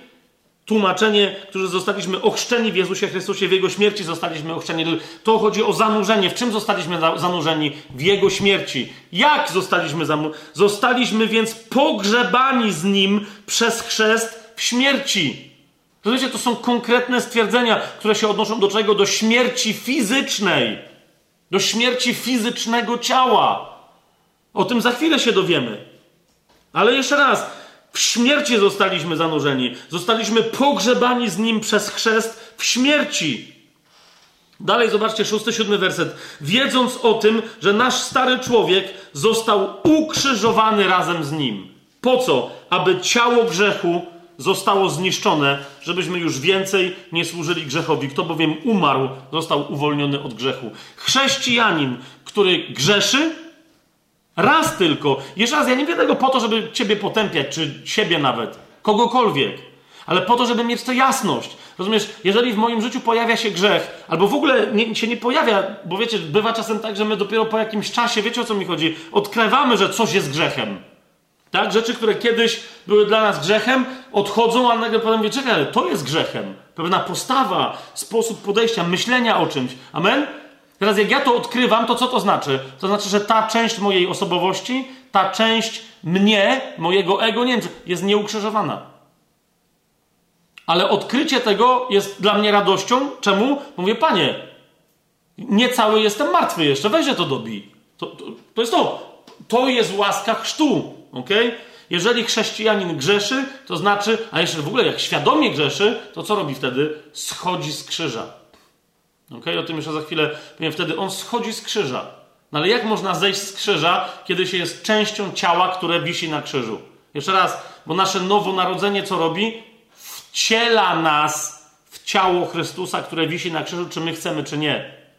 Jeżeli ktoś jest włączony w ciało Chrystusa, a potem zaczyna mu być niewygodnie z wolnością od grzechu, co się wtedy dzieje? Zaczyna się w życiu takiego chrześcijanina walka i szarpanie. Czemu? Bo chce zejść z krzyża i się stamtąd wyrywa, ale nie może, bo jest połączony z resztą ciała. Jest to jasne, co, co mówię teraz? Okej. Okay. Eee, jedenasty jeszcze werset, przeczytajmy tego szóstego rozdziału. Tak i wy uważajcie siebie za martwych dla grzechu. Tu o to tylko chodzi. Twoje ciało może dalej hulać, tylko pamiętaj, to ciało zawsze będzie miało tendencję do grzechu. A więc czym jest chrzest, czym jest życie nie w ciele, jest życiem w totalnym sprzeciwie, tak jakbyśmy byli martwi dla jakichkolwiek uczynków ciała. Amen? Tak i wy uważajcie siebie za martwych dla grzechu, a żywych dla Boga w Jezusie Chrystusie, naszym Panu. I jeszcze 22 werset. Teraz uwolnieni od grzechu, czyli martwi. Bo kto jest wolny od grzechu? Siódmy werset. Kto bowiem umarł, został uwolniony od grzechu. Tak? A więc teraz uwolnieni od grzechu, gdy staliście się, 22 werset, gdy staliście się sługami Boga, macie swój pożytek ku uświęceniu, a na końcu życie wieczne. Amen? Teraz, kochani, po trzecie, po trzecie, nowe stworzenie, dopóki po swoim nowonarodzeniu, nowo, nowe stworzenie, dopóki znajduje się w starym ciele, wisi na krzyżu. Dlaczego? Ponieważ ciało Chrystusa, które się znajduje fizycznie na ziemi i jeszcze nie poszło do nieba, ciało Chrystusa, które się znajduje fizycznie na ziemi, jest martwe. Jego historią jest krzyż i grób. Ok? A zatem, powtórzę, nowe stworzenie, dopóki po nowonarodzeniu znajduje się w starym ciele, wisi na krzyżu. Krzyż jest miejscem fizycznego przebywania Kościoła na ziemi. Jeszcze raz to powtórzę. Krzyż jest miejscem fizycznego przebywania Kościoła na ziemi. To jest to, do czego się czailiśmy i była przyczajka z przyuważką od początku tego sezonu, jak mówiłem o tym, kogo głosi y, Paweł. Chrystusa jakiego? Ukrzyżowanego w Koryncie.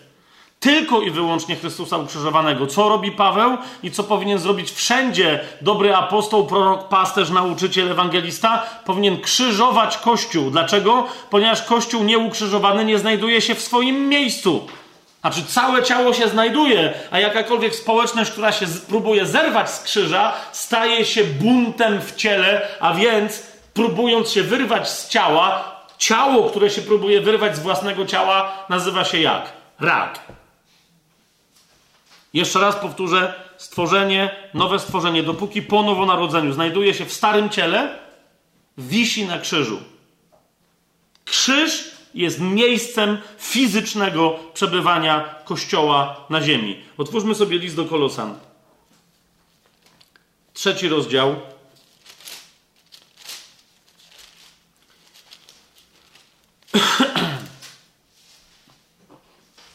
Od pierwszego wersetu. Jeżeli więc razem z Chrystusem powstaliście z martwych, szukajcie tego, co w górze, gdzie Chrystus zasiada po prawicy Boga. Myślcie o tym, co w górze, nie o tym, co na ziemi. Jak to mamy robić? W duchu. Na tym polega przemienianie umysłu przy pomocy ducha. Amen? Ale dzięki czemu to jest możliwe? Trzeci werset. Umarliście bowiem i wasze życie jest ukryte z Chrystusem w Bogu. Przez co? Przez to, że umarliście. Lecz gdy się Chrystus, nasze życie ukaże, wtedy i wy razem z Nim ukażecie się w chwale. I teraz szukajcie tego, co w górze, myślcie o tym, co w górze, a co macie robić ze swoim ciałem? Macie je doprowadzać do martwoty, do śmierci. To oznacza umartwiajcie, piąty werset, więc wasze członki, które są na ziemi. Nierząd, nieczystość, namiętność, złe żądze i chciwość, która jest bałwofalstwem, z powodu których przychodzi gniew Boży na synów nieposłuszeństwa. Co znaczy być martwym na ziemi i być na krzyżu? Być martwym, a więc nie mieć nic wspólnego z uczynkami ciała. Zobaczcie sobie jeszcze listę w piątym rozdziale listu do Galacjan, chociażby y, uczynków ciała. Paweł mówi tu dalej w siódmym y, wersecie: Wy niegdyś tak postępowaliście, gdy żyliście w nich, ale teraz i wy odrzućcie to wszystko: gniew, zapalczywość, złośliwość, bluźnierstwo, nieprzyzwoite słowa z waszych ust. Nie okłamujcie się wzajemnie, skoro zrzuciliście z siebie starego człowieka z jego uczynkami. To jest to znaczy, że jesteście martwi, a przyodzialiście się w nowego, który się odnawia w poznaniu na obraz tego, który go stworzył. Amen? Widzicie to? To, to, to jest to, gdzie ma być y, Kościół na krzyżu albo w grobie, tak? Bo ciało ukrzyżowane znalazło się w grobie. List do Galacjan, piąty rozdział. Skoro o nim mówiłem,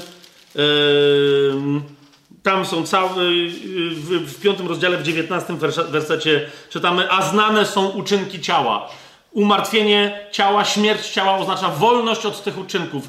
Czyli nic, nie mam z nimi nic wspólnego, jestem od nich wolny. Tam one są wszystkie, tam one są wszystkie wymienione. Ale nas interesuje list do Galacjan, piąty rozdział, 24 werset. Po tym, jak te wszystkie rzeczy są, e, są e, powiedziane. Co mówi Paweł?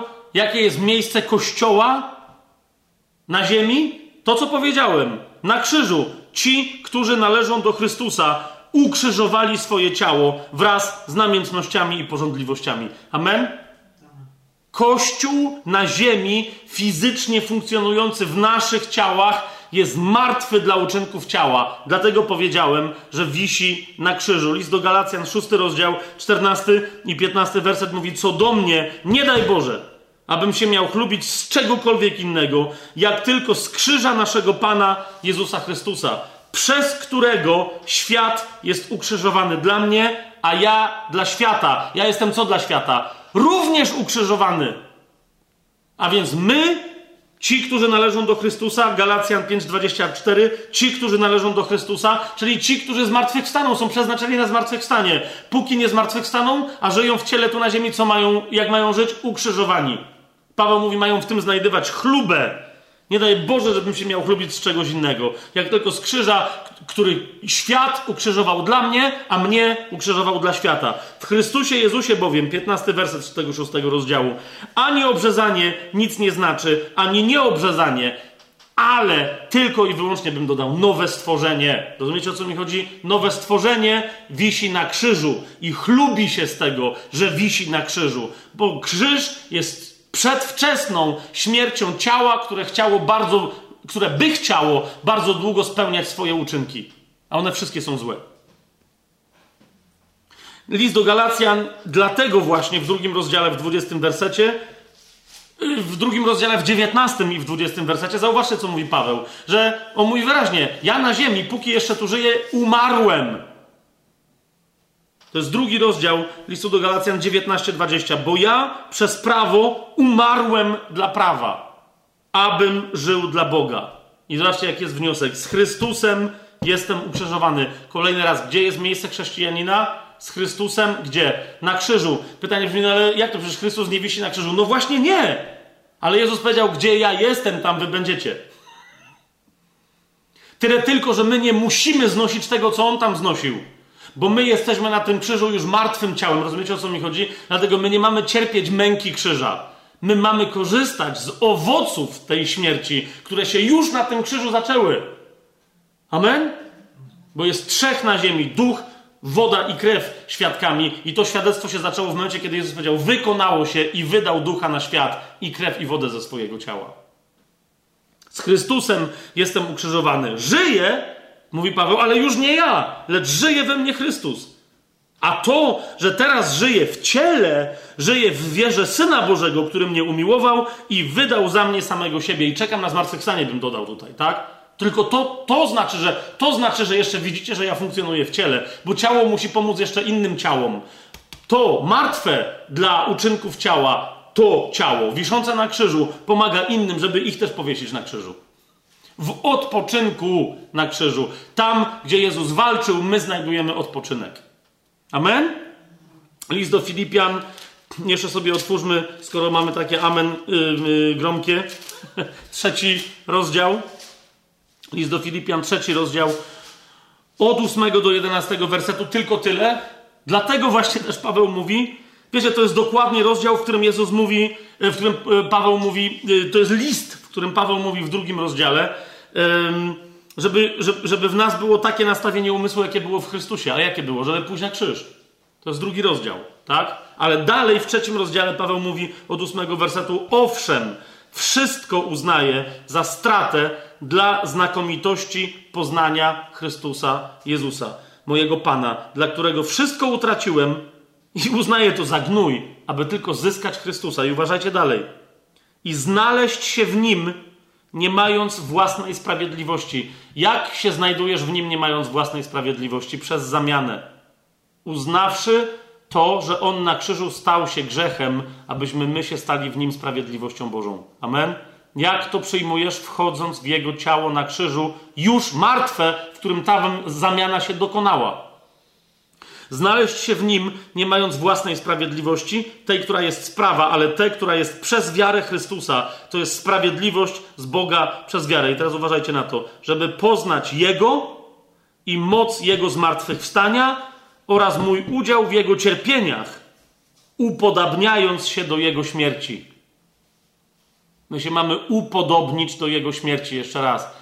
Nasze miejsce, póki żyjemy w tych ciałach, osobiście i jako społeczności Kościoła jest na krzyżu. Po co? Jedenasty werset, abym jakimkolwiek sposobem dostąpił powstania z martwych. W pierwszym liście Piotra, w drugim yy, rozdziale, w pierwszym Piotra, w drugim rozdziale, w jedenastym wersecie, Piotr mówi: Umiłowani, proszę was, abyście jak obcy i goście w tym świecie powstrzymywali się od cielesnych porządliwości, które walczą przeciwko duszy. To jest ukrzyżowanie.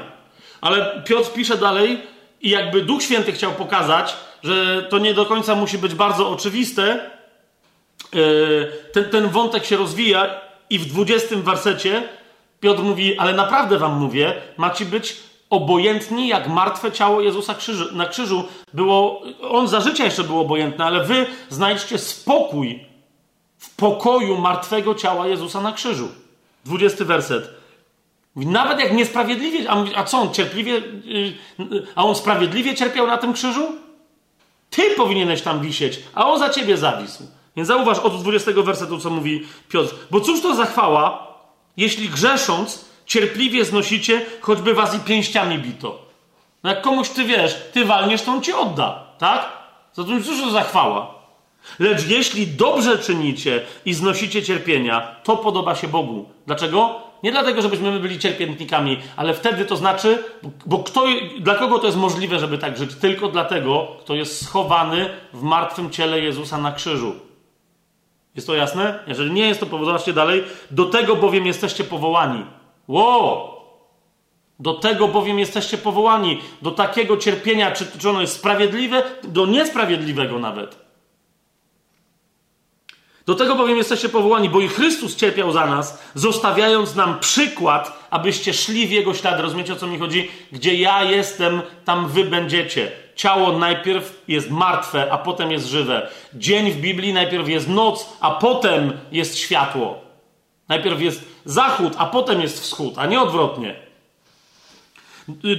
Zostawi, zostawiając nam przykład, abyście szli w jego ślady, który grzechu nie popełnił, a w jego ustach nie znaleziono podstępu, który gdy mu złorzeczono, złorzeczono nie odpowiadał złorzeczeniem, gdy cierpiał, nie groził, ale powierzył sprawę temu, który sądzi sprawiedliwie. On nasze grzechy na swoim ciele poniósł na drzewo.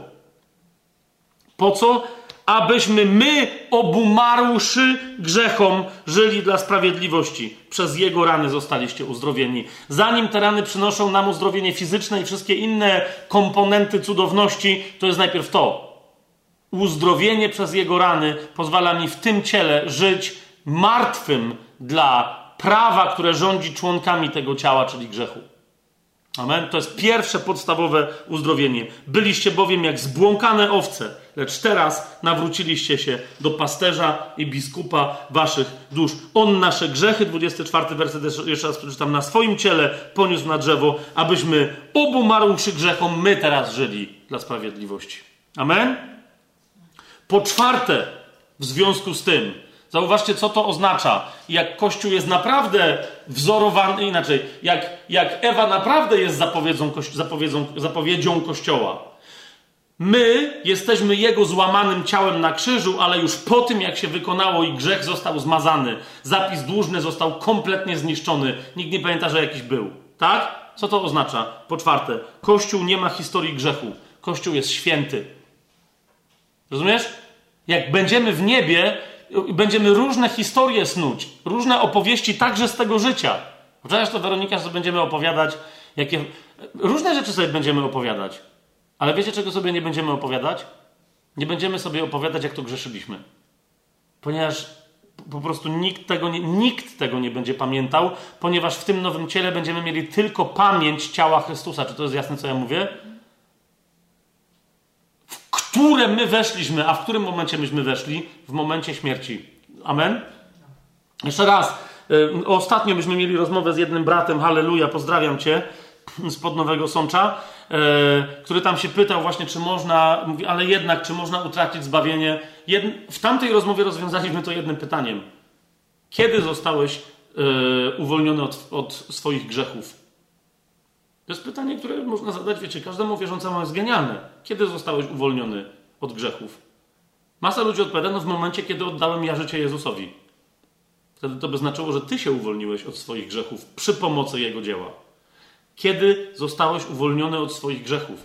Odpowiedź brzmi, kiedy Jezus za mnie umarł na krzyżu. Wtedy zostałem uwolniony. Rozumiesz? Jeżeli ja zostałem uwolniony wtedy, kiedy ja coś zrobiłem, to zostałem tylko uwolniony z tych grzechów, które popełniłem wcześniej, zanim to zrobiłem. Czy to jest jasne, co mówię? Jeżeli ja przyjąłem porę Jezusową, a więc to dzieło, którego On dokonał, a nie którego ja dokonałem, a więc jeżeli ja zostałem zbawiony, a tak zostałem zbawiony przez Niego na krzyżu na Kalwarii, kiedy umarł, to zostałem zbawiony i uwolniony od wszystkich moich grzechów przez Jego świętą krew. Nieważne w którym momencie mojego ciała ja Mu powiedziałem, że jesteś moim Panem. Amen? To oznacza, że moja dusza nie będzie miała historii grzechu w niebie, ponieważ jest sprawiedliwością Bożą w Chrystusie. Cały grzech On wziął na siebie, a ja jestem święty w duchu. Amen? Kościół też jest święty w duchu. Kościół nie ma historii grzechu. Kościół jest święty. Tu na ziemi jest święty, jak martwe ciało Jezusa było święte. Ktoś powie, no ale on się stał grzechem. Fizycznie, w momencie, kiedy ciało umarło, wtedy co się stało? Grzech prysł. Wziął w siebie ca grzech całego świata, przeszły, obecny i przyszły, cały i koniec. On doprowadził przez śmierć swojego ciała do ostatecznej śmierci grzechu. Grzech, który prowadził do śmierci, umarł w śmierci Jezusa. To jest jasne, co, co mówię, nie jest to za duża mistyka? Okej. Okay. A zatem, tu na ziemi Kościół jest święty, tak jak martwe ciało Jezusa było w pełni święte. A jest żywy, tak jak od razu w tej momencie śmierci był żywy duch Jezusa. Amen? I dlatego zauważcie, ja nie będę teraz się wiele rozwijał, ale pierwszy list do Koryntian w którym my wiemy doskonale, że Paweł ruga Koryntian za konkretne rzeczy. Odwołuje się do konkretnych Koryntian, mówi o konkretnych grzechach. Pamiętacie, mówi o cudzołóstwie, o chodzeniu do domów publicznych, do prostytutek, o jedzeniu mięsa składanego e, bałwanom, mówi o sądzeniu się przed sądami zamiast się dogadać między sobą e, i tak dalej, tak. Tak? O, o kazirodztwie, I teraz on o tym mówi, bo mówi, wy w ten sposób, wy w ten sposób dotykacie, sprzeniewierzacie, o tym za chwilę jeszcze powiem. Ok? Wy się w ten sposób sprzeniewierzacie świętości ciała osobiście, ale ciało jest święte, Kościół jest święty. Do tego kościoła, który za chwilę będzie w pojedynczych case'ach rugany, zauważcie jak Paweł pisze, to jest pierwsze do Koryntian, pierwszy rozdział, od drugiego aż do dziewiątego wersetu przeczytam. Do Kościoła Bożego w Koryncie. Czy tylko w Koryncie? Nie, do całego Kościoła. To jest list do całego Kościoła. Bo za chwilę Paweł mówi, do uświęconych w Chrystusie Jezusie, powołanych świętych, ze wszystkimi, którzy w każdym miejscu wzywają imienia naszego Pana Jezusa Chrystusa. Ich i naszego Pana. Do kogo jest to napisane? Do całego Kościoła. Amen? Teraz co Paweł pisze? Łaska wam i pokój od Boga naszego Ojca i Pana Jezusa Chrystusa. Zawsze dziękuję mojemu Bogu za was, za łaskę Bożą, która została wam dana w Chrystusie Jezusie. We wszystko bowiem jesteście wzbogaceni w Nim, we wszelkie słowo i wszelkie poznanie, gdyż świadectwo Chrystusa jest w was utwierdzone, tak, że żadnego daru nie brakuje wam, którzy oczekujecie objawienia naszego Pana Jezusa Chrystusa. On też utwierdzi was aż do końca, abyście byli nienaganni w dniu naszego Pana Jezusa Chrystusa. Wierny jest Bóg, przez którego zostaliście powołani do społeczności Jego Syna, Jezusa Chrystusa, naszego Pana. No bosko? No bosko. I ponieważ jest bosko, więc Paweł mówi, no więc proszę was bracia i zaczyna. Kościół jako cały jest święty. Jeszcze tylko y, jeden króciutki cytacik wam podam, ale, ale który, który, który trzęsie e, z, z mocą wielu ton dynamitu. To jest drugi rozdział listu do Hebrajczyków, 11, 11 werset. To jest o nas powiedziane. Zarówno bowiem ten, który uświęca, jak i uświęceni z jednego są wszyscy. Co Zarówno bowiem ten, który uświęca, jak i uświęceni, jak my tam jesteśmy nazwani przez Pawła, powołanymi świętymi. Nie po, niektórzy tłumaczą powołani, aby być świętymi. Bzdura. Zobaczcie tam po grecku, co jest napisane. To wy już, już jesteście święci. Dlaczego? Bo jesteście powołani przez Niego. I to powoduje, że jesteście święci. Nie wy sobie wysłużycie świętość. Wy jesteście święci Jego świętością i Jego sprawiedliwością. I w tym pozostańcie. Ale rozumiecie, w nas cały czas działa ta sama moc, która działała w Jezusie. O tym cały pierwszy rozdział listu do Efezjan mówi. A tu, w tym jednym zdaniu, zarówno bowiem ten, który uświęca, jak i uświęceni z jednego są wszyscy. Jeżeli to jest ciało Chrystusa, w które, którego ja jestem częścią i którego jestem członkiem, to to jest to samo ciało. Tak? W którym uczestniczy zmartwychwstały fizycznie Jezus z Nazaretu. Amen? Czy on jest tym, przez którego przychodzi uświęcenie i który uświęca? Oczywiście, że tak. Więc on, ten, który jest źródłem uświęcenia, i my, którzy jesteśmy przez niego uświęcani, on i my z jednego jesteśmy. Z kogo? Z ojca. Przecież to jest, to jest wstrząs. Z tego powodu nie wstydzi się nazywać ich braćmi. Kto? No Jezus nas nie wstydzi się nazywać braćmi. Mówi: Oznajmię Twoje imię moim braciom. Pośród zgromadzenia będę ci śpiewał. To jest Jezus na krzyżu. Zobaczcie, Psalm 22, koniec Psalmu 22. Pośród świętego zgromadzenia będę ci śpiewał. No Jezus fizycznie na krzyżu dyszy. Świat będzie nas widział, będzie widzieć Kościół na końcu jako dogorywające istnienie, jako kończącą się organizację. A ona będzie właśnie śpiewać pośród zgromadzenia. I, i na ten śpiew odpowiedzą miliony. Bóg by dał, żeby miliardy i będą zbawione. I znowu, trzynasty werset, będę pokładał w nim ufność. I znowu oto ja i dzieci, które dał mi Bóg. Ten, który uświęca, jak i uświęceni z jednego są wszyscy. Amen? Kościół nie ma historii grzechu, jest święty, ale tu na ziemi jest tak święty, jak martwe ciało Jezusa na krzyżu i złożone do grobu było święte. Po piąte, jaki mamy czas? Jeszcze możemy coś. Za 15, 15 do 4 godzin. O, dobra, to szybciutko. Po piąte, Kościół jest nie do oderwania od Jezusa. Tak? Kościół, pamiętacie, y, tu mam nawet zapisane, ostatnio mówiłem, Kościołem jest tylko to, co po pierwsze wychodzi z Chrystusa, po drugie pozostaje w więzi z Nim. Jeżeli coś nie zostaje w więzi z Chrystusem, to znaczy, że w ogóle z Niego nie wyszło. Amen? Ale to, co pozostaje z Nim więzi, wyszło z Niego. To, co nie jest Nim, ale pozostaje, stało się Nim, stało się przez Jego śmierć. Amen? I teraz Kościół jest nie do oderwania od Jezusa, ale uwaga, wciąż może na tej ziemi być zbezczeszczony. Jak? Po pierwsze, w momencie, kiedy ktoś atakuje moje ciało, zwłaszcza dlatego, że jestem uczniem Chrystusa, podnosi rękę na Chrystusa. Dzieje apostolskie, dziewiąty rozdział, czwarty werset. Szaweł upadł na ziemię i już słyszał głos, który mówił do niego: Szawle, szawle, dlaczego mnie prześladujesz? On kogo prześladował? Kobiety, zarówno, drugi werset tego dziewiątego rozdziału mówi, zarówno mężczyzn, jak i kobiety, zwolenników tej drogi, zarówno mężczyzn, jak i kobiety. On podnosił rękę na kogo? Na ciało Chrystusa. Ono jest święte, ale wciąż, rozumiesz, to, że ono jest martwe, rozumiecie o co mi chodzi, to nie znaczy, że nie może być zbezczeszczone. Tak? To, że ono jakby nie odbiera tego zbezczeszczenia, nie znaczy, że Pan tego nie odbiera jako zbezczeszczenie. Ok? Dalej. List do Kolosan, pierwszy rozdział. List do Kolosan. Pierwszy rozdział. 24 werset. Zobaczcie, jeżeli my to rozumiemy, że ciało jest martwe, ale ono wciąż przyjmuje zniewagi i Chrystus przez to cierpi. Nie, czy to jest jasne, co ja mówię?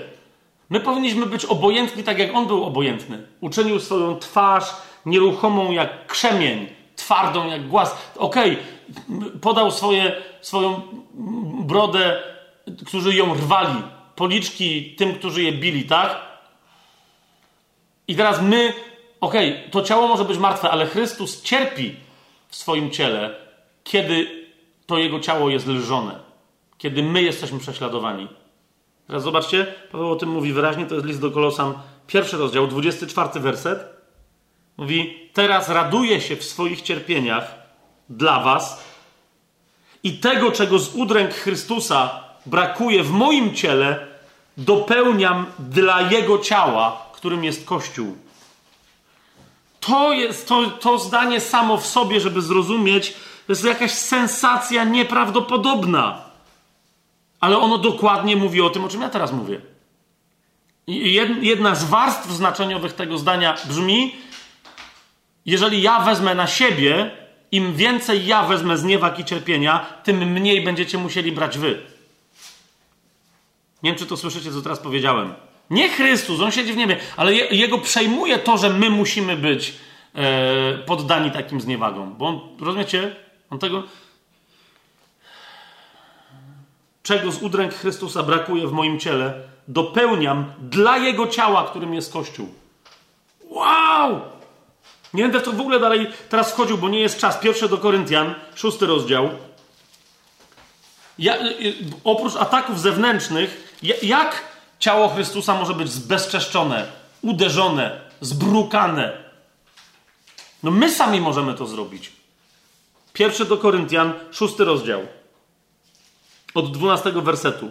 Paweł mówi: Wszystko mi wolno, ale nie wszystko jest pożyteczne. Wszystko mi wolne, ale ja nie dam się niczemu zniewolić. Paweł w liście do Rzymian mówi: Po to wam jest chrzest potrzebny, żeby wasze zniewolone przez grzech członki teraz zaczęły służyć w wolności, sprawiedliwości. Ja się nie dam zniewolić. Pokarmy są dla brzucha, a brzuch dla pokarmów, lecz Bóg zniszczy i jedno, i drugie. Ciało zaś nie jest dla nierządu, ale dla Pana, a Pan dla ciała. Rozumiecie, co jest grane? Ciało więc My, my, każdy z nas dba o swój wycinek ciało Chrystusa, którym wycinkiem jest co? Moje ciało. A więc moją odpowiedzialnością pierwszą w kościele jest dbać, aby moje ciało było martwe dla grzechu. Rozumiecie, o co mi chodzi? Ponieważ moją odpowiedzialnością jest dbać, aby mój wycinek ciała Chrystusa na ziemi fizycznie reprezentował ciało martwe. Jasne jest to, co powiedziałem? Paweł mówi dalej.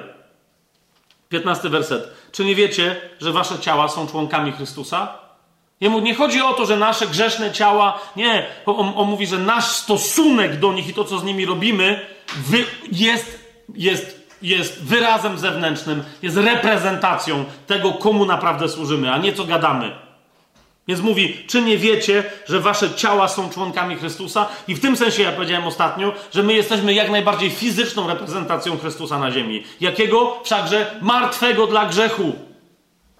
Amen?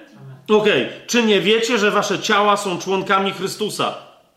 Czy więc wezmę członki Chrystusa i uczynię je członkami nierządnicy? Nie daj Boże, jak to się robi? Idąc do prostytutki.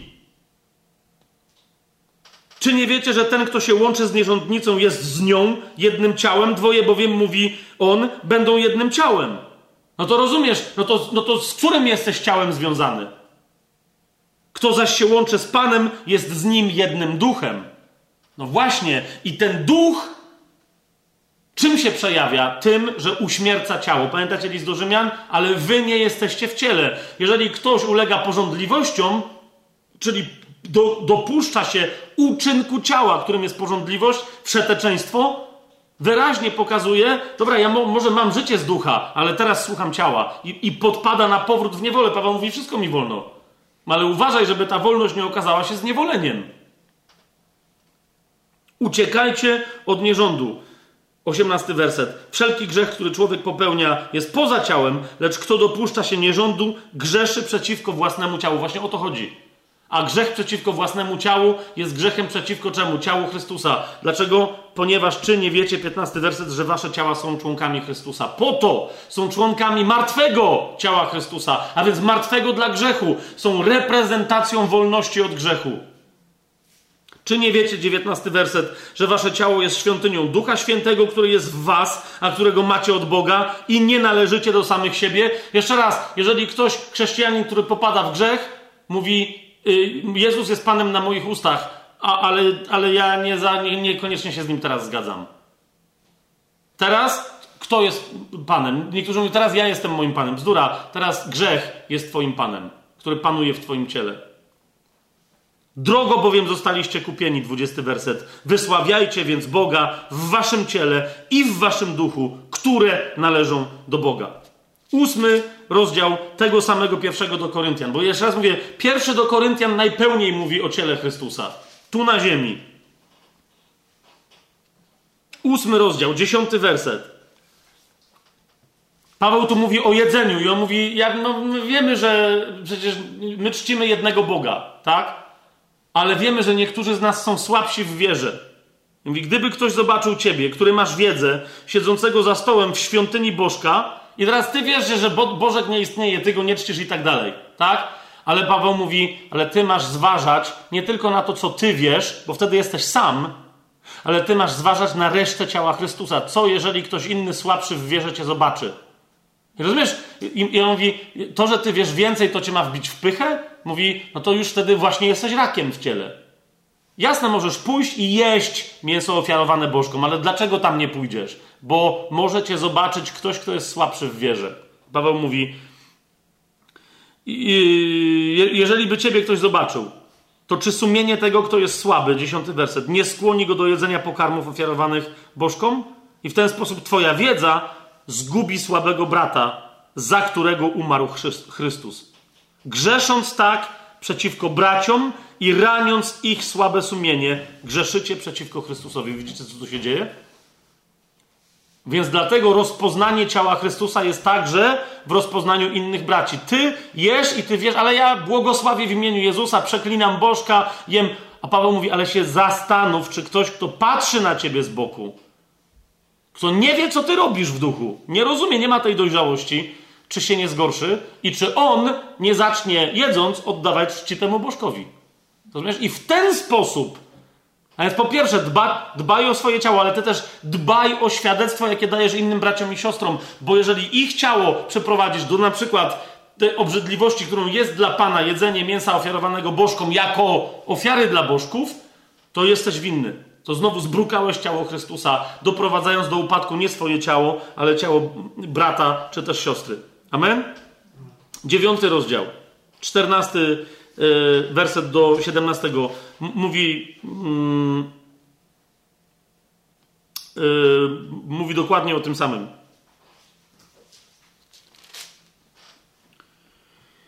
Nie, dobra, nie, nie bo, bo tam będę musiał za długo, za długo wyjaśniać. Dziesiąty rozdział od czternastego. Zobacz, zobaczcie. Dlatego, moi najmilsi, uciekajcie od bałwochwalstwa. Mówię jak do mądrych. Osądźcie sami to, co mówię. Szesnasty werset. Kielich błogosławieństwa, który błogosławimy, czy nie jest wspólnotą krwi Chrystusa, pyta Paweł. O, o, o wieczerzy i o pamiątce po wieczerzy będziemy jeszcze mówić, tak? Chleb, który łamiemy, czy nie jest wspólnotą ciała Chrystusa? I Paweł co mówi? My bowiem, chociaż liczni, pamiętacie co tutaj, na, to jest werset, do którego się Watchman odwołał. My bowiem, chociaż liczni, jesteśmy jednym chlebem i jednym ciałem. My jesteśmy jednym ciałem. My jesteśmy chlebem. To jest coś, co jest powiedziane wprost w Biblii. I my według takich słów mamy rozumieć to, co potem słyszymy, że Pan Jezus mówił podczas ostatniej wieczerzy, a nie odwrotnie. Dorabiać teologię do czegoś, czego Słowo Boże nie mówi. My, choć liczni, jesteśmy jednym chlebem i jednym ciałem, bo wszyscy jesteśmy uczestnikami jednego chleba. I teraz dwudziesty werset. W związku z tym, jakby Paweł chce powiedzieć ostatnie zdanie 20 wersetu, nie chciałbym, żebyście mieli społeczność z demonami. Nie możecie pić kielicha Pana i kielicha demonów. Nie możecie być uczestnikami stołu Pana i stołu demonów. Cokolwiek jest kielichem demonów, rozumiesz, Paweł mówi, nie ma tak, że ty możesz przychodzić na społeczność, yy, E, być w kościele i jednocześnie pokątnie robić inne rzeczy. Bo ty myślisz, ale nikt inny nie wie, ja uczestniczę w innych sprawach, ale Pan to wie, a ciało to odczuwa. Dlaczego? Bo w, drugim, w 12 rozdziale y, tego samego listu do Koryntian, 26 werset, 12-26, Paweł pisze, jeżeli jeden członek cierpi, cierpią z nim wszystkie członki.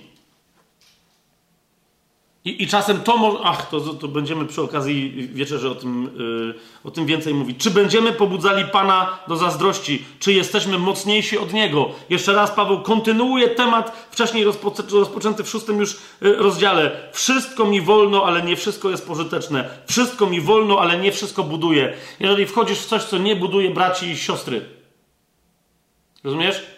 Obraca się, obraca ciebie albo mnie przeciwko ciału Chrystusa. Więc Paweł mówi, cokolwiek to jest fizycznego. W tym sensie my fizycznie reprezentujemy martwe ciało Jezusa na ziemi, a więc wolne od grzechu. Nawet gdy chodzi o tak neutralne rzeczy jak jedzenie i picie, 31 i 32 werset. Tak więc czy jecie, czy pijecie, czy cokolwiek innego robicie w ciele, wszystko róbcie ku chwale Boga. Nie bądźcie zgorszeniem ani dla Żydów, ani dla Greków, ani dla Kościoła Bożego. Rozumiecie? Pa Paweł tu wręcz mówi, źle robi ciału Chrystusa, kiedy wy robicie coś, nawet, bo ktoś powie, no ale ja mam całą społeczność, która jest taka rozwinięta i rozgrzana w duchu i, i, i tak dalej. Jeżeli wy robicie coś nawet, co gorszy po, pogan, Paweł mówi, to już jest coś, co bezcześci ciało Chrystusa. Tylko na chwałę. Nie bądźcie zgorszeniem ani dla Żydów, nawet jeżeli na początku tego listu napisałem, że czego oni szukają i nie znają Chrystusa ukrzyżowanego, ani dla Greków, chociaż też napisałem, że nie znają ukrzyżowanego, ani dla Kościoła Bożego. Tak i ja się wszystkim we wszystkim podobam, nie szukając w tym własnej korzyści, ale korzyści wielu, aby byli zbawieni. Amen? Teraz po szóste, że jesteśmy bardzo blisko końca, wytrzymajcie, proszę. Po szóste, nie będę nawet tego rozwijał, ale mam nadzieję, że to jest, zrozumiałe, dlaczego to naprawdę znaczy, że my, co to znaczy, że my fizycznie reprezentujemy ciało Chrystusa na ziemi, które jest martwe. Okej. Okay. Teraz po szóste, świętość, czystość, przeznaczenie, którym jest zmartwychwstanie w ciele, trwałą zasadę nowego stworzenia reprezentuje łamanie chleba. A więc świętość ciała, czystość ciała, przeznaczenie ciała, a więc, że my zmartwychwstaniemy według ducha, w ciele i kości. Trwałą zasadę nowego stworzenia. Jaka jest trwała zasada nowego stworzenia? List do Galacjan y, mówi o trwałej zasadzie nowego y, stworzenia. List do Galacjan, piąty rozdział, szósty werset. Bo w Chrystusie Jezusie, y, skąd my wiemy, że to jest zasada nowego stworzenia? List do Galacjan, szósty rozdział, piętnasty werset mówi w Chrystusie Jezusie bowiem ani obrzezanie nic nie znaczy, ani nieobrzezanie, ale nowe stworzenie. Widzicie to?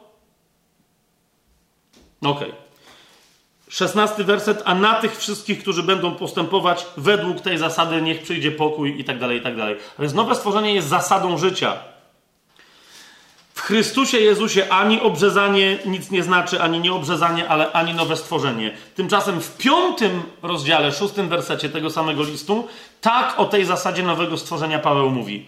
Bo w Chrystusie Jezusie ani obrzezanie nic nie znaczy, ani nieobrzezanie, ale wiara, która działa przez miłość. Amen? Wiara, która działa przez miłość. A zatem, kochani, jeszcze będziemy dalej to rozwijać, ale łamanie chleba, i dodam tutaj, w odróżnieniu od dzielenia się kielichem krwi nowego przymierza. Łamanie chleba w ramach wieczerzy jest znakiem zasady nowego przymierza, którą jest miłość wzajemna w ciele. Będziemy o tym więcej mówić. Ja teraz tylko to powiem. Świętość ciała Chrystusa, czystość ciała Chrystusa, jego przeznaczenie, a więc zmartwychwstanie w ciele, które nie będzie się rządzić zasadą życia przez krew, ale życia z ducha, trwałą zasadę nowego stworzenia, którą jest wiara działająca przez miłość, tu na tej ziemi reprezentuje łamanie chleba. Łamanie chleba jest dzieleniem się chlebem. Rozumiecie, chleb się łamie i chleb się je. My jesteśmy chlebem. Paweł powiedział, pamiętacie, już nie będę dziesiąty raz tego przywoływał. Paweł powiedział, my jesteśmy chlebem, my jesteśmy ciałem. To znaczy, że nas się łamie i nas się daje do jedzenia. Przede wszystkim komu? Braciom i siostrom. Ale o tym będzie więcej przy okazji wieczerzy. I teraz uważajcie, po siódme wreszcie, tak jak ciało jest oddzielone od krwi i one dziś tu no bo y, y, jeżeli my reprezentujemy tu na tej ziemi martwe ciało Jezusa, uświę- święte i uświęcające, ale martwe ciało Jezusa oddzielone od krwi, to łamanie chleba jest jednym, a picie krwi jest czymś innym. I dlatego Jezus, rozumiecie, w ramach wieczerzy zrobił taki odstęp, że ten ostatni kielich zaproponował do wypicia i zaproponował, nie zaproponował, nakazał, żeby to czynić na jego pamiątkę, zupełnie po wieczerzy. Tak? A więc po siódme, ta osobna krew, krew kielicha nowego przymierza, reprezentuje zasadę uświęcenia, która się zawiera w zasadzie przymierza, w zasadzie nowego przymierza.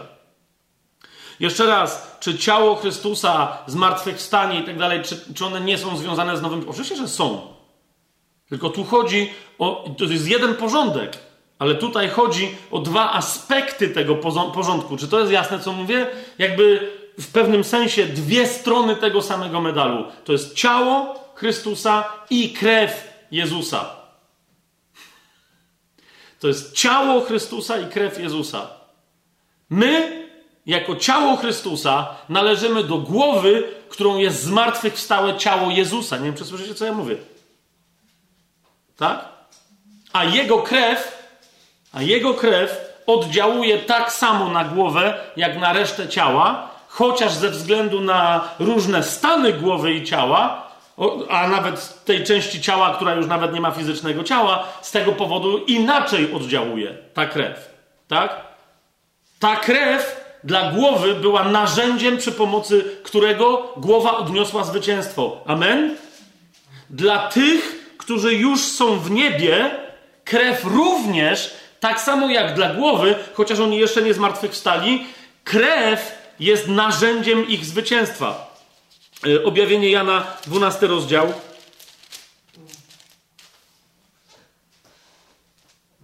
Jedenasty werset. Ale oni zwyciężyli kogo? Diabła przez krew baranka i przez słowo swojego świadectwa i nie umiłowali swojego życia aż do śmierci.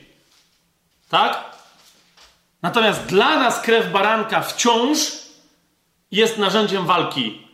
Jest drogą, na której my jesteśmy uświęcani.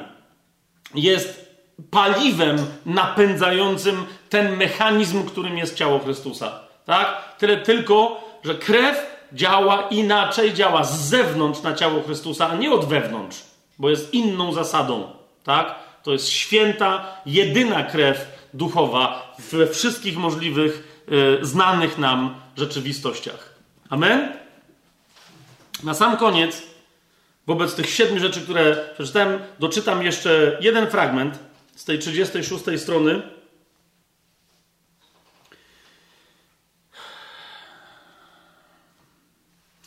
Który, to jest następny akapit po tych wszystkich akapitach, które przeczytałem. On się zaczyna na 36 stronie, kończy na 37. Jest krótki. Jest krótki. Pamiętacie, jeżeli żyjesz według samego siebie, oddzielasz siebie od wszystkich dzieci Bożych, tak? Pan musi zmiażdżyć w nas nasz indywidualizm i tak dalej. I tak yy, na temat swojego nauczania, na temat yy, ciała Chrystusa tu na ziemi, yy, tak na ten temat Watchman nie mówi, ja też tym skończę, nie swoim słowem. Jeżeli zatem mamy się stać prawdziwym kościołem, czytam Watchmana, nie dodaje już nic od siebie. Jeżeli zatem mamy się stać prawdziwym kościołem, konieczne są dwa kroki: rozszerzanie się i powiększanie Chrystusa oraz pochłanianie naszego ja. Rozszerzanie się Chrystusa zaczęło się wtedy, gdy zostaliśmy odrodzeni i ponieważ zostaliśmy zbawieni, Pan zaczął pracować nad nami dzień po dniu, aby zniszczyć nasze ja. Pan będzie kontynuował to dzieło, aż pewnego dnia wyznamy przed Bogiem: Nie ma ani jednej rzeczy, którą mogę sam uczynić. Wszystko, co robię, dokonuje się zgodnie z zasadą współpracy z innymi członkami i przy ich pomocy. Wszystko, co robię, jest zgodne z zasadą społeczności, która stanowi zasadę ciała. Kościół to ciało Chrystusa. Tylko to, co jest z Chrystusa, jest Kościołem. Nie ma w nim nic, co wypływa z człowieka. I choć to nie jest Słowo Boże, na to słowo mówię Amen. I na koniec dzisiejszego nauczania mówię Amen. I jak Bóg da, a okaże się, że to dzisiejsze nauczanie, podsumowujące dwa poprzednie, więcej porozwiązywało niż zamieszało, następnym razem zrobimy już nauczanie na temat pamiątek, które Pan Jezus nakazał nam dla siebie obchodzić.